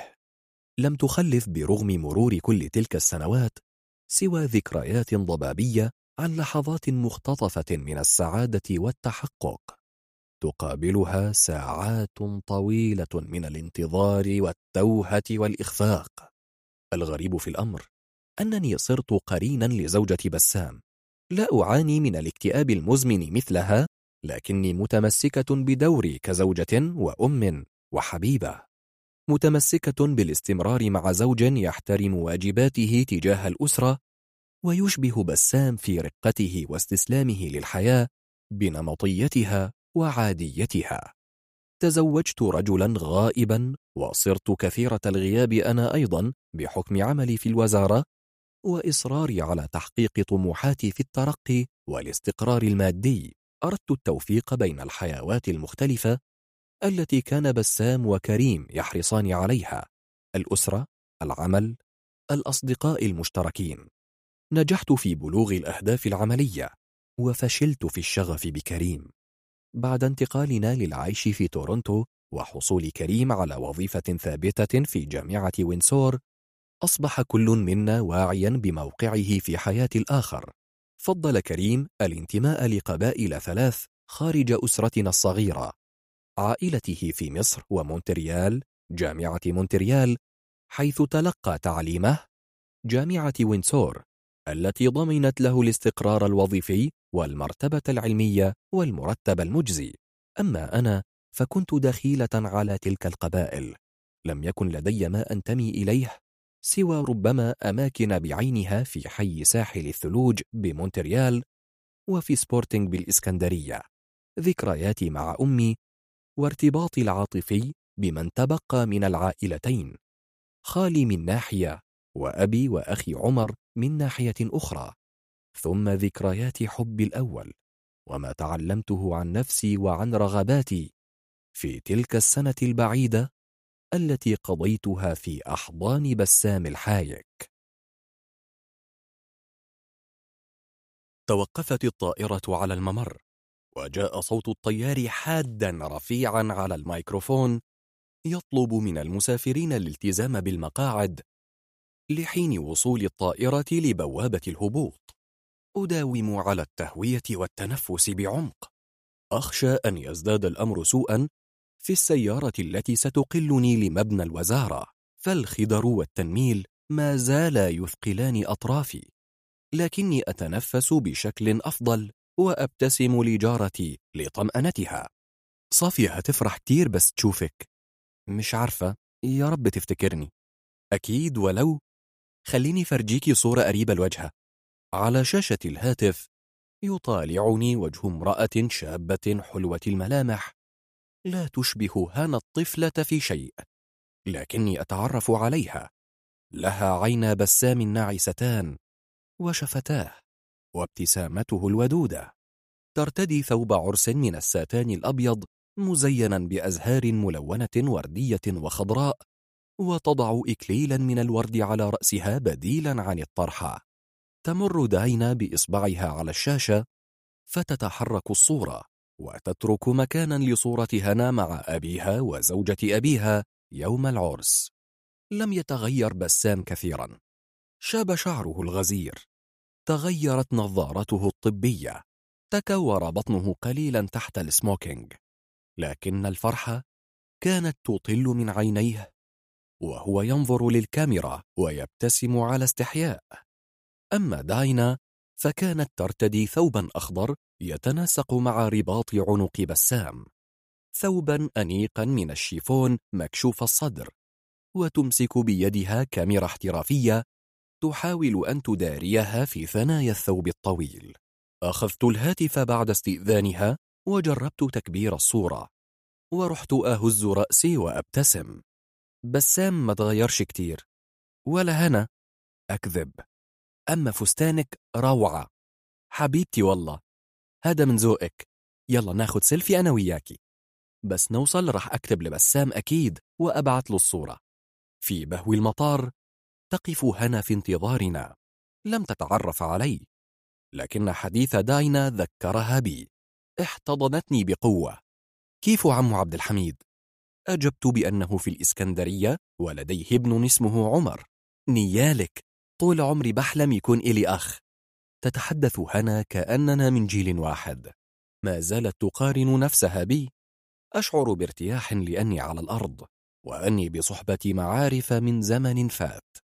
تعود إلي حيويتي تدريجيا ونحن في انتظار وصول حقيبة داينا على السير المتحرك. أحمل عنها ثوب الفرح ريثما تضع حقيبتها على الترولي وأتبعهما خارج المطار. تصر داينا على اصطحابي للفندق. وأعتذر بأن موعد لقائي في مبنى الوزارة قد حان. سأذهب إلى الفندق لاحقا. نتبادل أنا وهنا أرقام الهاتف النقال وتدعوني لعشاء متأخر في بار داخل أسوار المدينة القديمة. أوافق من باب الفضول. تفتح داينا صفحتها على الفيسبوك وتقول إنها سترسل لي طلب صداقة. أمليها اسمي. نورهان أبد. بدون الحميد. تفتح الصفحة فتطالعها صورة ال profile التي تجمعني بمالك وآدم.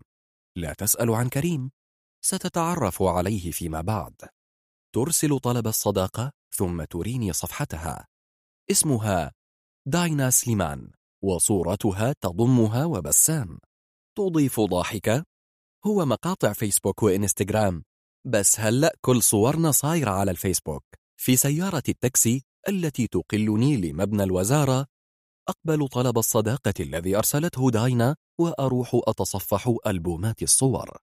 بعض الألبومات خصصتها لتحقيقاتها الصحفية من بينها زيارتها لمخيم للاجئين السوريين في حلب في نهاية التسعينيات.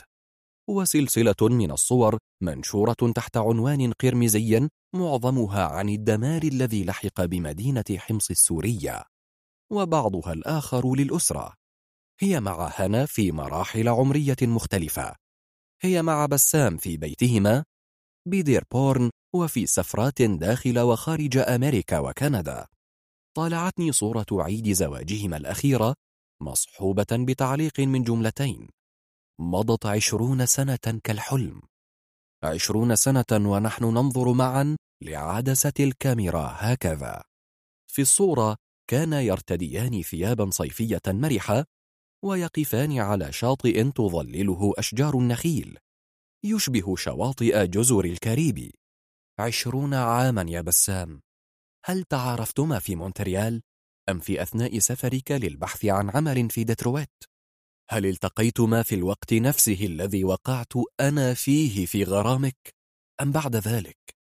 أعيد حساب التاريخ ويتأكد لي أنهما التقيا قبل أحداث سبتمبر 2001 أي قبل انفصالنا بشكل نهائي. أبتسم وأهز رأسي باستغراب. تعارفا ونحن معا إذن ولكن متى حدث الغرام؟ وكيف حدث؟ بالطبع لم يتزوجا منذ عشرين عاما. فقد كانت كارول ما زالت على قيد الحياة. لكنهما صديقان منذ ذلك التاريخ بلا شك. معا ومعي دون أن أدري. يقتلني الفضول. صورهما القديمة على فيسبوك لا تكشف شيئا عن تلك المرحلة. أراقب حركة الأشجار المتعاقبة من نافذة التاكسي وأنتبه لشعور بالطمأنينة يتسرب إلى قلبي. كما لو أن عذابات الماضي البعيد لم تعد تخلف شعورا بالأسى. أتذكر التفاصيل بالطبع لكنها تخلو من الحزن. لم تعد تترك غصة في الحلق وانقباضا في المعدة كما كان يحدث في الماضي. أفتش بداخلي فلا أجد سوى ذكرى لحظات الفرح. مشاعر الحب الوليد واكتشاف أسرار الولع برجل مراوغ صعب المنال. لمسات وهمسات واهتزازات الجسد. ضحكاتنا ورسائلنا اليومية على الهاتف. ثم اختفاء الحب تدريجيا وصولا للحظة الراهنة. وفيها ما فيها من تعجب واندهاش مما آلت إليه حياة كل منا. أفتح صفحتي على الفيسبوك وأتخيل داينا وهي تحكي لبسام عن لقائنا. أرى صورتي بعينيه دهشته ارتباكه. ثبات مآقيه وهو يحاول أن يداري انفعاله. ربما شاهد بعض الصور وتابع أخباري عن بعد. أتمنى أن يكون قد فعل. أشعر بوخزة في القلب وأنا أرى صورتنا معا أنا وداينا على صفحتها. هل نتشابه إلى هذا الحد لأننا أحببنا الرجل نفسه؟ هي أيضا كانت تنتظر على المحطة. هي أيضا عانت شيئا شبيها بمعاناتي لكنها انتظرت وفاة زوجته. لتحصل عليه خالصا لنفسها. كانت أكثر صبرا مني أكثر ثباتا وتمسكا بحقها في الحب. ترى كيف كانت ستكون حياتي لو أن بسام ترك زوجته لأجلي؟ سؤال أحمق. حياة بدون مالك وآدم حبيبي ليست حياة أو هي غير قابلة للتصور. أغلق الهاتف وأخرج حقيبة الميك أب. أعيد إصلاح ما أفسدته الرحلة.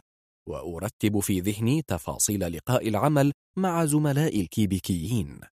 ثم أغوص في مقعدي متمنية يوم عمل ناجحا وسهرة مثيرة بصحبة داينا سليمان وهنا الحايك وحفيدي بسام الصغير وعودة سالمة لتورونتو في صباح اليوم التالي.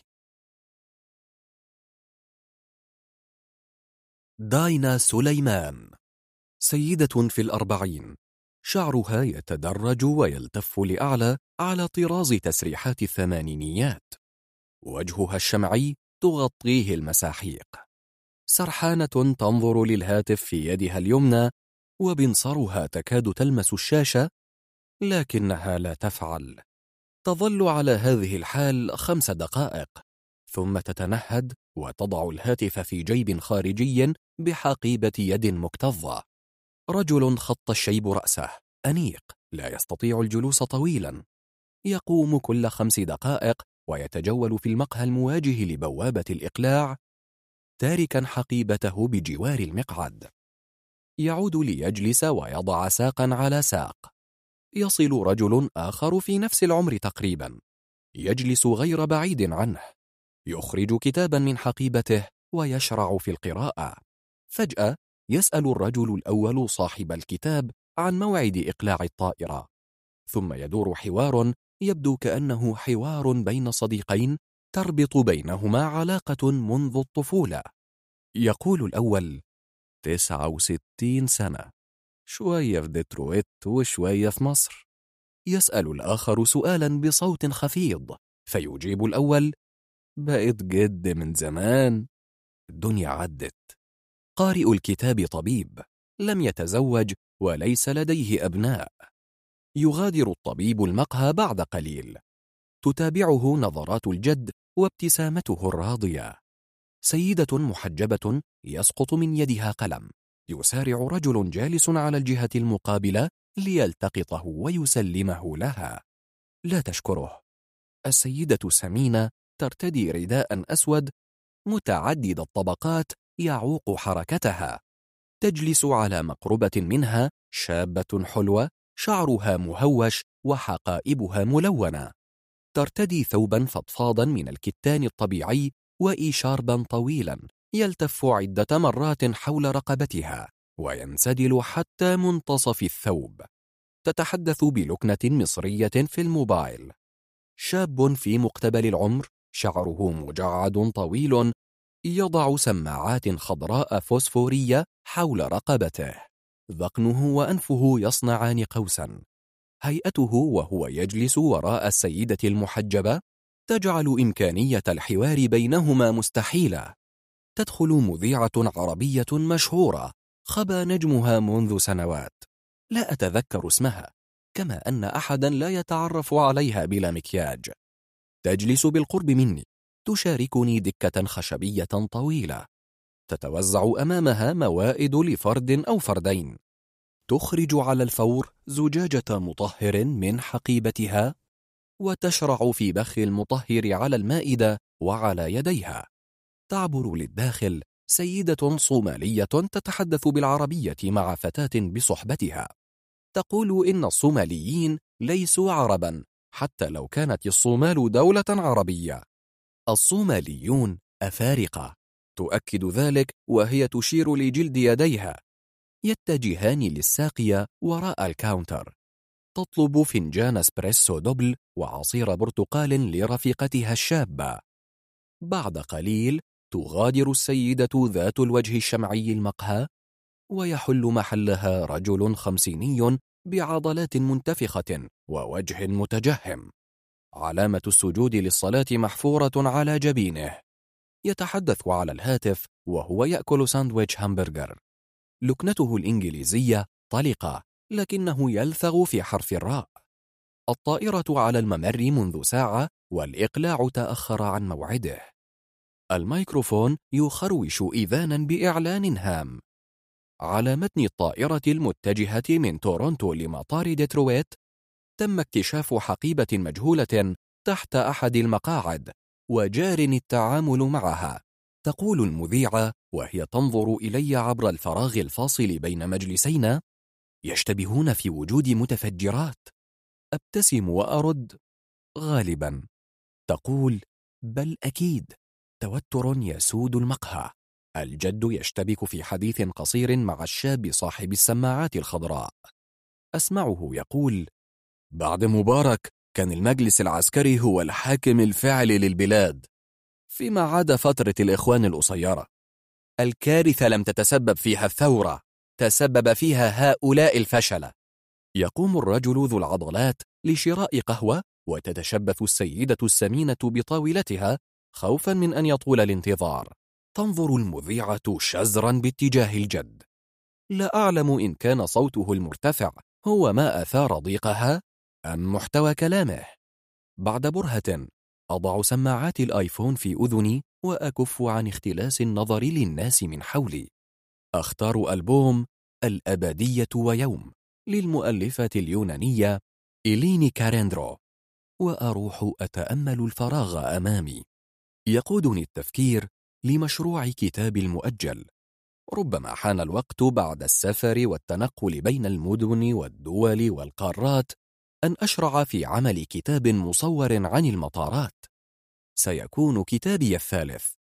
وسأنظمه على نمط كتاب المصور الأمريكي براندون ستانتون. بشر من نيويورك. سأضمنه صورا ذاتية وبورتريهات بدرجات الأبيض والأسود والرمادي للناس والأماكن.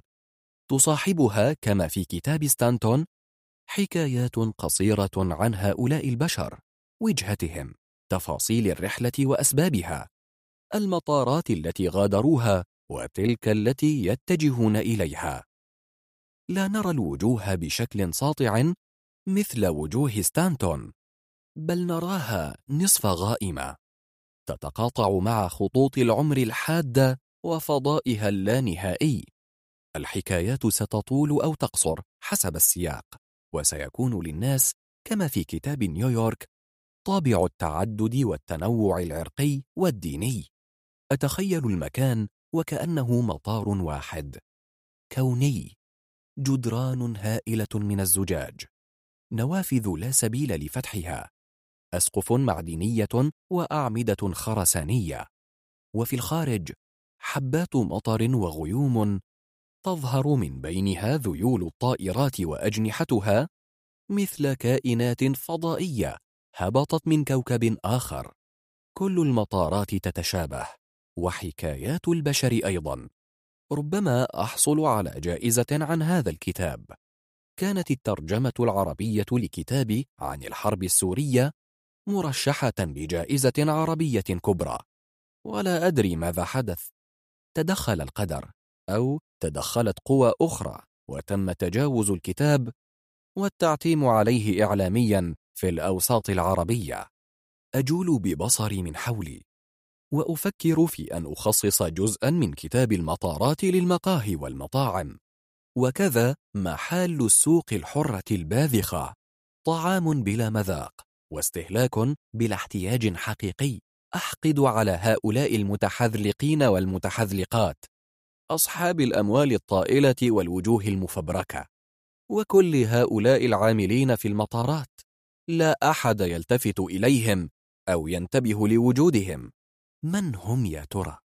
فيما مضى كنت ألتقط الصور خلسة للعاملين بالمطار وأعالجها على الكمبيوتر حتى تطمس معالم الوجه فلا أضطر لطلب موافقة صاحب الصورة على النشر لابد أن لدي آلاف الصور على ال hard drive ماذا أنا صانعة بهذا الأرشيف الهائل؟ ما يقرب من أربعين سنة من السفر والترحال مسجلة بالصور حتى صارت الوجوه حبيسة زمانها القديم. سيكون موضوع كتاب المطارات مشوقا للجمهور العريض. قد أضمنه بعض الصور من الأرشيف. لكني هذه المرة سأنصت لحكايات الناس وألتقط صورا معبرة يرضون عنها ويسمحون بنشرها. تترك الشابة ذات اللكنة المصرية مكانها وتقترب من المذيعة التي لم تعد شهيرة تسألها معذرة هل أنت السيدة ليندا ليندا؟ يتهلل وجه المذيعة وهي تؤكد بابتسامة عريضة أنها ليندا ليندا شخصيا تطلب الشابة الجلوس لدقائق فترحب ليندا ليندا وهي تكرر أكيد أكيد ثم تضيف بنبرة العارفين في اشتباه في وجود متفجرات على الطيارة. عنا وقت نحكي شوي. تجلس الضيفة على الكرسي المقابل وهي تبتسم بانبهار وقد شع وجهها بآيات العرفان. تقول إنها واظبت على مشاهدة برنامج ليندا ليندا وهي طفلة وكذلك أمها. كان يذاع في مصر على القنوات الفضائية. تذكرت ليندا ليندا ما إن سمعت الاسم. كانت تقدم برنامج منوعات باسمها وكانت تضمنه بعض الفقرات السياسية عن الأوضاع في الشام والعالم العربي تقدمها بصيغة ساخرة. تتبعها لقاءات مع ضيوف من عامة الناس. يتم انتقاؤهم بعناية شريطة أن تكون لدى الضيف أو الضيفة قصة واقعية مسلية وغريبة. تنتهي بحكمة أو موعظة. تتخلل اللقاءات فقرات موسيقية معزوفة أحيانا من فريق متوسط الشهرة موجود بالاستوديو. وكانت في بعض الأوقات تدعو مخرجا شهيرا كي يعلق على القصة الواقعية ويناقش صاحبها في إمكانية تحويلها لعمل سينمائي وسط تصفيق الجمهور. لم أكن أفهم الكثير مما يقال لكني كنت أحب الاستماع للأغاني المختارة وأستفسر من أبي عن مغزى الفقرات السياسية الساخرة. أما أبي وأمي وأخواي فقد كانوا يداومون على مشاهدة ليندا ليندا عبر satellite عربي مسروق. حتى توقف البرنامج فجأة وتوارت صاحبته عن الأنظار وقيل إنها هاجرت إلى أمريكا. ربما تزامن هذا مع العدوان الإسرائيلي على لبنان في 2006 وربما بعد ذلك. لا أتذكر. أخرج الموبايل وألتقط خلسة صورة جانبية لليندا ليندا أرسلها لأمي على الواتساب. قدمت الشابة المصرية نفسها باسم عالية وأضافت معدة برامج في إم بي سي مصر. تتحدث الإنجليزية بطلاقة. أتعجب أن تستخدم الإنجليزية في الحديث مع سيدة عربية مثلها. لكن الكثير من العرب الذين ألتقيهم في شمال أمريكا يفضلون استخدام لغة أجنبية مشتركة على محاولة التفاهم باللهجات العربية. قاطعتهما قبل أن يشرعا في الحديث واستأذنتهما في ترك حقيبتي تحت رعايتهما ريثما أشتري فنجان قهوة أومأت ليندا ليندا بترحاب وقد أحست بأنها باتت محط أنظار الجمهور. إماءتها تشعر من يراها بأنها سيدة ترتقي لمستوى المسؤولية. فيما أجابت عالية ببساطة طبعا تفضلي. بعد قليل عدت حاملة كوب قهوة إسبريسو وزجاجة مياه معدنية. كانت عالية تحكي وليندا تنصت. شكرتهما وجلست أستمع للحكاية ونظري يتجول بعيدا عنهما. بطيئا يتمهل فوق الوجوه والمناضد والمقاعد ومدخل المقهى وكأني لا أنتظر شيئا وكأني جئت هنا بطريق المصادفة. تكمل عالية حديثا لم أستمع لبدايته. لا لست مقيمة في تورونتو. كنت في زيارة لحضور حفل زفاف ابنة عمي. الآن أذهب إلى مدينة آن آربر لزيارة صديقة. وأعود من هناك إلى تورونتو ومنها إلى القاهرة على الطيران الإيطالية. اضطررت لتغيير تذاكر السفر بسبب الوباء. هل تصدقين حقا حكاية الوباء؟ لا أعرف. أشك في كل ما يقال في الإعلام. أعرف تماما كيف يتم تلفيق الأخبار. وأنت هل تقيمين في ديترويت؟ يبدو أن هناك جالية إيطالية كبيرة في ميشيغان. أصلا أنا عملت فترة في إيطاليا معدة برامج ثقافية ومراسلة لعدد من الصحف العربية. ثم عدت لمصر ولم أجد عملا يرضي طموحي. أفهم تماما انسحابك المبكر من المجال. تبتسم ليندا ليندا بتواضع ويبدو أن كلام عالية قد فتح شهيتها للحديث عن أسباب انسحابها المبكر من المجال. لكن عالية لا تمهلها. تكمل بلا إبطاء وقد ركزت عينيها في عيني صاحبتها كعادة الثرثارين. إيطاليا بلد جميل بحر متوسطي تشبهنا في كل شيء. عشت فيها أعواما. انظري ماذا يحدث الآن. أنباء عن آلاف الموتى. أقول لك إني لا أصدق.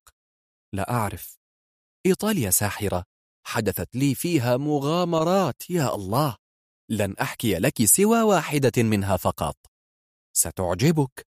لو عدت لتقديم برنامج ليندا ليندا يمكنك استضافتي. حكاية شائقة فعلا. كنت أفكر في كتابتها للصحافة لولا أن زوجي يرفض. هو رجل أعمال إيطالي. ليس رجل أعمال بالضبط بل صاحب أراض ومزارع لكنه شديد الاهتمام بأناقته. تعرفين كعادة الإيطاليين. ليسوا جميعا بهذه الأناقة لكنه يحاول. صديقاتي في القاهرة ينبهرن به.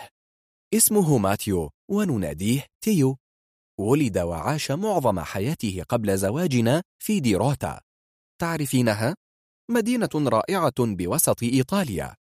في الجبال في إقليم أمبيريا. لا لم تسمعي عنها؟ لا بأس. هي مشهورة بمتحف كبير للسيراميك وبصناعة الخزف الملون بالأزرق والأصفر المعروف باسم المايوليكا. منذ عصر النهضة مدينة ساحرة. لن تصدقي كيف التقينا. التقينا على طريق مهجورة بين المزارع. كنت تائهة ولم يمض علي أسبوعان في أومبريا. ولم أكن أجيد الإيطالية كما أجيدها الآن. Cosa incredibile. هبطت وحيدة في محطة قطار ديروتا سان نيكولو وسط المزارع. بلا خريطة. بلا هاتف محمول. فتاة مصرية وحيدة في الخامسة والعشرين من عمرها لا تتحدث بغير العربية والإنجليزية. تلتقي برجل غريب. هناك وسط هذه المساحات الخضراء الشاسعة وتقع في غرامه. هل تتخيلين؟ مثلها لم أكن أتخيل أن ألتقي ببسام في مونتريال. المدينة التي ولدت بها وغادرتها مع أبوي وأنا بعد طفلة رضيعة. بعد أن جبت الكرة الأرضية شرقا وغربا عدت لمسقط رأسي لأجد العريس المناسب. كنت قد بلغت الأربعين بلا زواج ولم أستقر في علاقة أكثر من عامين. التقينا في افتتاح معرض للفوتوغرافيا الصحفية. أقيم في بهو مبنى من مباني الجامعة في فبراير عام 2000 شاركت بصورتين التقطتهما في مخيم النيرب الفلسطيني في حلب. وكان الطلاب والزوار يتوقفون عندهما طويلا ويطرحون الأسئلة فأحكي لهم بحماسة قصة سفري عن طريق مفوضية الأمم المتحدة لشؤون اللاجئين. وكيف أنها الزيارة الأولى لي في سوريا برغم أني كندية أمريكية من أصل سوري. وأجيب كندية من مونتريال أمريكية من ديربورن سورية من حلب. باعتبار أن أبي أصلا من مدينة حلب وأن أمي أمريكية. ولدت لعائلة دمشقية استقرت في ديربورن منذ نهايات القرن التاسع عشر. ويبدو لفرط سذاجتي أني سرت في الاتجاه المعاكس لاتجاه المدينة. توغلت على الطريق وسط الحقول. شمس مايو جميلة. الهواء لطيف وسار هسيس الريح بين أوراق الشجر والعطش. فجأة شعرت بالعطش وخفت. اقتربت من سياج أحد المنازل الريفية وناديت على سيدة عجوز كانت تجلس قريبا من عريشة ياسمين. قامت وسارت خطوتين نحوي ثم توقفت. تمشي بصعوبة شديدة. سألتها عن الطريق للمدينة ردت بالإيطالية. لم تفهم كلمة إنجليزية واحدة. كيف هذا؟ لا أدري. قلت لنفسي إنها عاصرت الحرب العالمية الثانية على أقل تقدير. ولا بد أنها تعلمت الإنجليزية من العساكر الأمريكان. ولا حرف. لم تستطع المساعدة. أشارت بيدها تعيدني صوب المحطة حين وجدتني أكرر بإيطالية مرتبكة dov'è la città di Deruta. المسكينة كانت تحاول أن تفهمني أننا في ديروتا. أين المدينة؟ وأين المتحف إذن؟ مضيت صوب المحطة من جديد. دخلت البهو الصغير المفتوح على الحقول من الجانبين. وجدت ورقة وحيدة مهترئة معلقة على جدار زال طلاؤه تشير لمواعيد القطارات. القطار القادم يأتي بعد ساعتين. عدت إلى الأسفلت وسرت على غير هدى في الطريق الرئيسية بموازاة شريط القطار ثم سمعت صوت سيارة قادمة من خلفي. التفت سريعا وقررت بلا أدنى تفكير أن أوقفها. كانت سيارة نصف نقل. سائقها ريفي تفوح منها رائحة روث البهائم. السائق شاب وسيم. يرتدي قميصا أزرق مفتوحا ويطلق شعره البني الغزير على كتفيه. بعد حوار قصير حاولت أن أشرح فيه مشكلتي دعاني للركوب. بدا لي شخصا لطيفا. نظر إلي بتعاطف وفكر قليلا ثم قال مرحبا اسمي ماتيو مزرعتي كبيرة. ثلاث عبارات بالإنجليزية هي كل حصيلته. لطيف ومهذب ومضحك للغاية. في تلك الزيارة البعيدة لمونتريال بدا لي أن الكنديين أكثر تهذيبا ولطفا من جيرانهم في الجنوب. لم يعترض أحد من زوار المعرض على صورة السيدة الفلسطينية العجوز التي تعلق مفتاح بيت أبيها في رقبتها. جاءت المعارضة فيما بعد من قبل صحفي عنصري بجريدة تدعم حزب المحافظين شنت حملة على المعرض لأنه سمح بعرض صورتين من فلسطين لمصورة سورية أمريكية. تجنب الإشارة إلى كوني كندية المولد. تدعم من وجهة نظره العنصرية الإرهاب الفلسطيني ضد إسرائيل. بالطبع لم تكن هناك أي إشارة لإسرائيل من قريب ولا من بعيد في هذا المعرض. لكن المقال كان يطالب بسحب الصورتين ونشر اعتذار رسمي من قبل الجامعة. احتشد الطلاب من أصول فلسطينية وعربية للرد على المقال المجحف وشاركوا في عمل ورديات لحماية المعرض في الأسبوع الأول من إقامته. حتى حدث ما كان متوقعا مع تصعيد الموقف في الميديا واشتراك آخرين في الحملة المعادية للمعرض. فقد قام مجهول بتخريب صورة السيدة العجوز بتمزيق وجهها وثوبها. أعلنت إدارة الجامعة عدم مسؤوليتها عن الحادث نظرا إلى أن المنطقة المحيطة بالجامعة تعج بالمتسولين وبعضهم يدخل للبهو المفتوح طلبا للدفء. كتبت الصحف العربية الصادرة في مونتريال عن الحادث. بعضها لدعم المعرض والدفاع عن صورة العرب في الميديا والدعوة لحوار عربي إسرائيلي. محوره دور الفن في التقارب بين الشعوب. وبعضها لفتح ملفات المؤامرة الصهيونية وفضح اللوب الصهيوني النشط في مونتريال. واتهامه بالمسؤولية الكاملة عن هذا العمل التخريبي. لهذه الصورة قصة حزينة أرويها في كل مناسبة أدعى إليها. كانت تؤثر في السامعين وتلفت الانتباه لقضايا فلسطينية مثل نزع الملكية وحق العودة. اسم السيدة صاحبة الصورة جذاب وغير متداول. اسمها ميسم.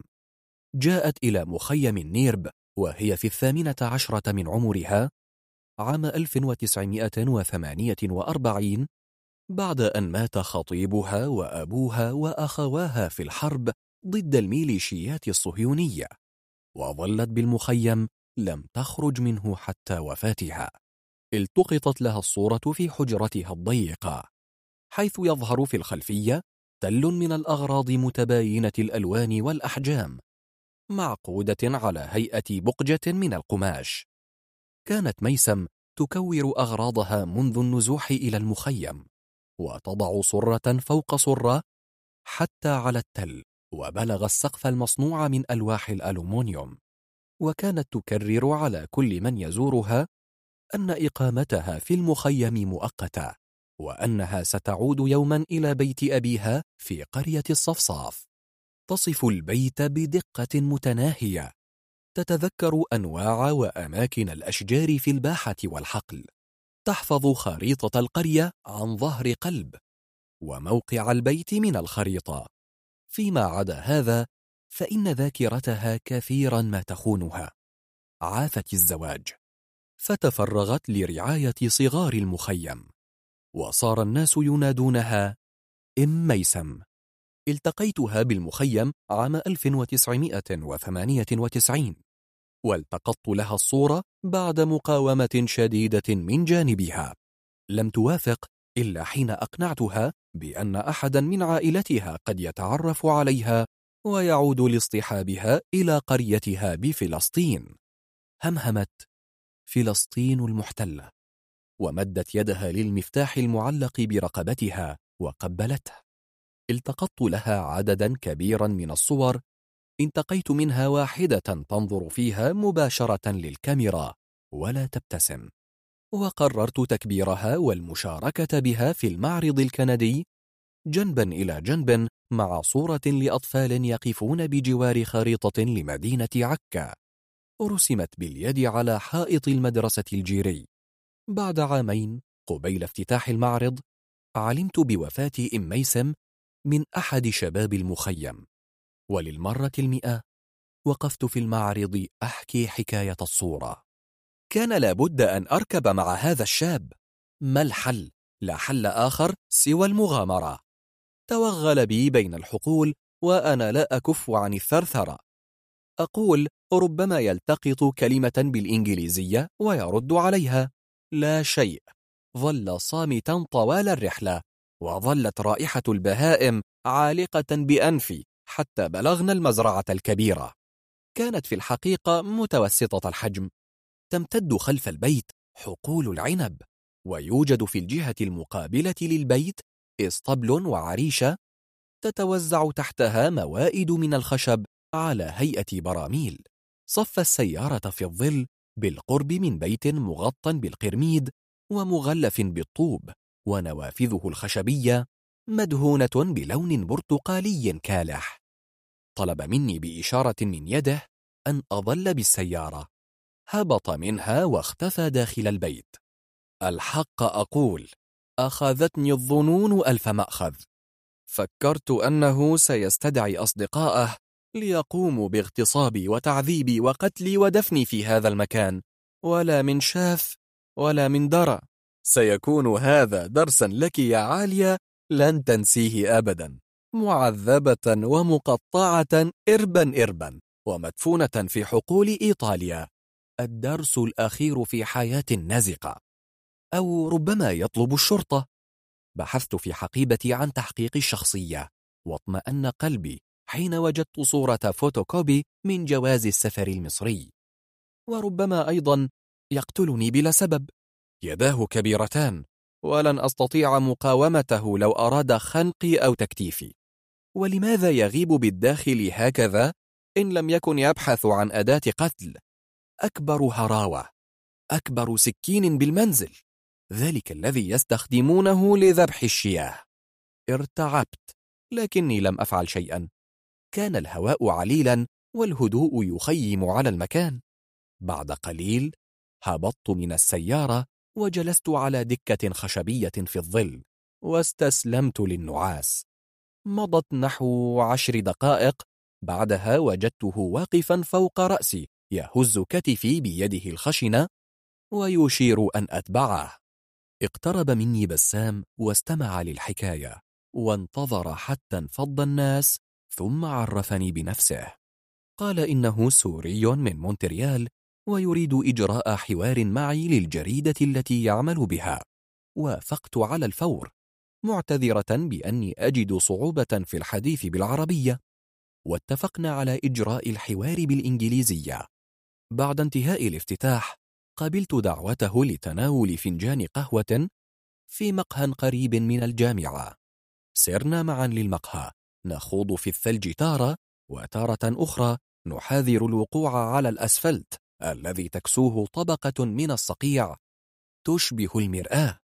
كان دفء المقهى وهدوءه لافتاً. تخلصنا من معاطفنا على الفور. وأخذ معطفي وعلقه على مشجب بجوار الباب. مثل أي جنتلمان. بعد طلب القهوة انتقينا مكانا قصيا. وأخذنا نتحدث عن المعرض والتصوير. وحياة المهاجرين في كندا. وحياتهم في أمريكا. وكيف تتشابه الظروف وكيف تختلف. وكيف يحلم البعض بالعودة. وكيف أنه شخصيا لم يعد لمسقط رأسه في حلب منذ أن اضطر للجوء السياسي لكندا في الثمانينيات. قال إنه عانى كثيرا إثر مجزرة حماة وتكون الميليشيات المسلحة وانهيار الاقتصاد حتى أفلح في الهرب عن طريق البر إلى لبنان ومنها إلى كندا. أخبرته كيف ولماذا عدت إلى سوريا وكم كانت التجربة ملهمة وقاسية في الوقت ذاته. لم نشعر إلا وقد مضت أربع ساعات وخلى المقهى من الرواد. في الخارج هبط الليل كثيفا. عرض أن يوصلني للفندق وودعني عند الباب على وعد بأن يرسل لي نسخة من الجريدة بعد نشر الحوار. كان رجلا جذابا بحق فارع الطول شديد الأناقة. يشبه نجوم المسلسلات السورية التي تشاهدها أمي بانتظام. مع فارق كونه أقل ذكورية في تعاطيه مع النساء وأكثر رومانسية في أحكامه السياسية. وحدها لحيته الكثيفة لم تعجبني. بعد أن نشأت بيننا علاقة حب اشترطت أن يحلقها لو أراد أن نستمر معا. ضحك ولم يحلقها حتى تعودت عليها وباتت مؤشرا مهما. أعرف منه حالته المزاجية. إن طالت عن الحد الزائد أعرف أنه يعاني من الحزن وأنه منسحب من الحياة. وإن قصرت حتى انكشفت منابت الشعر وتهذبت حوافها. أعرف أن لديه صديقة جديدة يريد استمالتها. غالبا ما تكون عربية. وغالبا ما تكون عميلة تفكر في شراء سيارة من الفرع الذي يديره بكفاءة منذ سنوات. كان شعر ماتيو مبتلا بعد الحمام ورائحته زكية. أتذكرها حتى اليوم تلك الرائحة. خليط من اللافندر والليمون. بدل قميصا أزرق نظيفا بالقميص الأزرق المتسخ وتركه مفتوحا. تتدلى من فتحته سلسلة ذهبية سميكة يعلق فيها صليبا. أشار لي أن أتبعه. أخذت حقيبتي من الشاحنة وتبعته لباحة خلف البيت تقف بها عربة فيات أنيقة مفتوحة النوافذ تلمع في الشمس كأنها نظفت لتوها. استقر خلف مقود السيارة ودعاني بإشارة للركوب. انطلقنا ثانية بين الحقول لمدة نصف ساعة أو يزيد. أجمل نزهة في حياتي. كأنما كتب لي عمر جديد. بالطبع لم أحكي لأبي وأمي عن تلك المغامرة. لو عرف لعنفاني لأني أثق بالناس ولا أحسب حسابا للعواقب. الحقيقة أني أثق بالناس حتى يثبت العكس والثقة عادة ما تستدعي مثيلتها. في السيارة لم أكف عن الحديث. أعرف أني ثرثارة لا أطيق الصمت كأن هما كبيرا قد انزاح عن كاهلي. حدثته عن زيارتي لإيطاليا للتدريب على إعداد وتقديم البرامج الإخبارية للتلفزيون. عن عشقي للسيراميك والخزف وكل أنواع الفخار. عن رغبتي المفاجئة في الاستقرار هنا في تلك الحقول يوما ما. عن أهم الأكلات الإيطالية. التي أحببتها في الأسابيع القليلة الماضية. عن عائلتي بالإسكندرية عن الإسكندرية وكيف أنها تشبه نابولي. حدثته عن أي شيء وكل شيء وظل هو صامتا. يبدو خجولا وواثقا من نفسه في آن واحد. يبتسم أحيانا ويقود السيارة باسترخاء كأنه يقود رفيقته في فالس راقص. مع كل انحناءة من انحناءات الطريق تفوح منه رائحة عطر اللافندر والليمون.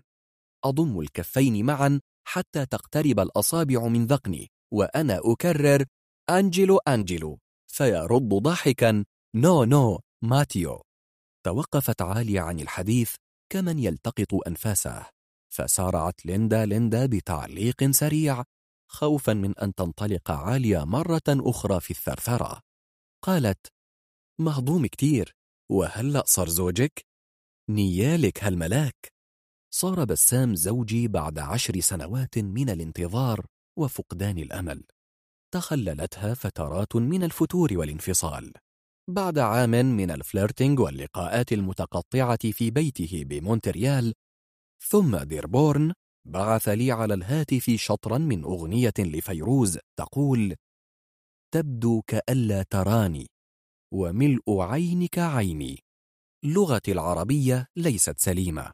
أقرأ بصعوبة بالغة وإن كنت أتذوق موسيقى الكلمات. عندما استوضحته ترجم الأغنية كاملة إلى الإنجليزية وأرسلها على دفعات. بعد تفكير أجبته قائلة إن الشعر دائما كاذب والشاعر أيضا. قلت إني أراه جيدا وهو الذي لا يراني. ثم أرسلت جملة من أغنية أخرى لفيروز تقول يا بدر أنا السبب أحببت بلا أمل. ولما تأخر الرد سألته عن اسم كاتب الكلمات. أجاب في التو زكي نصيف. وبعد قليل أرسل ردا يقول الشعر دائما كاذب. لكن الأمل حتى لو كان واهيا هو ما يبقينا على قيد الحياة. كنا نعيش أزهى عصور الرسائل الغرامية على الموبايل. برغم صعوبة الكتابة على التليفون النوكيا كنت أرسل له يوميا نحو عشرين رسالة قصيرة. يرد في التو لو لم يكن مشغولا بالعمل. نشعر كأننا في مكان واحد برغم المسافات. ونضحك باستخدام أيقونة الوجه الضاحك الوحيدة المتاحة في ذلك الوقت. وبرغم ضحكنا الكثير والراحة التي كان كل منا يشعر بها في وجود الآخر فإن فالس فيروز الناعم وصوتها الشجي وهي تردد أهواك بلا أمل صاحباني لسنوات هي عمر علاقة المستحيلة ببسام قبل زواجنا. الحق أن بسام منحني بعض الأمل وخفف عني مشاعر الندم وهو يكرر أن علاقتنا أجمل من أن نختصرها في احتياج عابر أو نزوة طارئة. وكنت أحتاج إليه أكثر من احتياجه لي لأسباب عملية بحتة. غلفتها ببعض المشاعر لتمرير العوز والضيق. بعد أربعة أعوام من لقائنا في المعرض بمونتريال أخرجني من بيت أبي بمنطقة سبرينغ ويلز يسميها آبار الربيع. غير بعيد عن مسجد ديربورن ومقابر وودمير. واستأجر لي استوديو صغيرا قريبا من محل عمله الجديد بالمتحف الوطني. توقعت أن يكون كريما معي في مقابل صبري وإقبالي عليه. طالبته بإصرار بأن يعولني. ليس فقط لأستقل عن أهلي ولكن لكي تستقر علاقتنا في إطار شبه رسمي. بعيدا عن اللحظات المسروقة في بيته حين تغيب زوجته في المصحة وبعيدا عن موتيلات الضواحي التي كنا نقضي في غرفها الرخيصة بضع ساعات بمنأ عن أعين الناس وضوضاء العمل. أنا أيضا منحته حياة ثانية عوضته سنوات اليأس مع زوجته المسكينة كارول ودربته على اقتناص الفرص وهي قليلة في حياة المهاجرين أمثالنا. بعد انتقاله لديربورن ساعدته في الحصول على عمل في جريدة ديترويت صن التي ظل أحد مراسليها لشؤون الشرق الأوسط لمدة أربعة أعوام. تحصل على الوظيفة براتب بسيط وثابت بفضل إتقانه للغتين العربية والإنجليزية. وذلك في خضم الفوضى العارمة التي سادت أمريكا عقب أحداث سبتمبر 2001 وقتها استيقظ العاملون في مجال الميديا ليكتشفوا حجم جهلهم بالثقافة العربية عامة وبالعرب المسلمين بصفة خاصة. هؤلاء الذين ابتدعت الإدارات الأمريكية المتعاقبة طرقا جهنمية لهدمهم وهدم دولهم. فإذا بهم يهاجمون الإدارة الأمريكية في عقر دارها صرخة يقظة عادت علينا أنا وبسام بفائدة شخصية. استقراره في العمل بديربورن وتكسب من وراء التصوير الصحفي في دول الشرق الأوسط. بعد أن هدأت حمى الحادي عشر من سبتمبر وجد بسام وظيفة براتب أفضل في المتحف الوطني للعرب الأمريكيين. وظل يعمل هناك حتى وفاة زوجته. كان آنذاك قد أتم الخمسين. وكانت صافية في السنة الأولى بالجامعة. بوفاة كارول بدا وكأن حياته تهتز وتتداعى. ظل لسنوات الراعي الأول لها. هي الكائن المحوري الذي ينظم على أساسه يومه ومسؤولياته. باختفائها فقد الهيكل الذي ظل يتحرك في إطاره لسنوات وغمره حزن شديد. كنت أعرف مقدار حبه لها لكني كنت أعلم أيضا كيف امتصت رحيق حياته قطرة قطرة بأنانية منقطعة النظير وكيف استسلم بلا مقاومة وأنكر لأعوام أن يتصف المصابون بالاكتئاب بالأنانية. ظل معترفا لها بالجميل لأنها انتشلته من وضعه كلاجئ وتزوجته ومنحته فرصة الحياة في كندا. ويشعر بالخزي من تعدد حكاياته الغرامية ويلتمس لنفسه كل الأعذار لتمرير الخيانة. بعد أشهر من الوفاة أقنعته بترك العمل في المتحف والالتحاق بفضل علاقات أخي مروان بالعمل في مجال صناعة السيارات. كنا بحاجة لاستقرار مادي حقيقي يسمح لي بممارسة مهنتي بلا قيود ويسمح له بأن يستمر في إعالة ابنته ودفع مصاريف دراستها في إحدى الجامعات المرموقة فيما يسمى بال Ivy League رابطة اللبلاب كما يدعوها بسام لم أتركه نهبا للهواجس والمخاوف طويلا. نظمت حياته وساندته للخروج من محنته المضاعفة. الزواج الفاشل من ناحية ووفاة أم صافية من ناحية أخرى. أدركت أن خوفه من التوهة والفوضى أكبر بكثير مما تخيلت. كان بحاجة لنظام ثابت. لا يشعر بالأمان إلا في تكرار الأفعال اليومية انتظام المواعيد التخطيط للمستقبل القريب والبعيد وانعدام المفاجآت. كان مترددا أيضا لا يقدم على خطوة إلا بعد أشهر من الحيرة والتسويف. هكذا طالت فترة الحداد لمدة عامين. حتى وافق على زواجنا. تزوجنا بعد أقل من عام على لقائنا في ديروتا. تريدين أن تعرفي ما حدث في ذلك اليوم؟ أقول لك إنه شيء أشبه بالأفلام. فيلم رومانسي أمريكي تدور أحداثه في إيطاليا. لكنها الحقيقة فعلا بلا كذب ولا تلفيق. وصلنا وسط مدينة ديروتا. وهبطت من السيارة عند سفح طريق صاعدة أشار إلى قمتها حيث يقع مبنى متحف الخزف العتيق.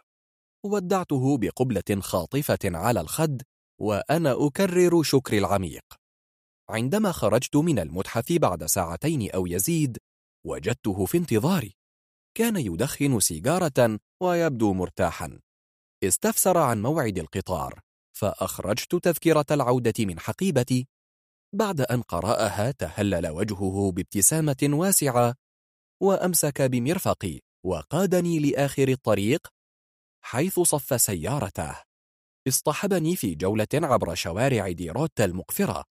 كانت الساعة الثالثة ظهرا وكل المحال والمطاعم مغلقة. فيما عدا تراس وحيدا بدأ أن صاحبه صديق لماتيو.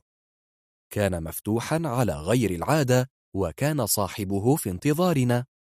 أعد لنا باستا شهية. بالريحان والطماطم وقدم معها نبيذا أحمر فاخرا ثم قهوة أسبريسو ومعها تارت الليمون. بعد أن عادت المحال للعمل تجولنا في المدينة ساعتين. ديروتا. يا الله على جمال ديروتا. متحف مفتوح للخزف والسيراميك. معظم المحال الكبيرة لديها ورشة خزف في الباحة الخلفية للدكان. دخلنا بعض الورش وتعرفت على الخامات المستخدمة وطرق طلاء السيراميك. أغدق علي الخزافون هدايا صغيرة حين عرفوا أني من الإسكندرية.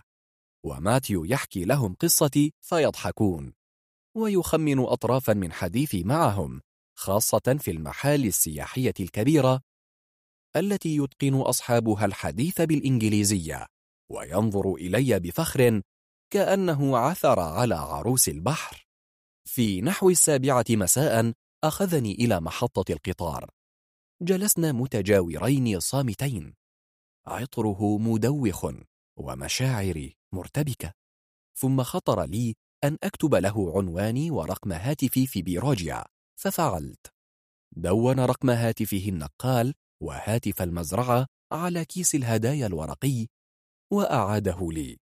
يمكنك أن تتخيلي مدى شعوري بالفرحة وأنا أعود في المساء للغرفة الصغيرة التي استأجرتها في بيروجيا وأضع مقتنياتي الجديدة نصب عيني. الزهرية الصغيرة البيضاء المزينة برسوم نباتية يغلب عليها اللونان الأصفر والأزرق والملعقة المصنوعة من الخزف التي عرفت أنها توضع بالقرب من الفرن.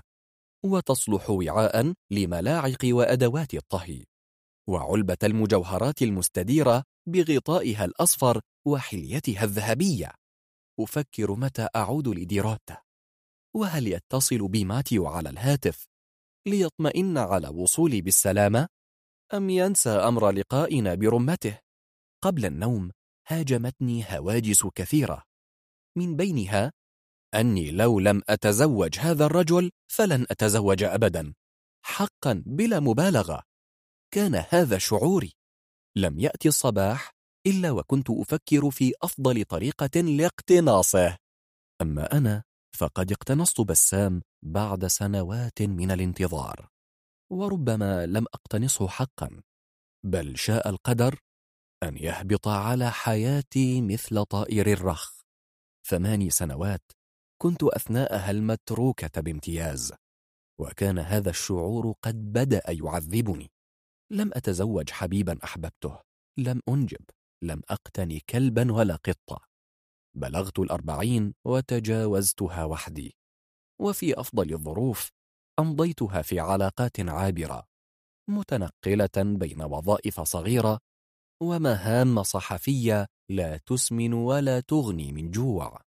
كانت لي صداقات ومغامرات مع شباب من أصول عربية.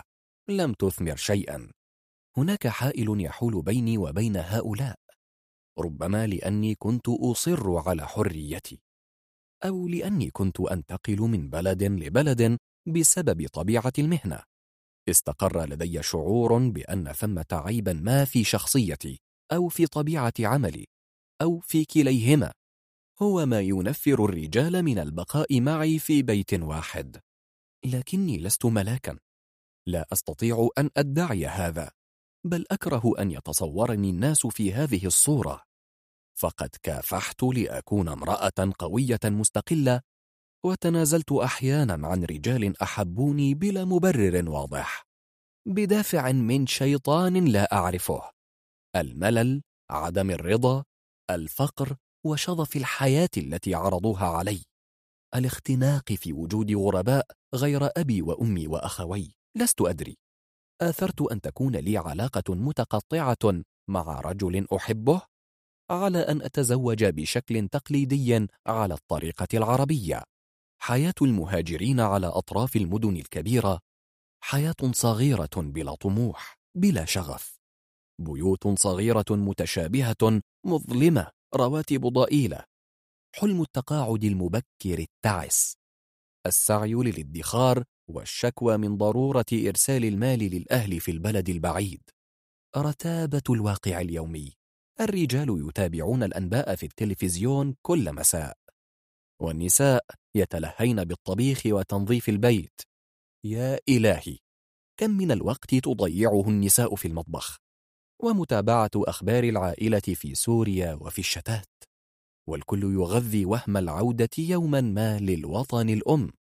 إما بصحبة أبناء وبنات الجيل الثاني والثالث الذين ولدوا في الشتات وإما في رحلة نهائية لقضاء فترة الشيخوخة وسط من تبقى من العائلة وإما بغرض الدفن في مسقط الرأس في حال من هاجروا في سن متأخرة.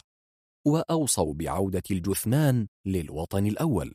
في النهاية لا يعود إلا من تيسر لهم مدخراتهم.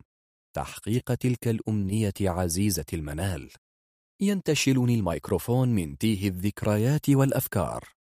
تعلن المضيفة عن قرب إقلاع الطائرة المتجهة لديترويت وتغيير بوابة السفر.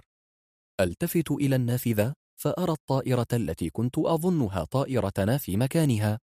لماذا إذا تغيرت بوابة الإقلاع؟ يسود هرج ومرج في المقهى. أفرغ ما تبقى من زجاجة المياه المعدنية في جوفي وأضع التليفون والسماعات في حقيبتي.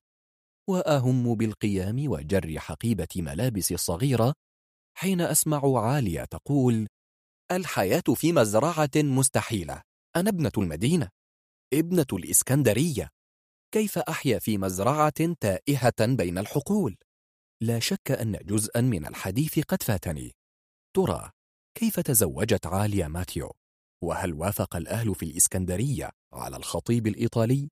ألملم أغراضي سريعا وأنا أبتسم لجارتي ينتبهان لوجودي ويدركان في لمح البصر أني كنت أنصت للحكاية مثلي مثل ليندا ليندا التي استطاعت بالكاد أن تلقي جملة أو جملتين في شلال الحكايات المتدفق من فم عالية تقول عالية وهي تحيد ببصرها عني وتعود لتركزه على عيني ليندا ليندا كان هذا شرطي الوحيد على ماتيو أن ينتقل للعيش معي بالإسكندرية. حياة القرى حياة صغيرة لا تليق بي. حياة صغيرة لا تليق بي. تتردد جملة عالية في أذني وأنا أمضي باتجاه بوابة الإقلاع الجديدة. لابد أن بيني وبين عالية ما يزيد على عشرين عاما. لكنها تبدو أكثر حنكة مني أكثر خبرة بما تريد وما لا تريد من الحياة. فيما عدا سفراتي هنا وهناك والتي كانت تغويني بتصورات أرحب عن الحياة والصعود الاجتماعي والثراء. كنت أعود دائما إلى حياتي الصغيرة التي لا تليق بي في ديربورن بلا رابط يربطني برجل أو أبناء وبلا دخل ثابت. تؤرقني فقط لحظة العودة لبيت أمي وأبي وهبوطي بحقيبة السفر إلى ال basement المظلم. ينتظرني أبي أو تنتظرني أمي لا فرق. لديهما حياة مختلفة عن حياتي ولولا افتقاري للدخل الثابت لغادرت بيتهما في شبابي إلى غير رجعة. أتذكر مشهد عودتي منهكة من رحلة إلى مصر في خريف 2005 لم يكن أحد بانتظاري في المطار ولا حتى بسام. وجدت البيت مظلما كعادته في المساء حين يصعد أبي وأمي لمشاهدة التلفزيون في غرفتهما. هبطت إلى البيسمنت وأضأت النيون الشاحب في الممر المفضي لغرفتي. وفكرت وأنا أجر حقيبتي الصغيرة أني متروكة لحالي باختياري أو بدافع من الظروف. الغرفة مكدسة بأغراض شتى. بعض الملابس معلقة على مشجب في الحائط. زجاجات بيرة فارغة منسية على إفريز الشباك الموازي لأرض الحديقة. كومة من الملابس فوق كرسي ورثته عن جدتي تغطيها منشفة بحر كبيرة. لا أدري ما الذي جاء بها هنا. أحذية الشتاء في ركن وأحذية الصيف في الركن المقابل مكومة بلا ترتيب. أوراق وصور ومنشورات ملونة على الطاولة. وبجوار الفراش بعض كتب التصوير. معدات وكاميرات قديمة وحوامل متفاوتة الارتفاع يظهر بعضها من تحت الفراش وبعضها الآخر يستقر على رف دولاب مفتوح على مصراعيه. ألقيت بحقيبتي على الفراش المساحة الوحيدة المنظمة في فوضى المكان. وهبطت فوق كرسي جدتي كمن يجلس على تل صغير بالقرب من فوهة بركان. أردت أن أغير حياتي في تلك اللحظة. كانت لحظة شبيهة بلحظات أخرى مرت بي ولم تترك أثرا. هذه المرة أحسست بأن التغيير قادم لا محالة وأن الحل سيكون بين يدي بسام. في مصر تخلصت مهمتي في تصوير انتخابات الرئاسة التي فاز فيها مبارك بفترة رئاسية خامسة. واندلاع مظاهرات حركة كفاية. في ذلك المساء قررت أنا أيضا أن أقول كفى لحياتي التي تشبه نصف حياة ولكل الحلول الوسط والاستثناءات والمفاوضات وتضييع العمر في الأوهام. تغلغلت مشاعر الوحدة مع الوقت حتى خلت نفسي غير قادرة على العيش مع رجل. الاستثناء الوحيد كان زميلي في مشروع استوديو التصوير سامي نصري. على الرغم من براعته في اختلاق أسباب النكد ومزاجه السوداوي احتملته عامين كاملين قبل الانفصال. فقط كي تستمر العلاقة بيننا وأستمر في العيش معه في شقته المتواضعة بجوار مصانع فورد. هجر سامي التصوير وأصبح يكتب الشعر الحر حتى ذاع صيته على الفيسبوك ككاتب أمريكي ملعون. فيما عدا تلك العلاقة الممتدة نسبيا سعى الآخرون لإقامة علاقات حميمة أساسها الجنس. شريطة أن يعيش كل منا في بيته. البعض بحجة وجود أولاد من زوجة سابقة والبعض بدون حجة. هكذا وبوصف المتروكة بامتياز لم أجد ما يملأ فراغ حياتي العاطفية سوى الانغماس في العمل. كلما استدعيت لتغطية موضوع شائك حسبت ألف حساب. لما بعد الانتهاء من المهمة؟ مشاعر الوحدة تزداد حدة وينقلب مزاجي 180 درجة. تمر المهمة عادة بسلام لكن أعصابي تتهاوى لأسابيع بعدها. وأحتمي ببيت أبي وأمي. لازمتني تلك الثنائية المقيتة. منذ قيامي بأول زيارة للقدس. كنت في السنة الأخيرة بجامعة ميشيغان أدرس الأدب والترجمة. في العام التالي على اندلاع الانتفاضة الأولى ذهبت إلى فلسطين في رحلة نظمتها جمعية الطلاب العرب بالتعاون مع منظمة الأمم المتحدة للاجئين. وعدت منها إنسانا جديدا. المسافة بيني وبين هذا العالم موطن أهل الأول. الجرح الدامي الذي خلفه صراع الهويات المتعددة السورية والأمريكية. ضيق العيش في مجتمع ظاهره الثراء الفاحش. وباطنه ينضح بالظلم والتفاوت الهائل بين الطبقات. كل هذا انسحق واندمل أمام قهر الاحتلال الذي شاهدته بعيني رأسي في فلسطين. كانت مرحلة هامة في اكتشافي لذاتي إنسانا ومصورا. بدأت أثناءها في تقديم نفسي على أني سورية أمريكية وليس العكس. وتعلمت مبادئ القراءة والكتابة بالعربية. تفتحت عيناي على اتساعهما وأدركت الكثير مما غاب عني. جذور الصراع في المنطقة وطبيعته الاستثنائية. حق تقرير المصير وأوهام التفاوض السياسي وهول الفرص الضائعة. بعد انتهاء دراستي الجامعية سافرت للمخيمات الفلسطينية في سوريا عدة مرات. ثم غامرت بالعودة لسوريا عقب اشتعال الحرب. لم تكن أوضاع الفلسطينيين أفضل في المخيمات عنها في فلسطين المحتلة. ولم تكن أيديولوجيات العروبة الداعمة للقضية الفلسطينية محل اهتمام من الأنظمة العربية إلا بهدف الدعاية لكن نظرتي إلى القضية الفلسطينية وارتباطها باستقرار الأوضاع في سوريا تبدلت بعد نشوب الحرب.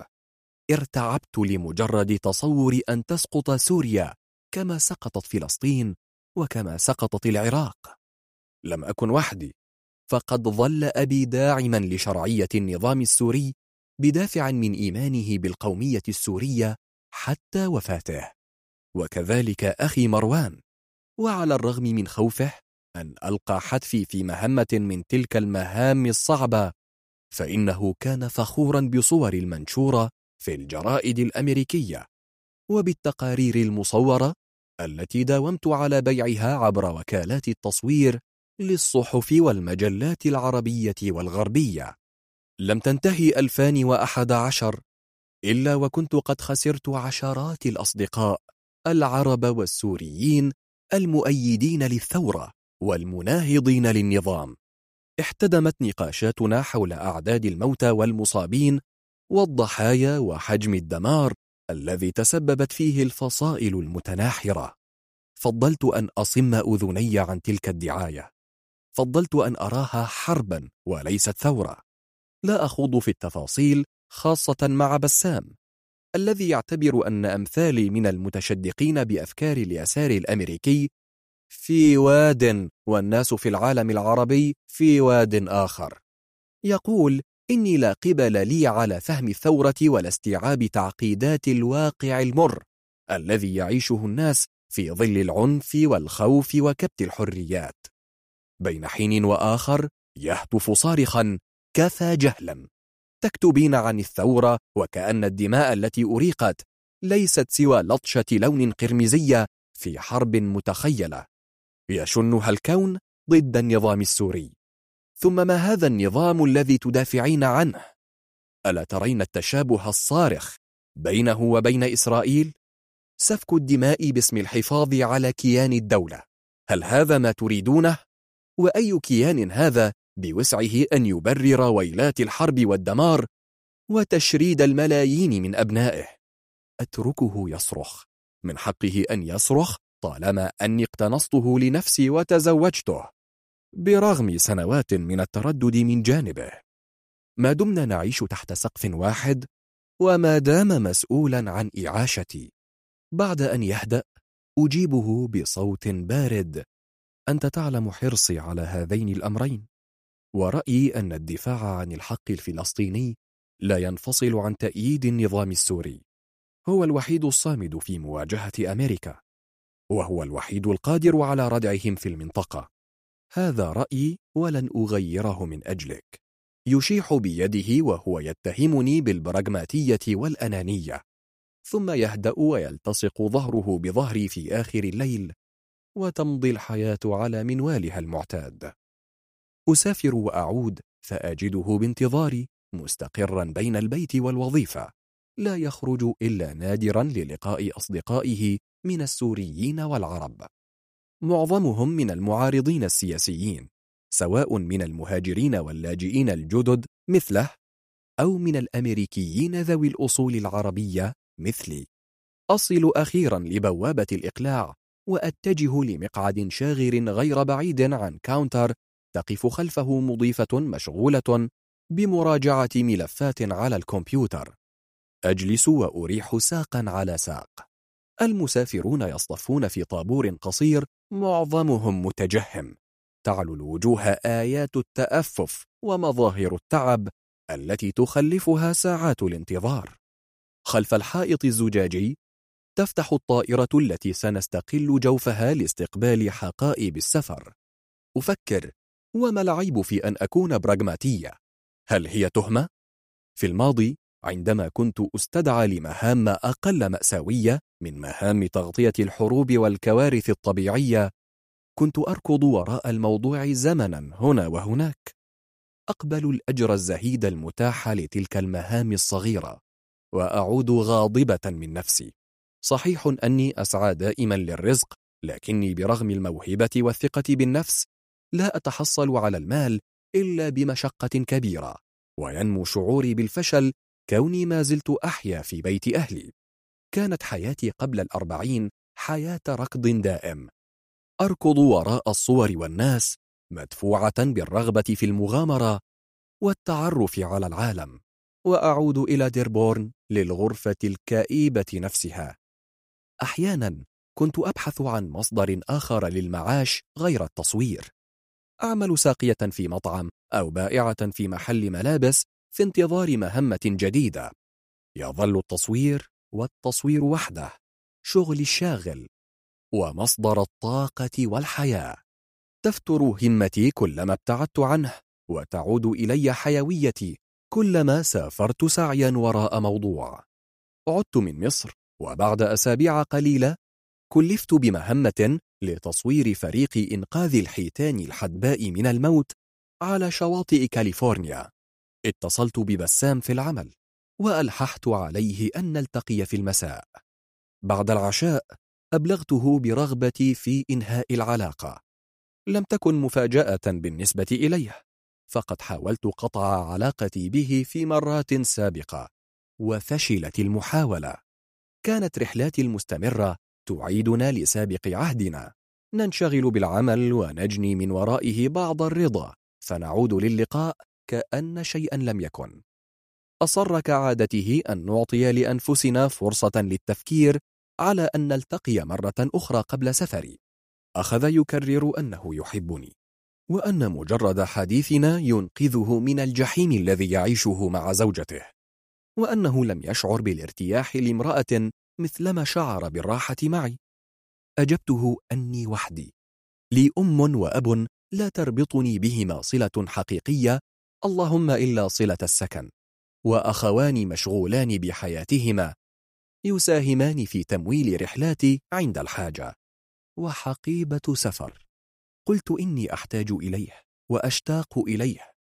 ولا تكفيني منه لقاءات مسروقة في بيته. أو أحضان افتراضية على الإنترنت. قلت إن علاقتنا لن يكتب لها الاستمرار ما دمت أشعر بالوحدة وما دمت أعول نفسي بلا سند سوى عملي وارتزاقي البسيط من ورائه. ثم خيرته بين الاحتفاظ بي كحبيبة يعولها ويعتني بها وبين بتر العلاقة لعلي أجد رجلا غيره يعولني وينقذني من روتين الحياة مع أبي وأمي. بعد أيام أرسل لي إيميلا مطولا يناور فيه ويسعى لاستمالتي بطريقته المعهودة محاولا تجنب الصراعات آملا في إبقاء الحال على ما هو عليه. كان ذلك في شهر أكتوبر 2005 ما زلت أحتفظ بالإيميل على الهاتف. أفتحه وأعيد قراءته. لن أحاول استمالتك أو تغيير رأيك. ولن أغازلك غزلا عفيفا أو صريحا.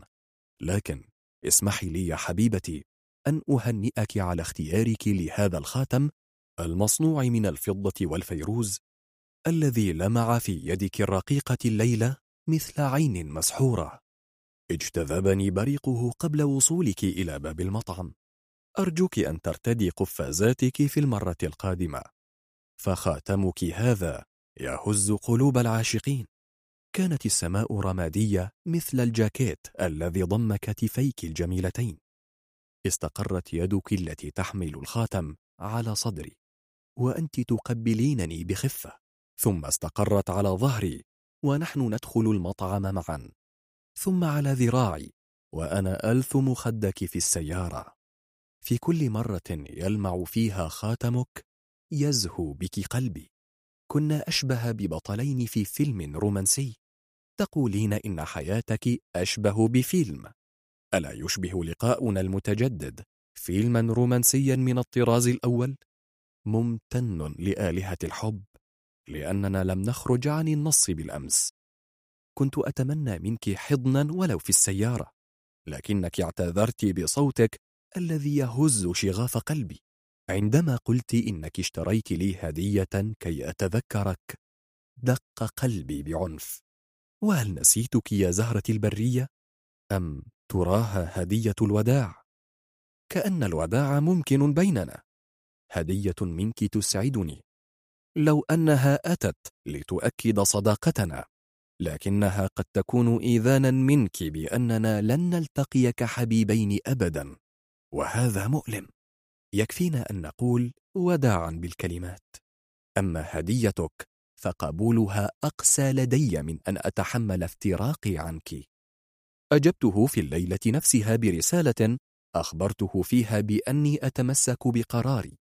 ليس فقط بشأن حتمية إنهاء علاقتنا ولكن بشأنه هو شخصيا. لقد صدقته حين قال إنه يحيا حياة تعيسة مع زوجته. حياة يملأها الخوف والحزن والقلق.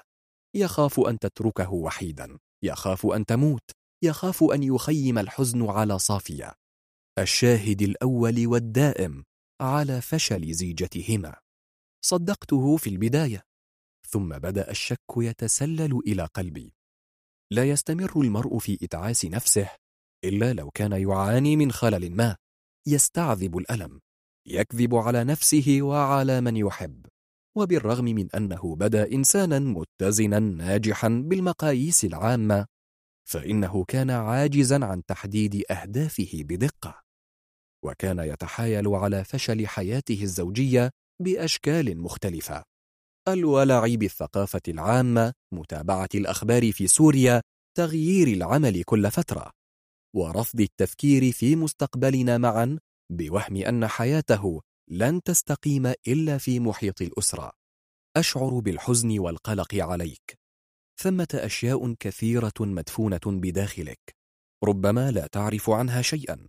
وهو الأمر المفاجئ الذي اكتشفته بعد عودتي من مصر.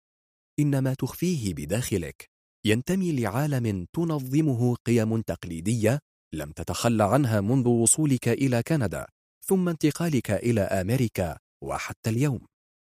أنت يا حبيبي رجل عربي وجد نفسه فجأة مطالبا بأن يتمرد على تقاليد يثق فيها ويحترمها. صورتك عن نفسك وما تصدره للآخرين عن أفكارك هي صورة الرجل المتمرد الحدثي لكنك في الحقيقة ما زلت متمسكا بأفكار بالية عن الزواج السعيد والأسرة المتماسكة والواجب والأصول. أشعر بتلك الأحاسيس المتناقضة بداخلك. وأنت تحدثني عن علاقتك بأمك وزوجتك وابنتك. علاقاتك بالنساء مبنية على الصراع بين تقاليد قديمة وموروثة متمسك بها. ونمط الحياة الحديثة في أمريكا الذي تدعي أنك تنتمي إليه. أتذكر إحساسك وتعليقك على مواقف كثيرة خاصة بحياتك الأسرية وحياة الآخرين وأرى بها التوتر نفسه. كل ما أردت أن أقوله لك هو أنك لن تستطيع الاحتفاظ بي وبزوجتك في آن واحد حتى وإن بدا لك ذلك ممكنا من الناحية العاطفية. ستظل ترفض علاقتنا إذ تذكرك بالخيانة التي تؤرقك وستظل تدفعني بعيدا عنك. لأني حرة ولأنك مكبل بأفكارك وقيمك العتيقة. لا رادع لهذا الحب المستحيل سوى الابتعاد والنأي. أنتهز فرصة رحلتي القادمة لكاليفورنيا لأعيد التفكير في علاقتنا. هل باستطاعتي أن أظل صديقتك في السر؟ أشك في ذلك. لقد جعلتني أتصور على مدى أربع سنوات أنك بحاجة لوجودي.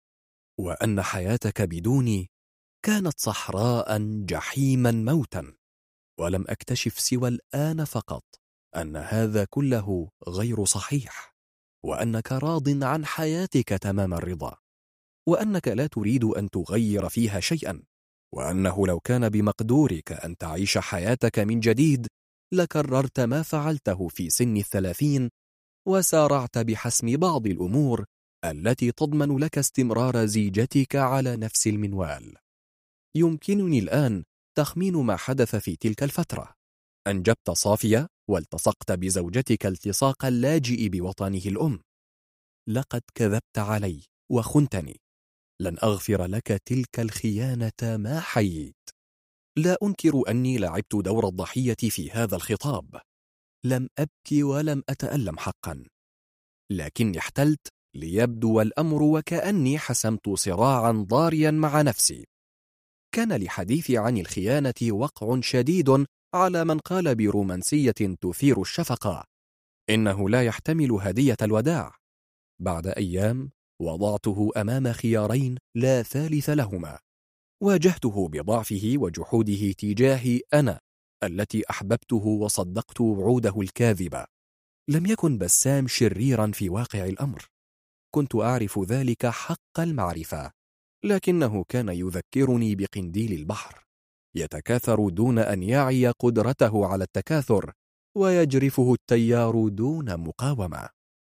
عن عمد تركته يعتقد أن صورته اهتزت في عيني ودفعته لإعادة النظر بشأن علاقتنا السرية.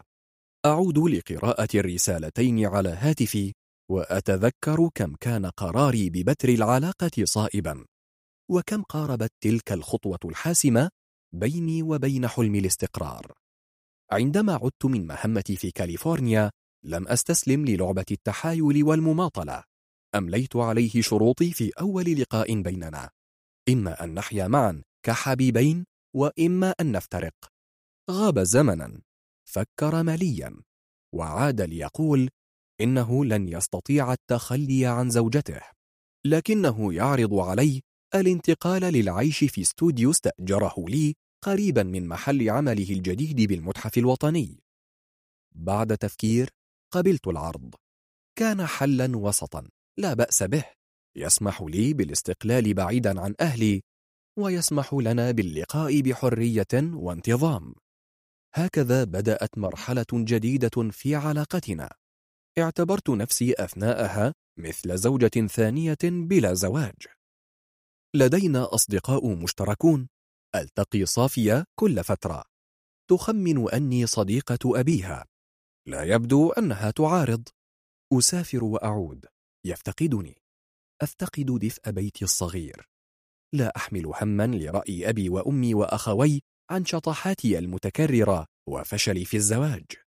أهتم ببسام بالقدر الذي يجعله سعيدا. ويضمن لي حريتي واستقلالي.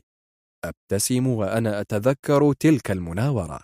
كان لابد منها للحصول على ما أريد ولإعادة بناء نفسي ومحيطي الاجتماعي. تحين مني التفاتة للناس من حولي فأجدني الوحيدة المبتسمة في هذا المطار الغريب. تتسع الابتسامة حين ألمح ليندا ليندا قادمة من بعيد بصحبة عالية عالية ما زالت تتكلم. أما ليندا ليندا فقد وضعت على عينيها نظارات شمس كبيرة واحتفظت بجواز السفر الأمريكي في يد ترفعها قريبا من صدرها يزينها خاتم ثمين ماركة فيرزاتشي وأساور ذهبية ضخمة وحقيبة يد لوي فيتون أصلية. لا تقل قيمتها عن بضعة آلاف من الدولارات. تبدو مثل سيدة أعمال وتبدو عالية وكأنها سكرتيرتها. بعد ثوان من وقوفهما في الطابور انفصلت ليندا ليندا عن الجموع واتجهت صوب المضيفة الواقفة خلف ال counter.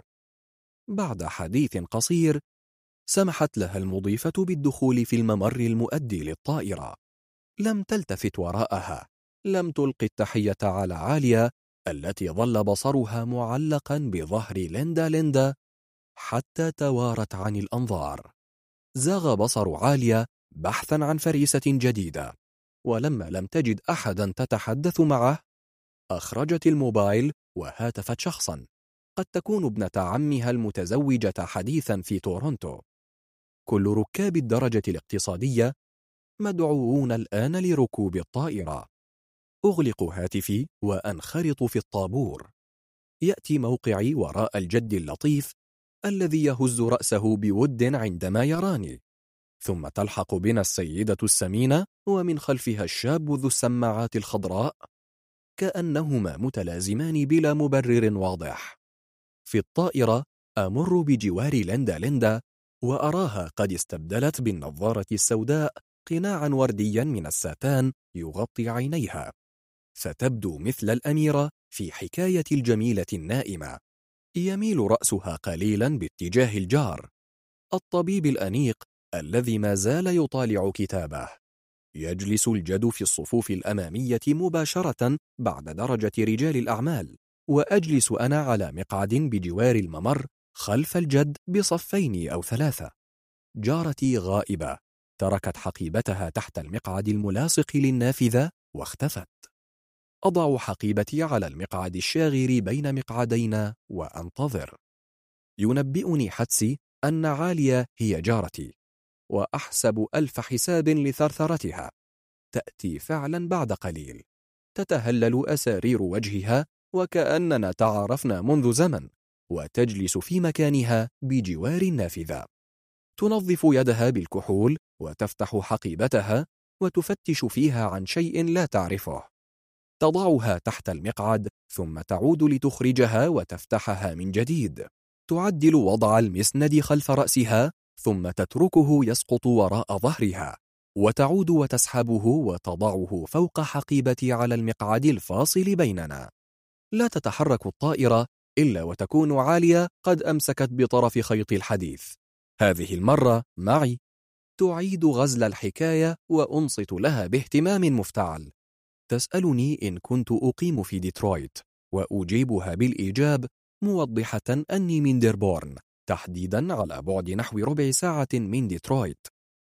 أوضح أن الناس يخلطون بين المدينتين لقربهما الجغرافي لكنها تقاطعني لتقول إنها ستقضي أسبوعا مع سلمى صديقة الطفولة قبل العودة إلى القاهرة. تقول إن سلمى هاجرت منذ سنوات لم تتزوج بعد. أستاذة بجامعة ميشيغان أن آربر. أخبرها بأن صديقتي لينا تعمل بالجامعة نفسها وأنها ستكون بانتظاري في المطار. تسألني عن زوجي. أخبرها بأنه يعمل مديرا لمعرض سيارات فورد وعن نفسي أجيبها أني مصورة فوتوغرافية وأني سورية من أصول حلبية. تطلق آهة إعجاب وتقول باللهجة المصرية إخوتنا وأجمل ناس. أشكرها وأسألها بدوري عن ماتيو تضحك ضحكتها الصادحة وتعتذر لأن صوتها كان مرتفعا في المقهى. هل ضايقتك؟ لا تنتظر إجابة. تقول إن تيو زوج رائع وإن حياتهما مستقرة بين الإسكندرية وديروتا. يقضي جزءا كبيرا من العام هناك للإشراف على مزارع العنب ويعود ليستقر في الإسكندرية في الشتاء. ثم قسطا من الربيع وهي تحاول أن تقضي جزءا من الخريف معه في المزرعة. لم ينجبا بعد.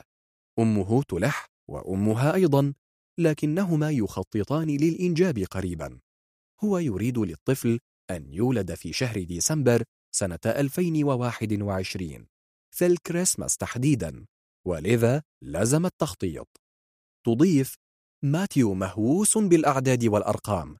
يجري حسابات سريعة في ثوان وتنشط ذاكرته كلما ارتبط الأمر بالأرقام. تعداد ضحايا حادث تقييم سعر العنب ومقارنته بأسعار الكروم في توسكانيا. أعداد المصابين بالفيروس والناجين منه. هذا النوع من الحساب. لو سمع جملة تحتوي رقما لا يستطيع حسابه أو تخيله ينفصل عن الحديث تماما كأني لا أكلمه. ذات مرة قلت له في أثناء مشادة حمقاء بيننا إن مئة سنة ضوئية تفصلني عنه. تصوري أنه قضى أسبوعا كاملا يقرأ على الإنترنت عن كيفية حساب السنوات الضوئية وأثرها على الأرض والكواكب ويحللها لوحدات صغرى تصل لأيام وساعات وثوان. هذا عيبه الوحيد. ما إن يسمع رقما حتى يروح فيما يشبه الغيبوبة وحين يصل لحل معادلة حسابية يشعر بالسعادة والرضا وتهمد قواه كمن خرج لتوه من حلقة ذكر. تعرفين ما الذكر؟ انظري. هذا هو. تريني صورته على الهاتف. انظري كم هو أنيق. برغم أن الصورة أخذت في يوم عمل البيت يظهر في الخلفية. قمنا بطلاء الحوائط مؤخرا وتغيير لون النوافذ. طلبت منه أن يدهنها باللون الأزرق لتذكرني بالإسكندرية. آه وهذه محطة ديروتا سان نيكولو. لم تتغير كثيرا عن الماضي. وهذه صور أخرى للبيت. رائع أليس كذلك؟ أمه وشقيقه الأصغر يقيمان معنا. ومعظم العائلة الكبيرة مقيمة في نواحي ديروتا. فيما عدا الهوس بالأرقام أعتبره زوجا مثاليا. تعلم الإنجليزية من أجلي وتعلمت الإيطالية من أجله. وحياتنا لم تكن لتنتظم لولا أن كلينا يحب عمله. وطبعا لولا وجود الإنترنت ووسائل الاتصال الاجتماعي. نقضي نصف الوقت معا على سكايب وفيس تايم والنصف الآخر في المطارات. لم أقل لها إن لدي بعض الأهل في مونتريال حيث ولدت. والبعض الثاني في ديترويت وديربورن والبعض الثالث في أماكن متفرقة من العالم. ألبرتا، كاليفورنيا، حلب. لم أقل إن معظم أصدقاء الطفولة من أبناء الجالية السورية باتوا يعيشون في الشتات الأكبر. منهم من تزوج وأنجب واستقر في مكان ما في غربي أمريكا ومنهم من عاد إلى الشرق الأوسط واستقر في مصر أو في الخليج. لم أقل إن أبي توفي بعد اندلاع الحرب في سوريا بعامين إثر أزمة قلبية حادة. وإن أخوي استمر في العمل بمجال صناعة السيارات وثقلت عليهما حياتهما المكتظة بالأولاد والمسؤوليات بعد انهيار الصناعة في 2010 لم يتبقى لي في ديربورن سوى بسام وأمي وبعض أبناء العمومة لا نزورهم إلا في المناسبات. لم أقل إن أمي باعت بيت سبرينغ ويلز بعد أن جاوزت التسعين ووزعت المال علينا بالتساوي وانتقلت للعيش في دار للمسنين. لم أقل شيئا من هذا لجارتي الثرثارة. لكني أفقت من ذكرياتي وهي تقول سكايب وفيس تايم تنتقل فجأة للحديث عن قناة ام بي سي التلفزيونية وعن عملها الذي بات يعتمد اعتمادا كليا على الإنترنت وعلى اليوتيوب والمواد الثرية التي يبثها غير المحترفين. أؤمن على كلامها بهزة من الرأس. تحاول مرة أخيرة استدراجي لفخ الحديث لكن رقبتي تؤلمني وأعتذر لها معربة عن رغبتي في الإغفاء لدقائق قبل هبوط الطائرة. أغمض عيني وأنا أفكر متى وكيف أصبح سكايب حيويا لكل المتزوجين عن بعد ولكل من له صديقة أو صديق خارج الزواج. أفكر أن محاولات التحرر يمكنها أن تتخذ أشكالا ومسارات كثيرة. لا تكون لنا سيطرة عليها بالضرورة. قد تأتي نتيجة لتطور تكنولوجي ما مثل دخول الرسائل الهاتفية في حياتنا أنا وبسام في مطلع عام 2000 ومثل اعتماد عالية وماتيو على سكايب للتواصل اليومي وربما أيضا لممارسة الجنس الافتراضي. أتخيلها وهي ترسل له صورا عارية بعد خروجها من الحمام. شعرها مجعد ينسدل على الكتفين ويبللهما. تدعوه ليلحق بها في الفراش. يتسع الفراش أميالا وأميالا ويضيق بوحدة كل منهما أمام شاشته. أغفو قليلا. وعندما أفتح عيني أرى ديترويد وهي تتماوج عبر نافذة الطائرة. لم يمر وقت طويل كما توهمت. أغمضت عيني ربع ساعة فقط. مر الزمن كما يحدث في السينما قفزا بين مشهدين. أنظر من خلال الكرسي الشاغر بيني وبين عالية عبر النافذة الضيقة. لوهلة تظهر صورة المدينة وكأنها لوحة ألصقت بالزجاج واحتلته كاملا. ثم تعود الطائرة لتحلق بموازاة الأرض فتبدو المدينة وكأنها رقعة مستوية من تصوير جوجل. ديربورن تشبه مونتريال أو القاهرة في الليل. أضواؤها المتناثرة وسواد النهر العريض الذي يخترق المدينة مثل ثعبان يذكرني بسان لوران أو النيل. تبتعد الطائرة عن مجرى النهر فتظهر الأنوار المبعثرة على الطرق السريعة ومربعات المساكن المضيئة والمتنزهات العامة المعتمة. لا فرق بين المدن من أعلى كلها متشابه. نقاط ضوء كثيرة ومناطق داجنة. مربعات وطرق مستقيمة تشق المدن مثل سكين. أحيانا تظهر مساحة هائلة من الأرض السوداء. حقول ووديان ومزارع. تقترب الطائرة من مهبط الطائرات فتسأل عالية هل وصلنا؟ أجيبها باقتضاب. على وشك. وبينما نحن في سبيلنا للهبوط أفكر أن كل شيء هناك على هذه الأرض متناه في الصغر والضآلة مخلص في عاديته وكل شيء لا يطير أو يحلق ضعيف واعتمادي. ومثير للسخرية. بسام الحايك. تقود داينا سيارتها باحتراف. تحرص على استخدام الإشارات والالتفات للزوايا العمياء قبل تغيير الحارة المرورية. تراقب المرآة العاكسة بين الحين والحين للتأكد من أنها لا تسد الطريق السريع إلا اليسار. تضع يدا واحدة على المقود وباليد الأخرى ترشف القهوة من كوب معدني ذي غطاء من البلاستيك الأسود السميك. تكتفي بالشراب عن الحديث وتربت على ساقي بين آن وآخر. تبتسم بود وتبدو عليها دلائل الحماسة كما لو أننا نقوم برحلة سياحية في بلد أجنبي. الغريب أننا نقطع الطريق نفسها مرات كل عام. نزور الأهل في وينسور ونواحيها. ونعود في نهايات النهار أو في مساقط الليل. لا أدري مصدر حماستها هذه المرة. لأنها رتبت الرحلة لعالية وأنقذتها من ورطة محققة؟ تقول فجأة إن هواء مختلفا يحيط بكندا كما لو أنه يحميها من شرور العالم. أوافقها الرأي. وأرشف من كوبي رشفة قهوة ساخنة وألوذ بالصمت. بعد برهة تؤكد كندا بلد آمن وأهلها طيبون. أجمل ما فيهم اللطف ودماثة الخلق. لا نجد مثيلا لذلك في أمريكا. يذكرني حديثها بسنوات مونتريال السعيدة. وأكرر عليها ما سمعته مني مرارا. لولا أني لم أجد عملا مناسبا في مونتريال ما هاجرت من جديد.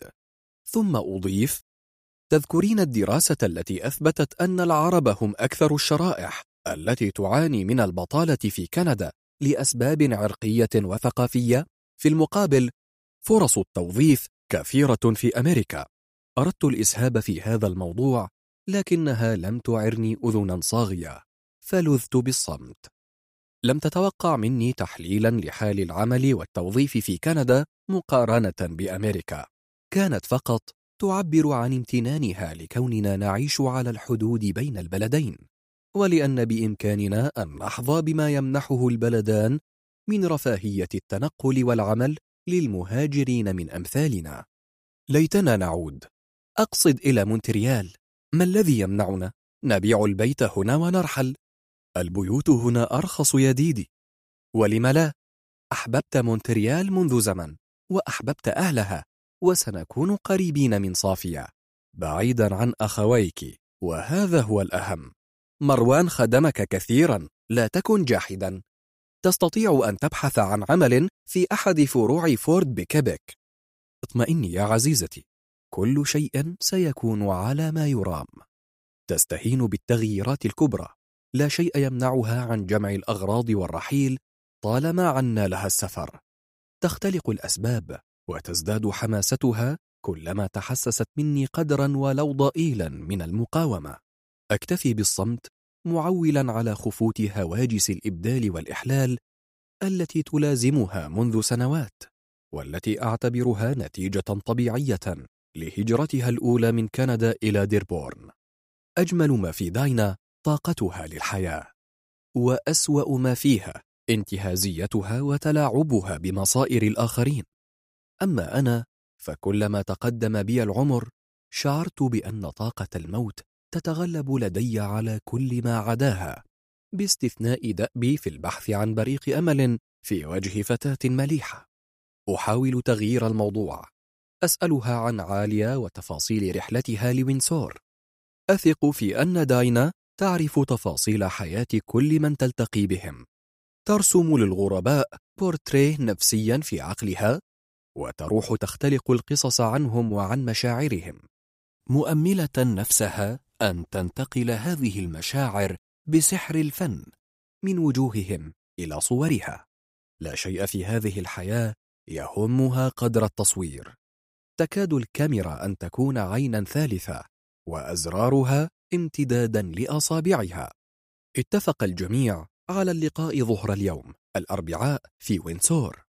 قالت داينا بخبرتها في تنظيم الرحلات إن الطريق من آن آربر لوسط مدينة وينسور لن تستغرق أكثر من ساعة بالسيارة واقترحت أن نتناول وجبة سمك في مطعم ستيف أنديز الشهير بأطباق السمك والبطاطس.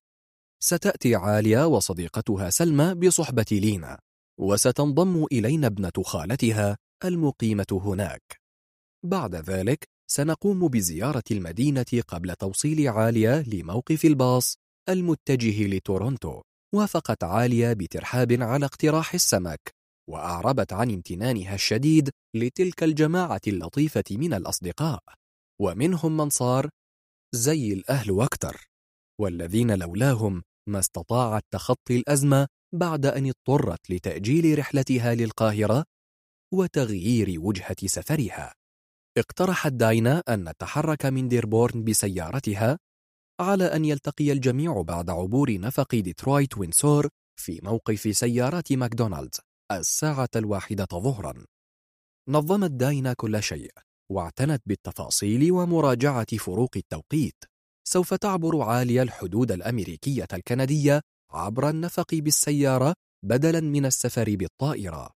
ثم تستقل الباص من وينسور لتورونتو في الرابعة. لتصل لمطار ليستر بيرسون في التاسعة والنصف مساء ومنه تستقل الطائرة المتجهة للندن. ثم من لندن تسافر لميلانو ومنها لديروتا بالقطار. تستغرق الرحلة 36 ساعة. لكن ما العمل؟ ماتيو محبوس في المزرعة وعالية لا تصدق أنه مصاب بالفيروس.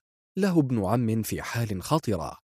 والأنباء تقول إن المئات يموتون يوميا في هذا البلد المنكوب لكنها لا تصدق. المأساة تحدث دائما للآخرين. أما ماتيو فهي موقنة بأنه يعاني من برد شديد كعادته في نهاية الشتاء. احتقان في الحنجرة وتكسير في العظام وسعال دون ارتفاع في درجة الحرارة تريد أن تبقى إلى جواره وتخشى إن هي عادت إلى الإسكندرية أن يصبح لقاؤهما مستحيلا. حكت لي داينا عن التعقيدات التي تواجهها عالية لتغيير مسار الرحلة وموعدها ثم انبرت كعادتها للتطوع بتحسين الأوضاع ومواجهة معوقات السفر مع أخذ الاحتمالات كافة في الاعتبار. وجدت داينا رحلة من تورونتو للندن ومنها لميلانو بسعر مناسب. في التوقيت نفسه تقريبا أعلنت شركة القطارات الكندية فياريل عن وقف رحلاتها بين المدن الكندية اعتبارا من يوم الجمعة الثالث عشر من مارس وأعلنت شركة الطيران الكندية وقف الطيران الدولي في أول إبريل. هكذا اقترحت داينا اصطحاب عالية إلى وينسور بالسيارة حيث يمكنها أن تستقل الباص لمطار ليستر بيرسون بتورونتو وانتهى مجلس شورى السيدات الأربع إلى ما نحن بصدده الآن. بعبورنا النفق تحت نهر ديترويت نكون قد عبرنا الحدود بين أمريكا وكندا والتي تقع على بعد ربع ساعة من بيتنا في ديربورن. قبل أيام أرسلت داينا إيميلا تفصيليا بخطوات الرحلة للسيدات. وأغلقت الكمبيوتر ونظرت إلي بارتياح وهي تقول كل شيء سيكون على ما يرام. لسنا على ما يرام يا بسام. أتظن أننا أفضل حالا في أمريكا؟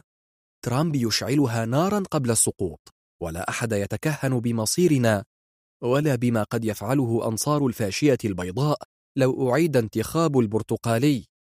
المختار لو سمحتي يكاد المرء يظن أننا في العالم الثالث.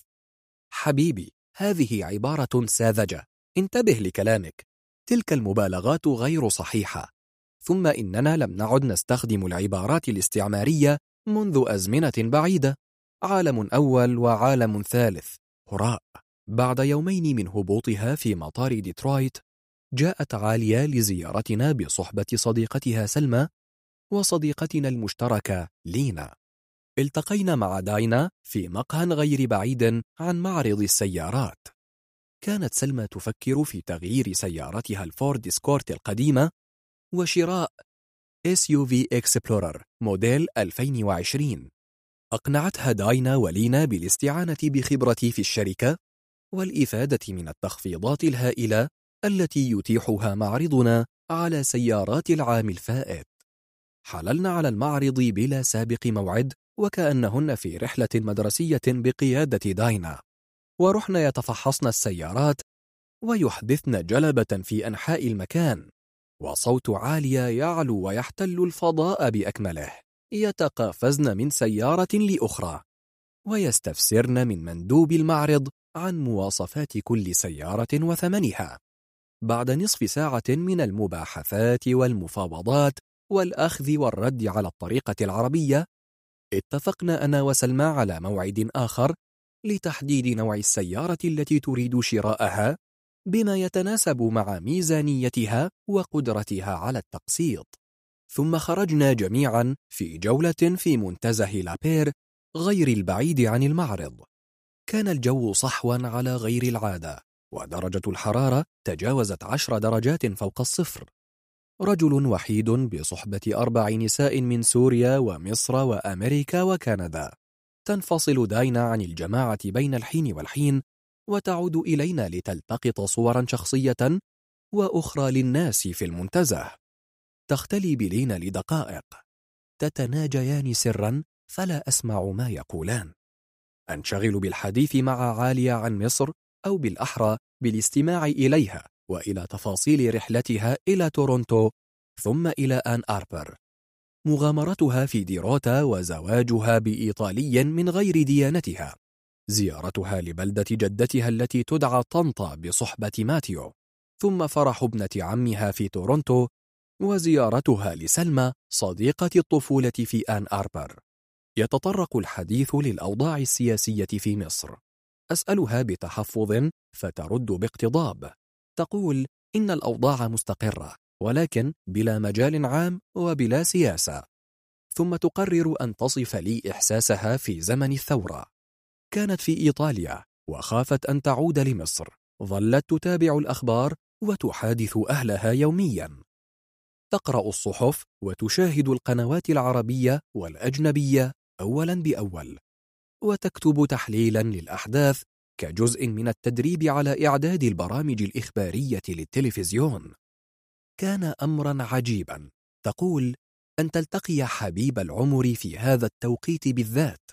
في أثناء فترة التدريب في إيطاليا وأن تعود به إلى الإسكندرية في نهاية 2011 وأن تقدمه لأهلها على أنه خطيبها مسيحي يطلب يد فتاة مسلمة من أسرة موسرة أصلا من أرياف طنطا لكنهم ينكرون الأصل الريفي والأسرة توافق بلا تردد شريطة أن يعلن ماتيو إسلامه فيفعل ويتزوجان مرتين.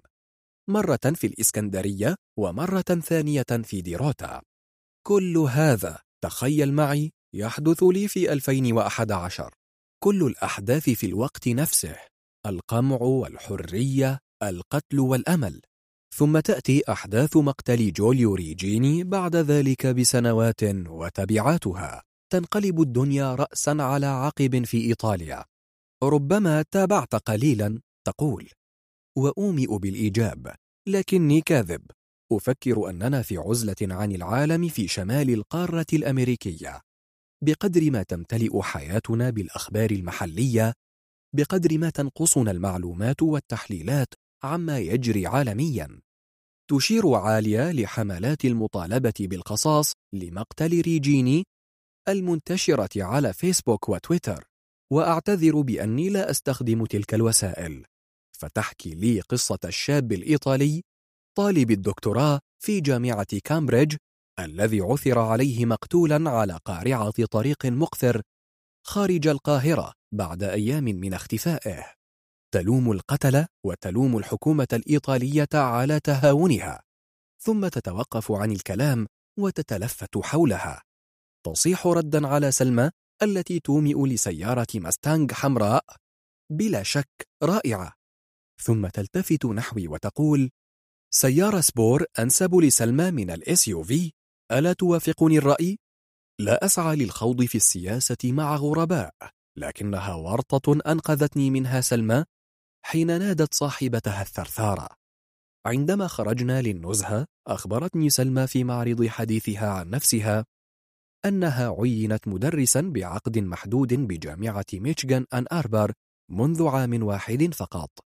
ولما سألتها إن كانت لدى زوجها سيارة أجابت أنها غير متزوجة. فيما عدا هذا ظلت صامتة معظم الوقت. لا أعرف فيما تفكر. صمتها في مقابل ثرثرة عالية يقربني منها. أفكر أنها لا تتجاوز الثلاثين بأي حال وأنها تقريبا في عمر ابنتي هنا. تناسبها بلا شك سيارة سبور ببابين. وليس سيارة في كبيرة كتلك التي تحرص على اقتنائها العائلات الأمريكية. بعد برهة من الصمت انفصلنا عن المجموعة. ودخلنا دغلا من أشجار السرو والصنوبر. ورحنا ننصت لتكسر أوراقها الجافة تحت أقدامنا. سألتها عن أبويها فأجابت أنها من أسرة أمريكية مهاجرة الأب جزائري والأم مصرية. التقيا في القاهرة في مطلع التسعينيات ووقعا في الغرام. تراني متعجبا من وجود جزائريين في مصر فتقول إن الحرب الأهلية دفعت بالكثيرين للشتات. أستزيدها فتقول ولدت في القاهرة عام 1992 وهاجرنا بعد مولدي ببضع سنوات بفضل عمي. أمي وأبي ما زالا يقيمان في أوستن تكساس. أعتبر نفسي مصرية جزائرية أمريكية. بهذا الترتيب مصرية لأني ولدت بمصر جزائرية من ناحية الأب أمريكية الجنسية. تقول إن أهلها منذ أن هاجروا لم يسعوا لتجديد جواز سفرها المصري أو الجزائري ولم تزر أيا من البلدين منذ رحيلها عن مصر.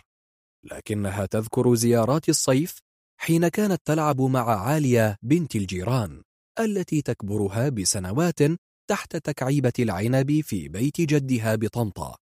وتذكر فناء مدرسة سانت آن الفرنسية بحي الظاهر وممراتها المشمسة والبلاط النظيف الذي كانت الراهبات تباهي به مدارس السكاكين المجاورة.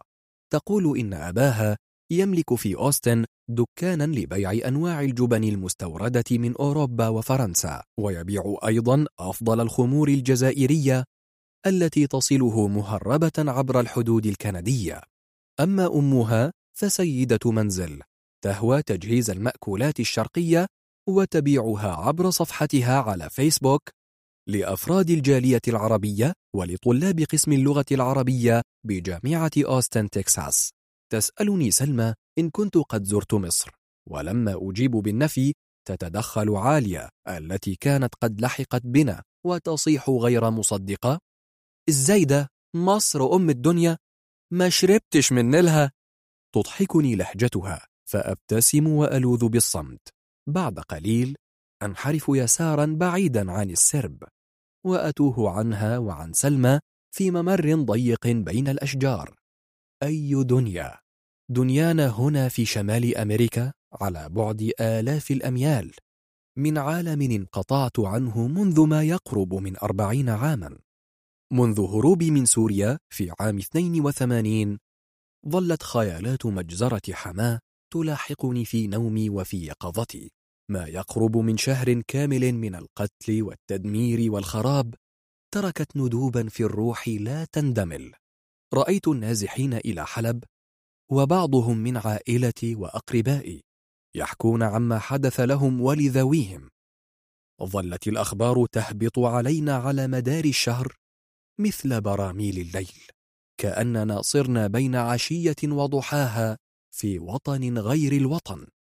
الحرب مع إسرائيل والمعارك التي خاضها النظام السوري على أرض لبنان تحولتا لعنف غير مسبوق ضد الداخل على هيئة مذابح.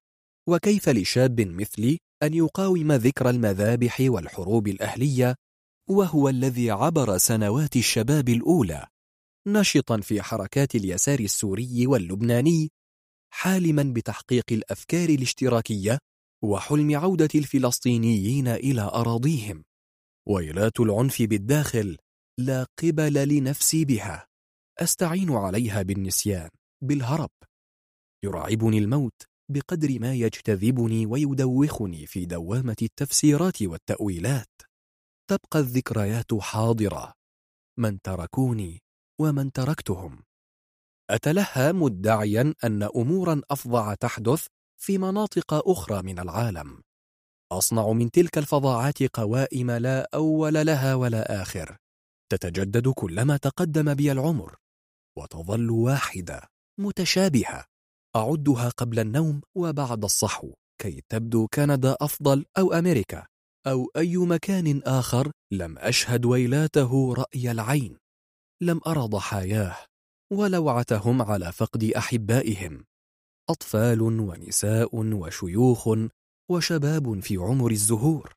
حتى عندما قرأت عن تاريخ الأمريكتين في الكتب واتسعت عيوني دهشة وذعرا من كوارث التطهير العرقي الذي تعرض له السكان الأصليون لم أشعر بغلاظة الموت كما شعرت به في سوريا بالقطع لأني لم أعاصر تلك الحروب. العنف المشهود بين أبناء الوطن الواحد يجعل للموت رائحة العطن تفوح من يد أخ قتل أخاه. جار صرع جاره. رفيق ذبح رفيقه. نتذكرها نحن العرب حين نلتقي. نظرة واحدة في العيون. تجعلنا ندرك من نحن وماذا نعرف عن بعضنا البعض. نحن الهاربين أو الناجين. حتى من لم يشارك في القتل والدمار. نظل منكوبين بقتلانا وجرحانا. ما دمنا أحياء. أرد على السؤال دون كلام. لا لم أزر مصر يا عالية. ولم أشرب من ماء نيلها في الواقع لم أخرج من شمال أمريكا منذ عام 82 أتحرك في محيط جغرافي ضيق وفي نطاق أضيق من الأهل والأقارب. أحب سوريا عن بعد. أحب طفولتي وشبابي. ذكرياتي البعيدة في ربوع طفولتي بحي البلاط.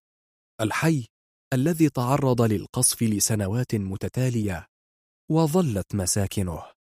أو ما لم يتهدم منها بلا كهرباء وبلا مياه للشرب.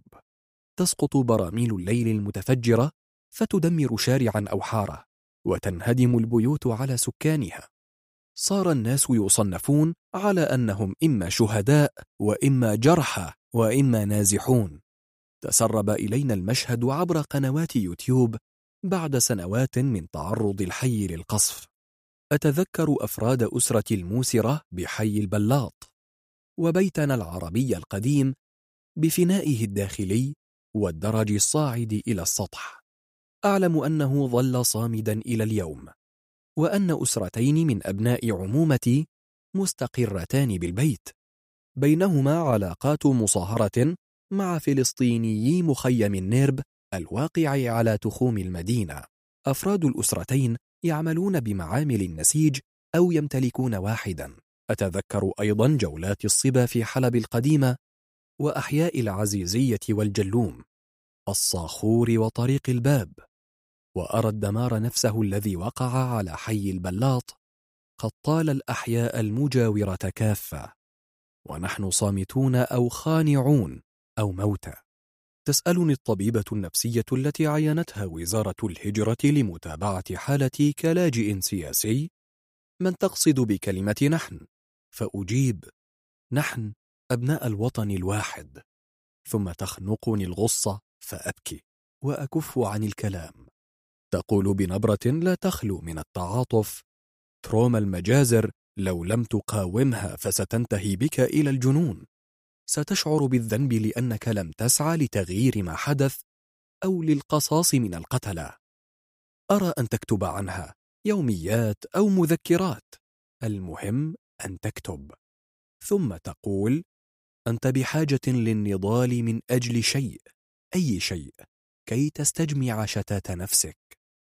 كان اسمها خاطرة من أصول إيرانية. ترى هل ما زالت تعمل مع المهاجرين السوريين النازحين إلى كندا منذ 2016 بلغ عدد هؤلاء نحو أربعين ألف لاجئ في ذاك العام ترى بأي لغة تتحدث مع الآباء والأمهات؟ هل تقول لهم إن الكتابة تساعد على التذكر والتجاوز والحداد؟ وكيف تخاطب أعدادا غفيرة من رجال ونساء وفدوا إلى كندا وهم لم يحصلوا على فرصة لتعلم القراءة والكتابة بالعربية. كيف تجبرهم على تعلم الفرنسية في مونتريال؟ وهو شرط من شروط الاستقرار والمواطنة منذ 1982 تقول المهم أن تكتب وأتذكر أني كتبت كثيرا ولم أكتب شيئا يذكر. ثمانية وثلاثون عاما على الهجرة وما زلت أفتقد الناس والأماكن. ناسا وأماكن هناك. ليس من ألتقي بهم في الشتات وقد تشوهت أرواحهم مثلي. من تأقلموا وصارت لهم عادات هجينة مثلي. أفتقد روائح السوق القديمة وأصوات الناس في الساحات. ودعسة القدم على تراب شوارعنا. أفتقد الأهل من الأموات. أبي وأمي وأخوي عادل وحسين. أحتفظ بصورة لأبي وأمي وهما يحملاني بعد مولدي بعدة أشهر. هي كل ما تبقى لدي من أثر. أما إخوتي فقد رحلت دون أن أحمل صورهم. التقيت بعض أفراد عائلة الحايك في أمريكا ودامت العلاقات عبر وسائل التواصل المعتادة زمنا. الكاسيت التليفون المحمول ثم الإنترنت. والبعض الآخر فضل ألا نلتقي ثانية وألا نخوض فيما حدث وما صار. اختلفنا حول تفسير الأحداث. وراعني أن بعضهم أخذ صمتي مأخذ الخيانة. أنا اللاجئ الشريد. لم أنس أخوي الشهيدين. رحمهما الله. ولم أنسى لوعة أبي وأمي ووفاتهما في غيبتي. داومت على إرسال المال كلما هبط قريب أو صديق من كندا لدمشق أو حلب. مات من مات. وانقطعت أواصر الرحم بزواجي بكارول واستقراري في مونتريال ثم في ديربورن. وإصراري على عدم العودة مهما كانت الظروف. لم أحكي للطبيبة أني عشت قبل مجزرة حماة بأعوام كارثة أيلول الأسود. كنت صبيا لم يتعد الثانية عشرة من عمره. الابن الثالث لأسرة من ثلاثة أبناء من الذكور. تربينا في المدرسة والبيت على أحلام العروبة والوطن الكبير. في هذا المناخ وبوازع من حماسته لأفكار البعث تطوع أخي الأكبر عادل وهو بعد في العشرين في فصائل الجيش السوري المساند للمنظمة في الأردن ولقي مصرعه في إربد سنة 1970 وشارك حسين مع الجيش السوري في الحرب الأهلية في لبنان. وسقط صريعا في معركة زحلة في إبريل من العام 1981 كنت أستعد في تلك الفترة لاختبارات نهاية العام بكلية الآداب جامعة حلب. وكانت الأماني تخايلني في العثور على عمل في مجال الترجمة أو الصحافة في بيروت.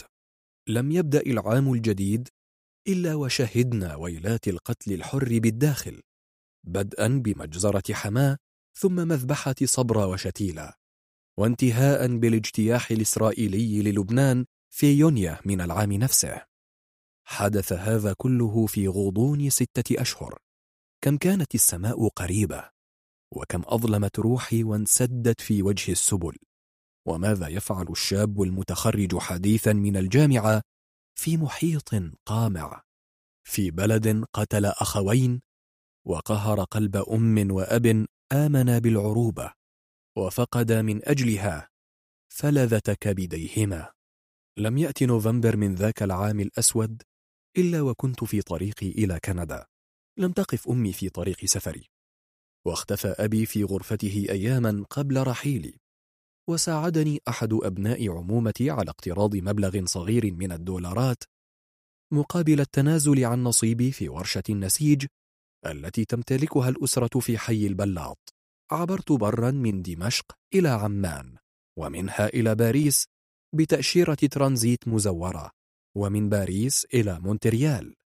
في مطار ميرابيل الدولي مزقت جواز السفر في دورة المياه ولجأت لضابط الحدود. في البداية شرعت في الكتابة والترجمة للصحافة الكندية العربية بأجر زهيد وأحيانا بلا أجر بالتزامن مع تدريس اللغة الفرنسية لغير الناطقين بها في مراكز مساعدة اللاجئين المنتشرة في مونتريال. كتبت حول العنف دون أن أتناوله بشكل مباشر. وفضلت متابعة أخبار الفنون والآداب الموسيقى والمسرح. لم أكتب عن الدمار والخذلان إلا لنفسي. ربما ضاعت تلك الدفاتر القديمة التي نصحتني الطبيبة بتدوينها وربما عثرت عليها المرحومة كارول وتخلصت منها. كانت يوميات قريبة الشبه بكتاب قرأته آنذاك لمؤلف عراقي يهودي شهير بمونتريال. وشعرت بأن تجربته تماثل تجربتي. كتب نعيم قطان عن مذابح الفرهود في بغداد في مطلع الأربعينيات رواية بعنوان الوداع يا بابل. حين قرأتها تماهيت مع شخصيته الرئيسية برغم أنه يهودي عراقي متدين وأنا مسلم سوري علماني. بدا لي أننا في الظلم واحد. واجهنا مأساة قتل الأخ لأخيه وآثرنا الهرب. خذلنا أنفسنا وخذلنا من نحب. أخذت أردد لسنوات. الوداع يا حلب الشهباء. حتى صار الوداع حقيقة مطلقة لا رجعة فيها. يوما ما سأكتب عن مشاهد الوداع المتكررة عن تمدد الوداع في الزمن وتحولاته الشجية. عن تجدده مع تجدد كل محاولة للهرب. أشعر بأني لن أظل عازفا عن الكتابة طويلا وأعد نفسي بالبحث عن دفاتري في بدروم بيتنا بديربورن. لعلي أجد فيها ظلا لنفسي من هذا الزمان. ثم ذكرني الحديث مع سلمى بأن الحروب في المنطقة لم يهدأ أوارها منذ سنين بعيدة ما يقرب من قرن كامل. قد يكون نصفه الثاني هو الأكثر فتكا. لم تهدأ الحرب الأهلية في لبنان إلا واندلعت حرب أخرى في الجزائر. عشر سنوات وملايين الضحايا. واستمرت جرائم الحرب ضد الفلسطينيين تحت الاحتلال في غزة وخارجها. ثم في السنوات العشر الأخيرة حروب ممتدة من سوريا لليمن وأنباء مرعبة عن قمع للمتظاهرين هنا وهناك. ومذابح يندى لها الجبين في قلب الأوطان العامر. حزن مقيم أداريه بالعمل وأحتمي منه بمطاردة النساء تارة وبحياة أستدينها من حياة داينا تارة أخرى. بالطبع لم أكافح من أجل التغيير أو القصاص. كنت مشروع مناضل فيما مضى لكني لم أعد أحتمل العنف الجسدي والصراعات السياسية. وليست لدي أوهام عن احتمالات التغيير. كل ما أردته من اللجوء إلى كندا هو فسحة من الزمن تسمح لي بولادة جديدة وأنا في الرابعة والعشرين من عمري. في مكان على هذه الأرض يحترم كوني إنسانا عاديا متمسكا بالعيش محبا للسلام إنسانا أعزل وحيدا وخائفا. تضع داينا يدها على كتفي فأجفل. تلتقط لفتة المفاجئة وتبدو عيناي من تحت نظارة الشمس وكأنهما برقوقتان. تريني الصورة على شاشة الكاميرا وقد افترت شفتاها عن ابتسامة. تعيدني بحركة هينة من يدها للواقع ولمشهد الأشجار الخالية من الأوراق في نهاية شتاء قارس. تذكرني بأننا وسط الناس وأني كعادة سقت وراء الذكريات ولم أنتبه. نلحق بلينا وسلمى. نسمعهما يتحدثان في شأن من الشؤون الجامعية. تأمرنا داينا بأن نقف جميعا متقاربين. تلتقط صورة لي بصحبة السيدات. أفكر وأنا أحملق في الصورة أن أهذب لحيتي قبل موعدي القادم مع سلمى. قالت إنها ستأتي في عطلة نهاية الأسبوع للتعاقد على شراء سيارة. تذكرني عالية بنورهان. بلهجتها اللطيفة ومرحها الزائد ودهشتها. كل شيء عادي يبدو في عينيها خارقا برغم أني التقيتها للمرة الأولى منذ فترة وجيزة فإن انطلاقها في الثرثرة وإفراطها في تصوير التفاصيل والقفز بين الحكايات يشبه انطلاق فتاتي المحبوبة نورهان. سلمى أيضا فيها من هنا ومن نورهان شيئا يقربها إلى القلب. لباقة حديثها وحلاوة صوتها وعزوفها عن الكلام أحيانا حين تصمت وتنظر في وجه محدثها تشع عيناها حيوية ونضارة تحمل عيناها عبء الكلام كله. ما زالت شابة غضة شعرها الأسود ينسدل على كتفيها ناعما غزيرا. تضمخ شفتيها بلون أحمر نبيذي يبرز لون بشرتها الخمري. وتضع نظارات شمس كبيرة وقرطا من الفضة محلى بفصوص الفيروز. وعطرها عطر ليموني ملأ مكتبي الصغير بالمعرض واستقر على الكراسي.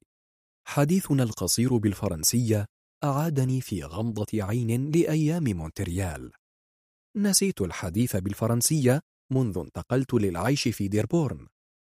قالت ونحن في نهاية النزهة إني أذكرها بأبيها له نفس اللكنة وانقطع الكلام عند هذا الحد. رجل تجاوز الستين ينجذب مؤقتا لفتاة في عمر ابنته وربما أصغر سنا منها ويصارع الذكريات في park بارد في ديربورن ذات صباح شتوي. ما هذا الهراء؟ ومتى أكف عن الاحتماء من ذكريات الماضي البعيد بظلال ربيع الفتيات؟ لا عجب أن تلح نورهان على ذاكرتي برغم أن ماء كثيرا جرى تحت الجسر. أحاديثنا عن مصر أيام العدوان الثلاثي وعن كيبيك أيام زيارة تشارل دي غول تعيدني إلى ما نحن فيه الآن من شجون. فلا الكفاح استمر ولا التاريخ أعاد نفسه كما يقولون في الكتب. تقول إن العرب أكثر تمسكا بهويتهم في الشتات عنهم في بلادهم. فأداعبها شأن الكثير من الناطقين بالإنجليزية من حولنا تقصدين الشرق أوسطيين فتهتف بإصرار الشرق الأوسط تعبير استعماري. نحن عرب باللغة والثقافة. أصمت وأسأل نفسي كيف حالك يا بسام؟ وكيف حال العرب؟ فيجيبني شيخ جليل العرب في أسوأ حال يا مولاي السلطان تتردد هذه العبارة الحزينة في أذني كثيرا. وأخاف. نعم الحال يسوء هناك ولا مفر من البقاء هنا. اسمعوا اسمعوا. هذه طبوله. هذه بشائره. لكن هيهات. جفت البئر. وما عادت طبول صلاح الدين تدق في أي من تلك الأوطان. على دقات المطارق العملاقة التي تعمل على إصلاح جزء متهدم من الطريق السريع وصلنا موقف سيارات ماكدونالدز. بنظرة سريعة أدركت داينا أن سيارة لينا لم تصل بعد. صفت سيارتنا في مواجهة لافتة الدخول وفكت حزام الأمان. والتفتت بجذعها نحوي. عادت للحديث عن أمريكا من جديد. أعرف حين يحدث هذا أنها ستبدأ في ماراثون لإقناعي بتغيير نمط حياتنا وأني سأنصت للنهاية وأكتفي بتعليق بسيط من آن لآخر لمجرد أن تظل قنوات التواصل بيننا مفتوحة. نتفق على تحليل ما يحدث من حكومة ترامب بوصفه أحد تجليات الفاشية الصارخة ونختلف على ما يجب أن نفعل بصدد تصاعد دعوات التفوق العرقي في أمريكا. أقترح أن ننتظر نتائج الانتخابات فربما فاز الديمقراطيون وليسوا أفضل كثيرا فيما يخص العرب من الجمهوريين لكننا نضمن بعودتهم استقرارا لأوضاع المهاجرين في أمريكا وإدارة أكثر حكمة لملفات الصحة والتعليم. العودة لمونتريال ليست مطروحة بالنسبة إلي. داينا تعرف وتمارس الضغط. أشعر بأنها على استعداد للقيام برحلة جديدة لتغيير روتين حياتنا. تشعر بأني على الرغم من الضغوط متمسك بالبيت الذي اشتريته قبل وفاة كارول بسنوات وما زلت أدفع أقساطه. وبالوظيفة التي تضمن لي معاشا جيدا وبشلة الأصدقاء التي تكونت من حولي بفضل دكان حلاق الشام الذي يمتلكه صديق لبناني. وتلتقي فيه شلة من جنسيات عربية مختلفة أيام السبت. العامل الوحيد الذي قد يغريني بالعودة إلى كندا هو اقترابي من هنا ولكن من يدريني أنها لن تغير محل إقامتها في المستقبل. الشباب من جيلها يتحركون بين المدن والوظائف بسلاسة شديدة. نعجز عن تصورها في جيلنا. هلأ وصلت لينا. شافتنا يلا. أدارت داينا سيارتها وتقدمت باتجاه سيارة صديقتها. لوحت لنا سلمى وعالية من المقعد الخلفي وتبادلت لينا حديثا قصيرا مع داينا عبر النافذة المفتوحة. تقول لينا إن ثمة تغييرا في الخطة فزوجها سيتركها ويمضي وستعود هي معنا في سيارتنا. هبطت سلمى وعالية وشكرتا زوج لينا. نقلنا الحقائب إلى سيارتنا وظلت لينا وداينا تتهامسان والزوج متجهم قليل الكلام كعادته. ثم ألقى علينا تحية مقتضبة ورحل. ولينا تبتسم وتقول الزلمة مش معقول وحياة الله. تصالحت لينا مع عادات زوجها بمرور الزمن. لا شيء يؤذي مشاعرها لا شيء يغضبها. يوم الأربعاء هو يوم عمل عادي بالنسبة إليه. تقول إنه يكره أن يغير روتين عمله لأي سبب من الأسباب. هتفت داينا وهي تعود خلف مقود سيارتها؟ كمان مش معقول ما يكون عندك سيارة خاصة يا لينا. إمتى بدك تتحرري شوي من غالب ومواعيد الغالب؟ لم تجب لينا عن سؤال صديقتها الاستنكاري. لكننا لم نكد نركب السيارة ونخرج من موقف السيارات. حتى انطلقت من هاتف عالية أغنية مصرية تبدأ بصوت صفير وجيتار تتلوه دقة طبل راقص وأكورديون وصوت المغني يقول وقت غروب الشمس واقف على البحر بعيد أخذت البنات تغني أولا ثم اندمجت داينا ولينا في الغناء وبدأ جليا أني الوحيد في السيارة الذي لا يتجاوب مع الإيقاع. اتجهنا صوب المطعم وقد رق قلبي. ونسيت لوهلة أننا في بدايات أزمة طاحنة. نسيت ترامب والموت في الصين وأوروبا وأخبار الوباء المتلاحقة. نسيت أني بعيد عن الدنيا مستقر فيها مرتعب منها. أرى كما يرى النائم احتمالات العودة للوراء وتغيير ما تم. الأحلام التي ذابت مع الوقت ابتعاد الذاكرة الواقعية وشبح الأمنيات المستحيلة يطفو على السطح. خلو الذاكرة من المشاهد العريضة وانسياقها وراء التفاصيل الصغيرة. تلك الأسرار الكبيرة والصغيرة التي أحيا في ظلالها مؤملا أن تبث فيما تبقى من عمري طاقة تعينني على الاحتمال. قبل أشهر قليلة كنت أجلس وحيدا على شاطئ بحيرة ميتشغن حين رأيت كأنما في حلم يقظة أسرابا من قنديل البحر تسبح في البحيرة. فكرت أنها كائنات تشع طاقة تعمل بالطاقة. أين تختزنها؟ لا أحد يعلم. وحيدة في البحيرة. تتفتح كالوردة. تنغلق كالسر. بثوب فضفاض يختنق في منطقة التقاء الرأس بالأطراف. تضحك أو تتنفس لا أدري. شهيقها طاقة. زفيرها طاقة. الحياة تمضي في طريقها وقنديل البحر يتكاثر دون أن يفكر في التكاثر. مثله مثل الأفكار. مثله مثل البهجة التي يشيعها الغناء في سيارة. حين يعاندني النوم تطوف برأسي أفكار تشبه تلك الكائنات الرخوة في طفوها وانسيابها في قدرتها على إنتاج الضوء والركون للعتمة. تلك الأفكار التي لا تدعني أنعم بالنوم على شاطئ البحيرة ولا توقظني تماما من سباتي. تظل مشعة في العتمة راقصة رغما عني وهي تطفو سابحة مع التيار. كان المطعم مكتظا بالناس معظمهم كاد أن ينتهي من تناول وجبته. والبعض وصل منذ قليل وينتظر الطعام أمام سلال الخبز المحمص بالزبد والثوم.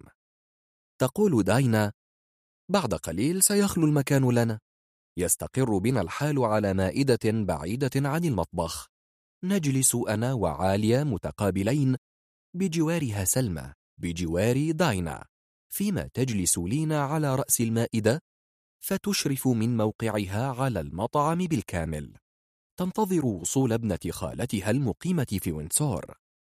تمنح ظهرها لأشعة الشمس القادمة من نافذة كبيرة. فتحيط برأسها هالة من الضوء. وتسبح من حولها أتربة متناهية الضآلة. تقول لنا وللنادل الذي يأتي مسرعا إن الدعوة دعوتها. هي المسؤولة عن دفع الحساب. يسأل شيك واحد تؤمن على كلامه عندي أنا. يومئ برأسه ثم يقترح أنواعا من الشراب في قائمة الكحوليات. منها المناسب للأسماك ومنها ما يوافق أطباقا أخرى يقدمها المطعم عوضا عن السمك. تطلب داينا زجاجة نبيذ أبيض ويوافق الجميع على تقسيم الزجاجة على خمس كؤوس. فتقول كنت أطلبها لنفسي فقط. نضحك. وتتابع العيون الكؤوس الفارغة التي يسارع النادل بوضعها أمام كل منا. ألاحظ في الطرف الآخر من مائدتنا امرأة بشعر أحمر برتقالي مموج تجلس مديرة ظهرها لنا. تتحدث بحماسة مع رفيقها. من بعيد يبدوان في حالة غرام. يتناجيان تارة ويضحكان تارة أخرى. كيف لظهر امرأة أن يكشف سر الحب؟ يتقوس حينا ويستريح على ظهر المقعد حينا ويبدو مشدودا للرجل الجالس هناك معظم الأحيان. سترة من الفرو الصناعي لونها أرجواني صارخ. معلقة على مشجب بجوار المائدة. والبلوزة السوداء التي ترتديها السيدة أو الفتاة لا يمكنني تحديد عمرها من ظهرها بأكمام طويلة وبها فتحة غائرة تصل لمنتصف الظهر تقريبا يغطيها الشعر أو يكشف عنها كلما تحركت صاحبتها. بحركة من يدها اليمنى تجمع شعرها إلى اليمين عند التقاء الرقبة بالكتف. فيبدو ظهرها مثل بقعة ضوء ناصعة البياض تحت شعر يتوهج كالشمس. تميل داينا نحوي وتهمس في أذني غنوجة كتير أنتبه وأبتسم وأنا أحول بصري عن السيدة صاحبة الشعر الأحمر. أعرف أن داينا تراقبني طوال الوقت تحمي أرضها المحتلة فأقول مؤمنا على كلامها كتير. بس ما في حدا هون أحلى منك أنت يا حياتي. لا تحلو المداعبة إلا بلهجة الوطن الأم والنكات أيضا. لقد وقعت في حب داينا حين أضحكتني ووشوشتني باللهجة الحلبية برغم أن معظم أحاديثنا كانت بالإنجليزية. تماما كما أحببت نورهان ولم أنس صوتها الصبوح على الهاتف وهي تسألني بلكنة مصرية صباح الخير يا بسام نمت كويس؟ ترى بأي لغة يتحدث هذان الحبيبان؟ وهل تكفي إشارات وإيماءات الجسد لتصل بينهما وترعى حبهما؟ ومن يدريني أنهما متحابان ربما يكونان في بداية الانجذاب في منتصف الطريق لمرحلة اللهفة وربما كانت تسعى لاقتناصه كما اقتنصتني داينا جاءت زجاجة النبيذ ورشفنا رشفة من الكأس في صحة عالية متمنين لها رحلة سعيدة. انطلقت داينا تراجع تفاصيل الرحلة مع عالية وسلمى غارقة في صمتها كالمعتاد. ولينا تبتسم وعيناها تسرح من آن لآخر في ظهر السيدة ذات الشعر الأحمر. عاد النادل بعد دقائق يشرح أنواع الأسماك المتاحة اليوم والأطباق المصاحبة لها واختار كل منا من قائمة الطعام ما يناسبه. تعرض علينا لينا أصنافا أخرى ممعنة في الضيافة وداينا توافق على المقبلات التي تقترحها صديقتها دون حرج. تقول إنها لم تتناول بعد طعام الفطور وتنظر صوبي عاتبة كأني السبب في تجويعها. تداوم على هذا النوع من العتاب بسبب وبدون سبب. تعطي انطباعا بأني مقصر في حقها أو أني لا أرعاها كما ينبغي لزوج أن يرعى زوجته. والحق أني زوج مثالي ما تريده يتم وما تقوله قد حصل وما تفعله بدون علم مني ينزلق على حياتي كنقطة زئبق. هي الصبور هي المانحة وهي القابضة. ومن لي غيرها بعد هذا العمر الطويل من الانسجام مع النفس والإخفاق المتكرر في الاستمتاع بمكاسب الحرية. ليس لي غيرها وغيرها أنا وهما متفاهمتان متحابتان. يكفيني هذا منهما ومن الحياة وربما لا يكفيني كل الكفاية. لدي مطلب بسيط آخر أن أقع في الحب أحيانا حين تعرض علي المصادفة بنتا حلوة أو سيدة جذابة تأتيني في الأحلام أو تمنحني في الواقع وقتا لطيفا أسعد به. كل ما أبتغيه في الحياة بعد الستين فضلا عن عملي وزيجتي المستقرة هو فسحة من نسائم الأمل وتجدد الوصال. لا أتصور أني سأكتشف صنوفا أخرى من كرامات الجسد لكني أحتاج للغريبة لتقود دفة العلاقة ولو لزمن قصير. أنقاد لها بيسر وبلا مقاومة. محلقا في سماء الرغبة أحيانا. ساقطا في بئر اليأس أحيانا أخرى. حتى تنتهي العاطفة كما بدأت بيسر بلا خدوش ولا ندوب. أعرف أن روحي تنطفئ كل حين وتعود لتزهر مع كل حب جديد. تماما كما يحدث للرجل الجالس هناك على مائدة السيدة ذات الشعر الأحمر أتصور أنه متزوج أو أن لديه حياة أخرى غير حياته تلك مع صاحبته المتلونة. مثله ربما لم أعد أنصت لتأنيب الضمير ولم أعد أعتذر عن تلك الذنوب الصغيرة. فثمة ذنوب فادحة ارتكبت باسم الفضيلة باسم الوطن باسم الدين. لا يرفع أحد إصبعا لدرئها عنا. أتذكر الدكتورة خاطرة وهي تسألني من أنتم؟ لو سألتني الآن ما عرفت بماذا أجيبها؟ ولطالما ابتعدت مغامراتي قصيرة النفس عن أعين داينا ولطالما تجنبت مغازلة صديقاتها المقربات محترما قربها مني مخلصا في رعايتها. أما في شؤون القلب والعاطفة فلكلينا رأي مخالف للآخر. هكذا مرت السنوات العشر من زيجتنا هينات على كلينا. هي حصلت على بيت واستقرار مالي وزوج وابنة بالتبني. وأنا حصلت على زوجة ذكية جربت الحياة وعركتها. لا تحفر حفرة أقع فيها. تضرب صفحا عن تلك النزوات البريئة. حتى وإن خلت من العفة. ويرضيها من زواجنا أنه ضامن لحريتها واستمرارها في عملها دون ما ضغوط مادية تذكر. هكذا أفسر الأشياء وأمنحها قواما تستند إليه. لا أطيل التفكير في كونها وصولية حد التبذل ولا يزعجني منها ادعاؤها السياسي وضحالة أفكارها فيما يخص الشأن الوطني. ابتعد كلانا عن الوطن منذ عقود.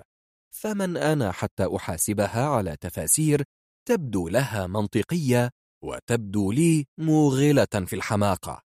أحاول أن أتفهم موقفها ثم يعيني التفكير ولا أعود أفهم شيئا. انتبهت من شرودي على حركة تنقلات على مائدتنا. لينا تدفع طرف الطاولة بعيدا بما يسمح لها بالقيام والذهاب للحمام. وسلمى تختلس النظر إلي وتبتسم. وكأنما قرأت في شرودي شيئا أردت إخفاءه.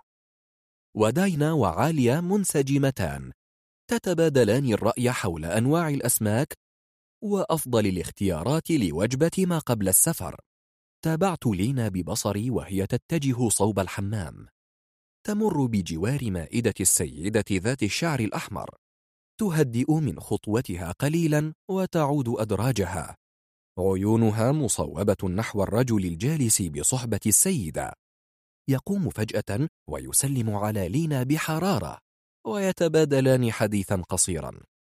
تمد السيدة ذات الشعر الأحمر يدها بالسلام للينا. يتابع الرجل حديثه القصير مع لينا ثم يجلس. تعود خطوتين باتجاه مائدتنا ثم تتذكر الحمام فتلف عائدة أدراجها صوب ممر ضيق في عمق المطعم وتختفي. في طريق عودتها من الحمام تتجنب المرور بمائدة السيدة ذات الشعر الأحمر. وما إن تجلس حتى تسألها داينا عن الرجل وصاحبته محط أنظار رواد المطعم. لا يفوتها شيء. تبدو وكأنها لم ترفع عينها عن قائمة الطعام. لكنها في الأغلب تابعتني وأنا أتابع لينا وأدركت أن ثمة حكاية ما وراء تلك السيدة الغامضة. ترد لينا ببساطة إنه زميل قديم من جامعة وينسور من مصر. أما السيدة التي بصحبته فلا تعرفها.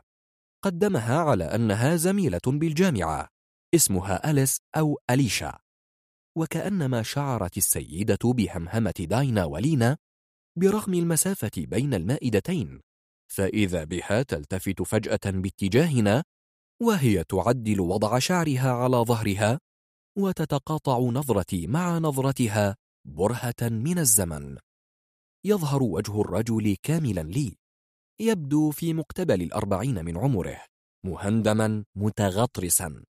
أسأل لينا دكتور في أي تخصص؟ ترد في الإعلام.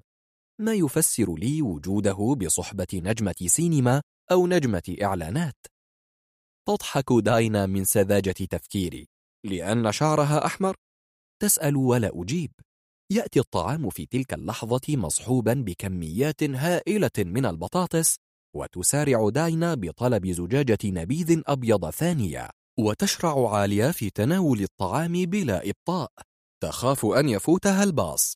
تناولنا قهوة وشايا على عجل. بعد أن لحقت بنا سوسن ابنة خالة لينا المقيمة في وينسور لتصحبنا في جولة سريعة بالمدينة. موعد الباص المتجه لتورونتو بعد ساعة ونصف الساعة. لن نتأخر. تحرك بنا الركب في سيارة دينا وتجولنا عبر طرقات المدينة بموازاة نهر ديترويت. اقترحت سوسن أن نتوقف غير بعيد عن كوبري إمسادور المعلق لتلتقط عالية صورا للمكان. بعد ذلك تجولنا في حدائق عامة شاسعة وترجلنا من السيارة عند تمثال صلوا للسلام الذي أصرت داينا على أن نلتقط صورة جماعية بجواره. في تلك الأثناء لم تكف سوسن عن الثرثرة مع عالية وسلمى. حكت لهما عن ظروف هجرتها لكندا منذ سبع سنوات قالت إنها أم لثلاثة أبناء مات أبوهم شهيدا في بداية الثورة السورية وظلت تسعى للهرب حتى تمكن غالب زوج لينا من تأمين مبلغ الدعم لتسفيرها مع أبنائها عبر تركيا إلى تورونتو ومنها مباشرة إلى وينسور. قالت إنها تعمل حاليا في منظمة أهلية كاثوليكية لدعم اللاجئين. وإنها تسعى لإتمام شهادة الدراسات العليا في العمل الاجتماعي. الأولاد الثلاثة بالجامعة. الأكبر يدرس الهندسة ويشبه أباه كثيرا. والثاني والثالث في مجالي الإعلام والعلوم السياسية. تردد لينا التعليم أهم شيء. ما في مجال إلا نعلم أولادنا. وهن يكملوا الطريق.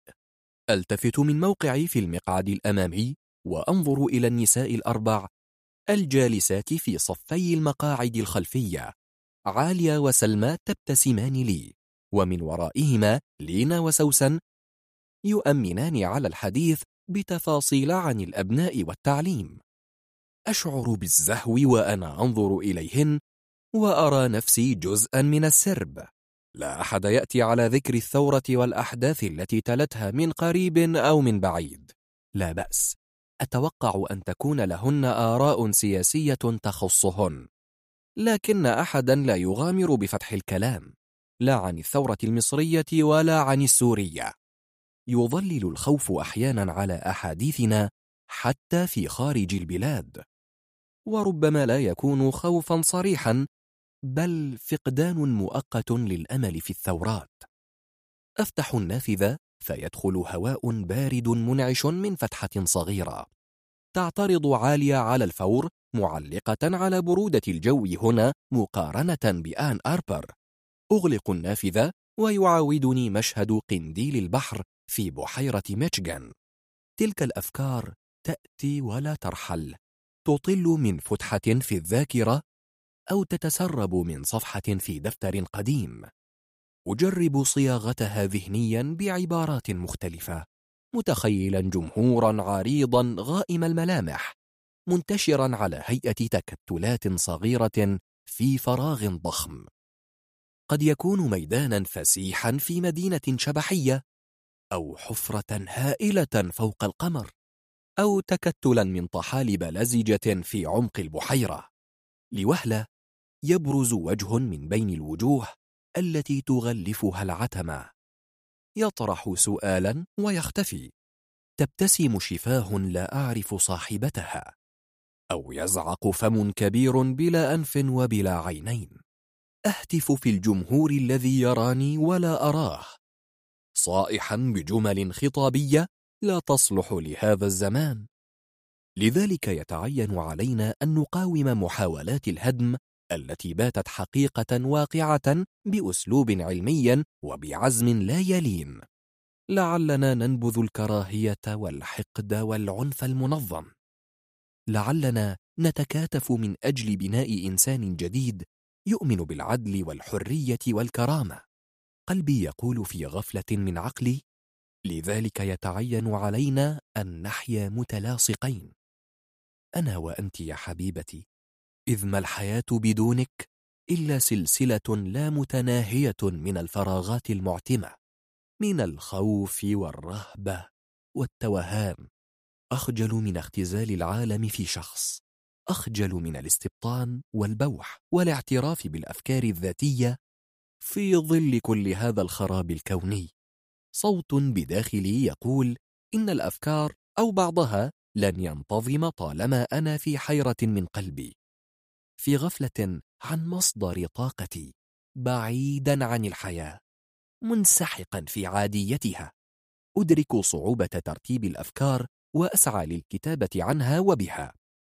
سأفتش عن تلك الدفاتر القديمة التي نصحتني بكتابتها خاطرة. كانت محاولة آنذاك لبعثرة زمني وزمن غيري على الورق.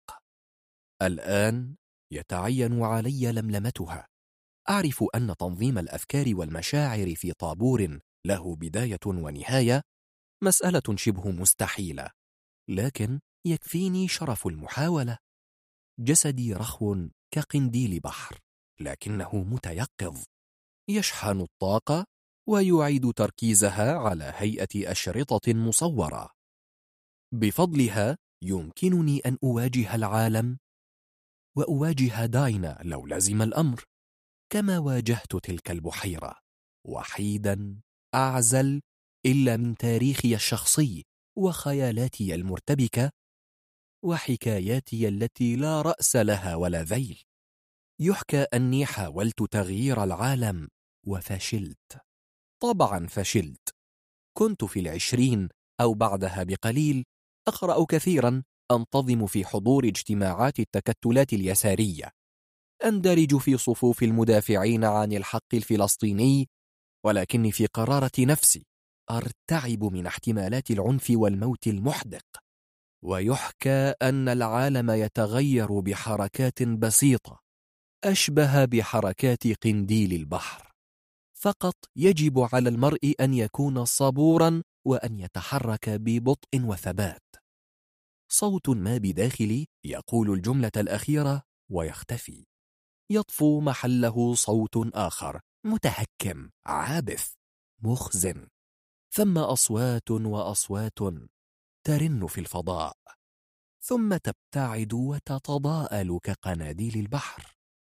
أحيانا تومض مثل عبارات محفورة من نور في عمق العتمة. وأحيانا أخرى تفتح أمامي دوامة من الاحتمالات. ماذا لو تبعت صوتا منها وأمسكت بذيله؟ ماذا لو تركت نفسي للدوامة؟ وماذا يحدث لو لم أغرق في بحر الحكايات؟ لو بقيت فيها كما أنا الآن في حال من اليقظة ومن الطفو الدائم يزعق الفم الكبير ما لك أنت وما للعالم لقد قبلت الهجرة والوظيفة والأسرة والاستقرار الاجتماعي لأنك تعجز عن تغيير العالم.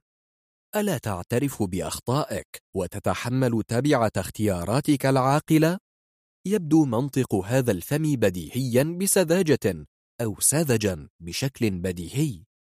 كيف غاب عني تناقض الأمنيات الرومانسية مع كلمات مثل وظيفة، أسرة، نجاح؟ أتأمل كل كلمة وأراها تتخذ مسارا استثنائيا. تخرج عن السرب أو الكتلة التي ينبغي أن تندرج فيها. أعجز عن تحقيق النجاح في الوظيفة فألجأ للحياة المشتركة. أعجز عن تغيير العالم فألجأ للوظيفة.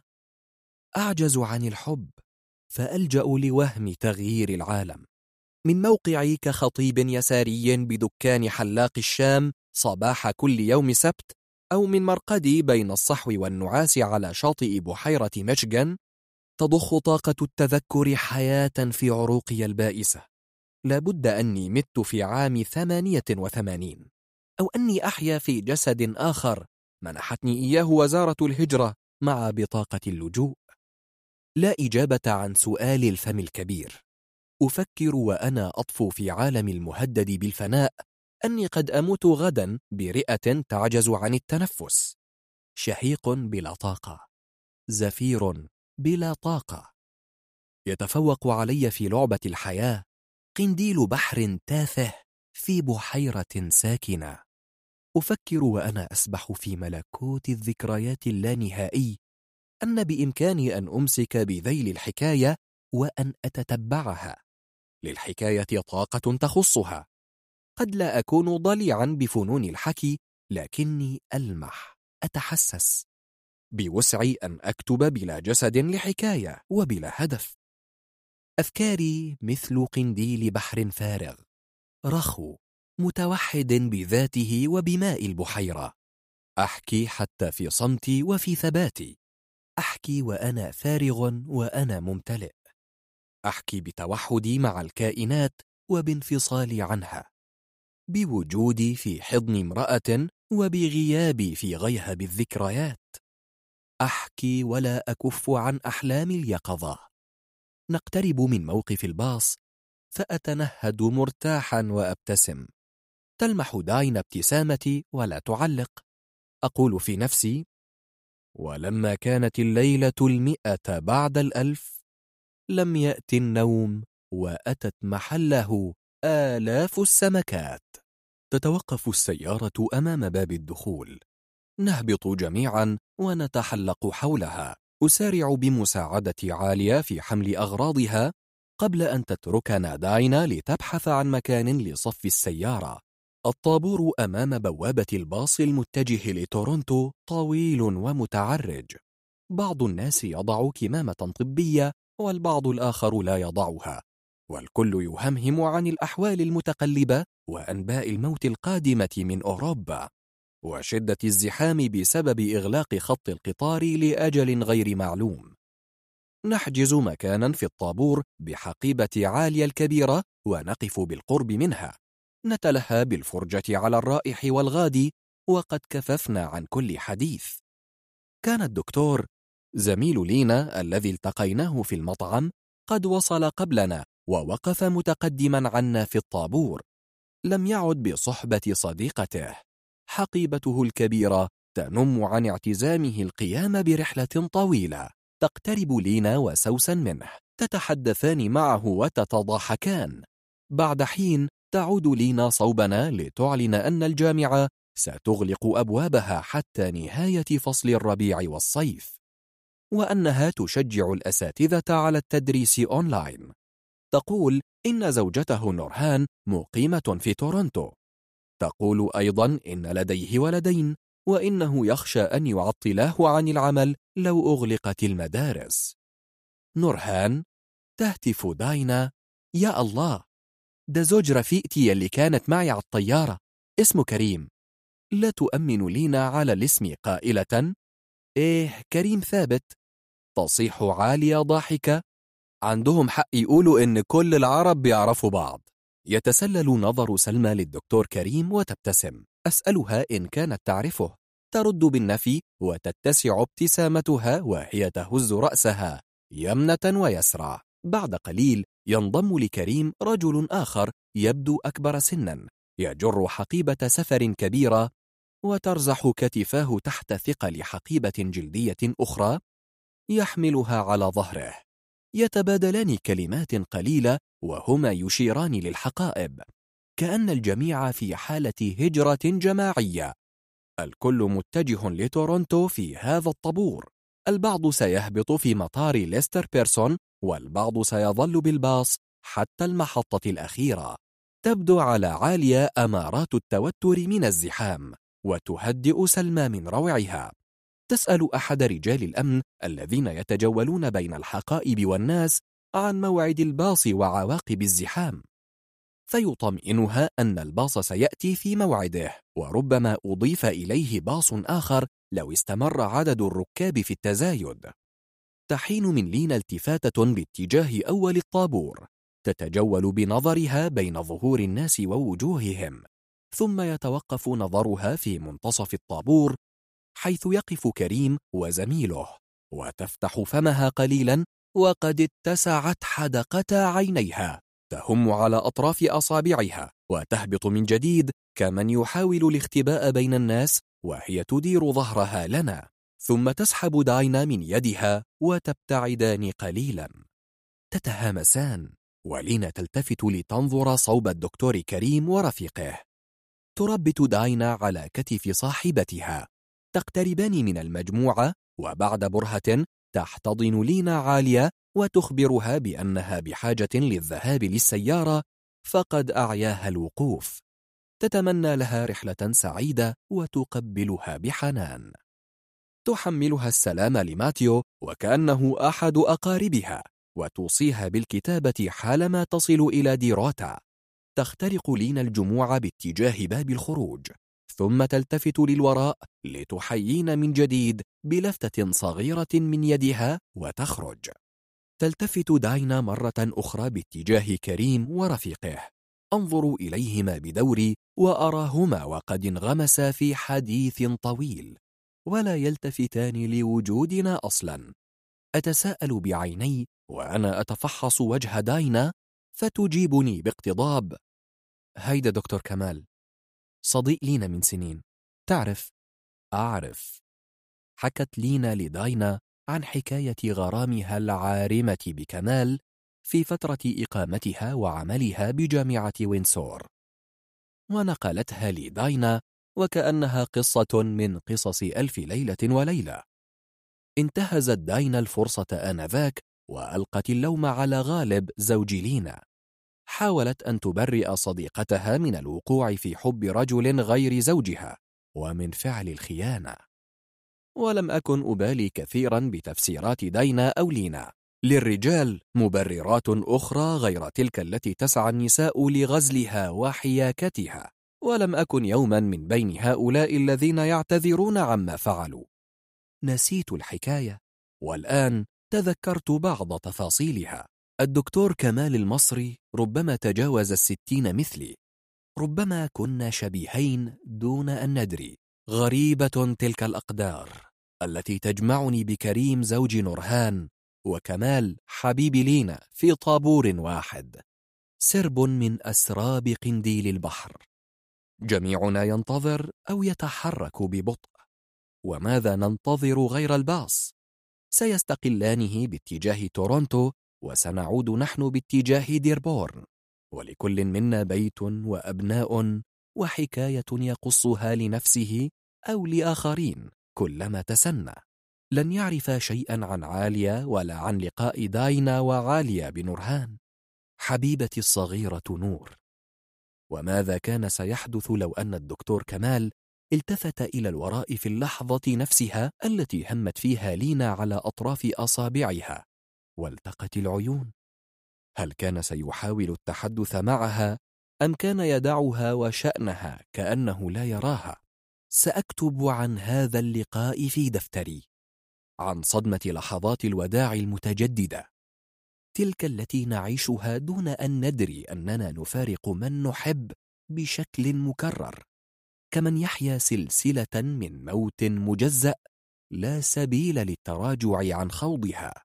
يوقظني من أحلام يقظتي صوت كسول ينطلق من الميكروفون داعيا المسافرين المتجهين إلى تورونتو للاستعداد لركوب الباص وإبراز تذكرة السفر للمحصل. تحتضن سلمى صديقتها وعيناها تبتلان بالدموع. تقول بلكنة عربية أمريكية سلام الجد في طنطا والمامي وماتيو. والمصري عالية مصر وحشتني.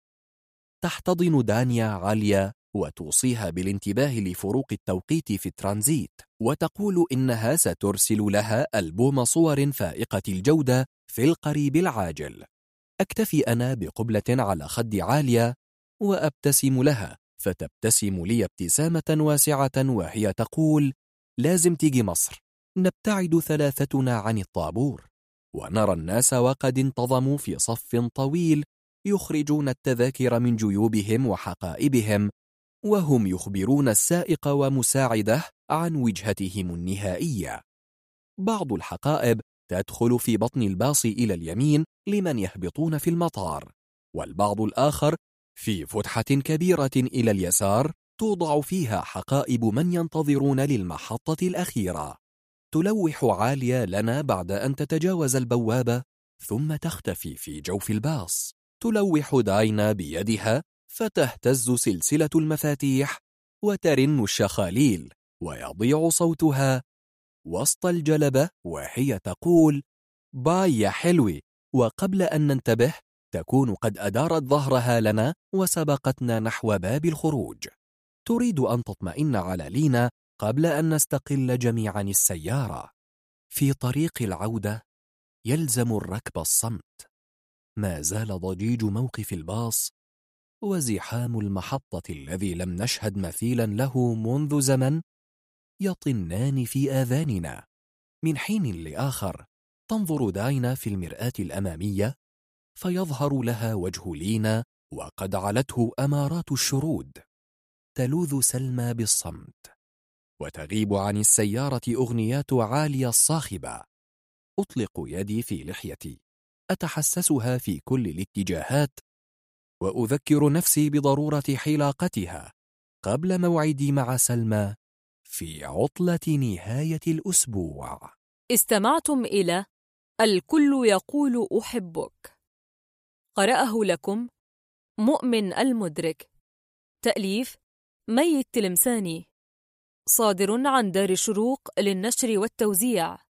تم إنتاج هذا الكتاب الصوتي من قبل Storyside سنة 2021 لمنصة ستوري تيل جميع الحقوق محفوظة.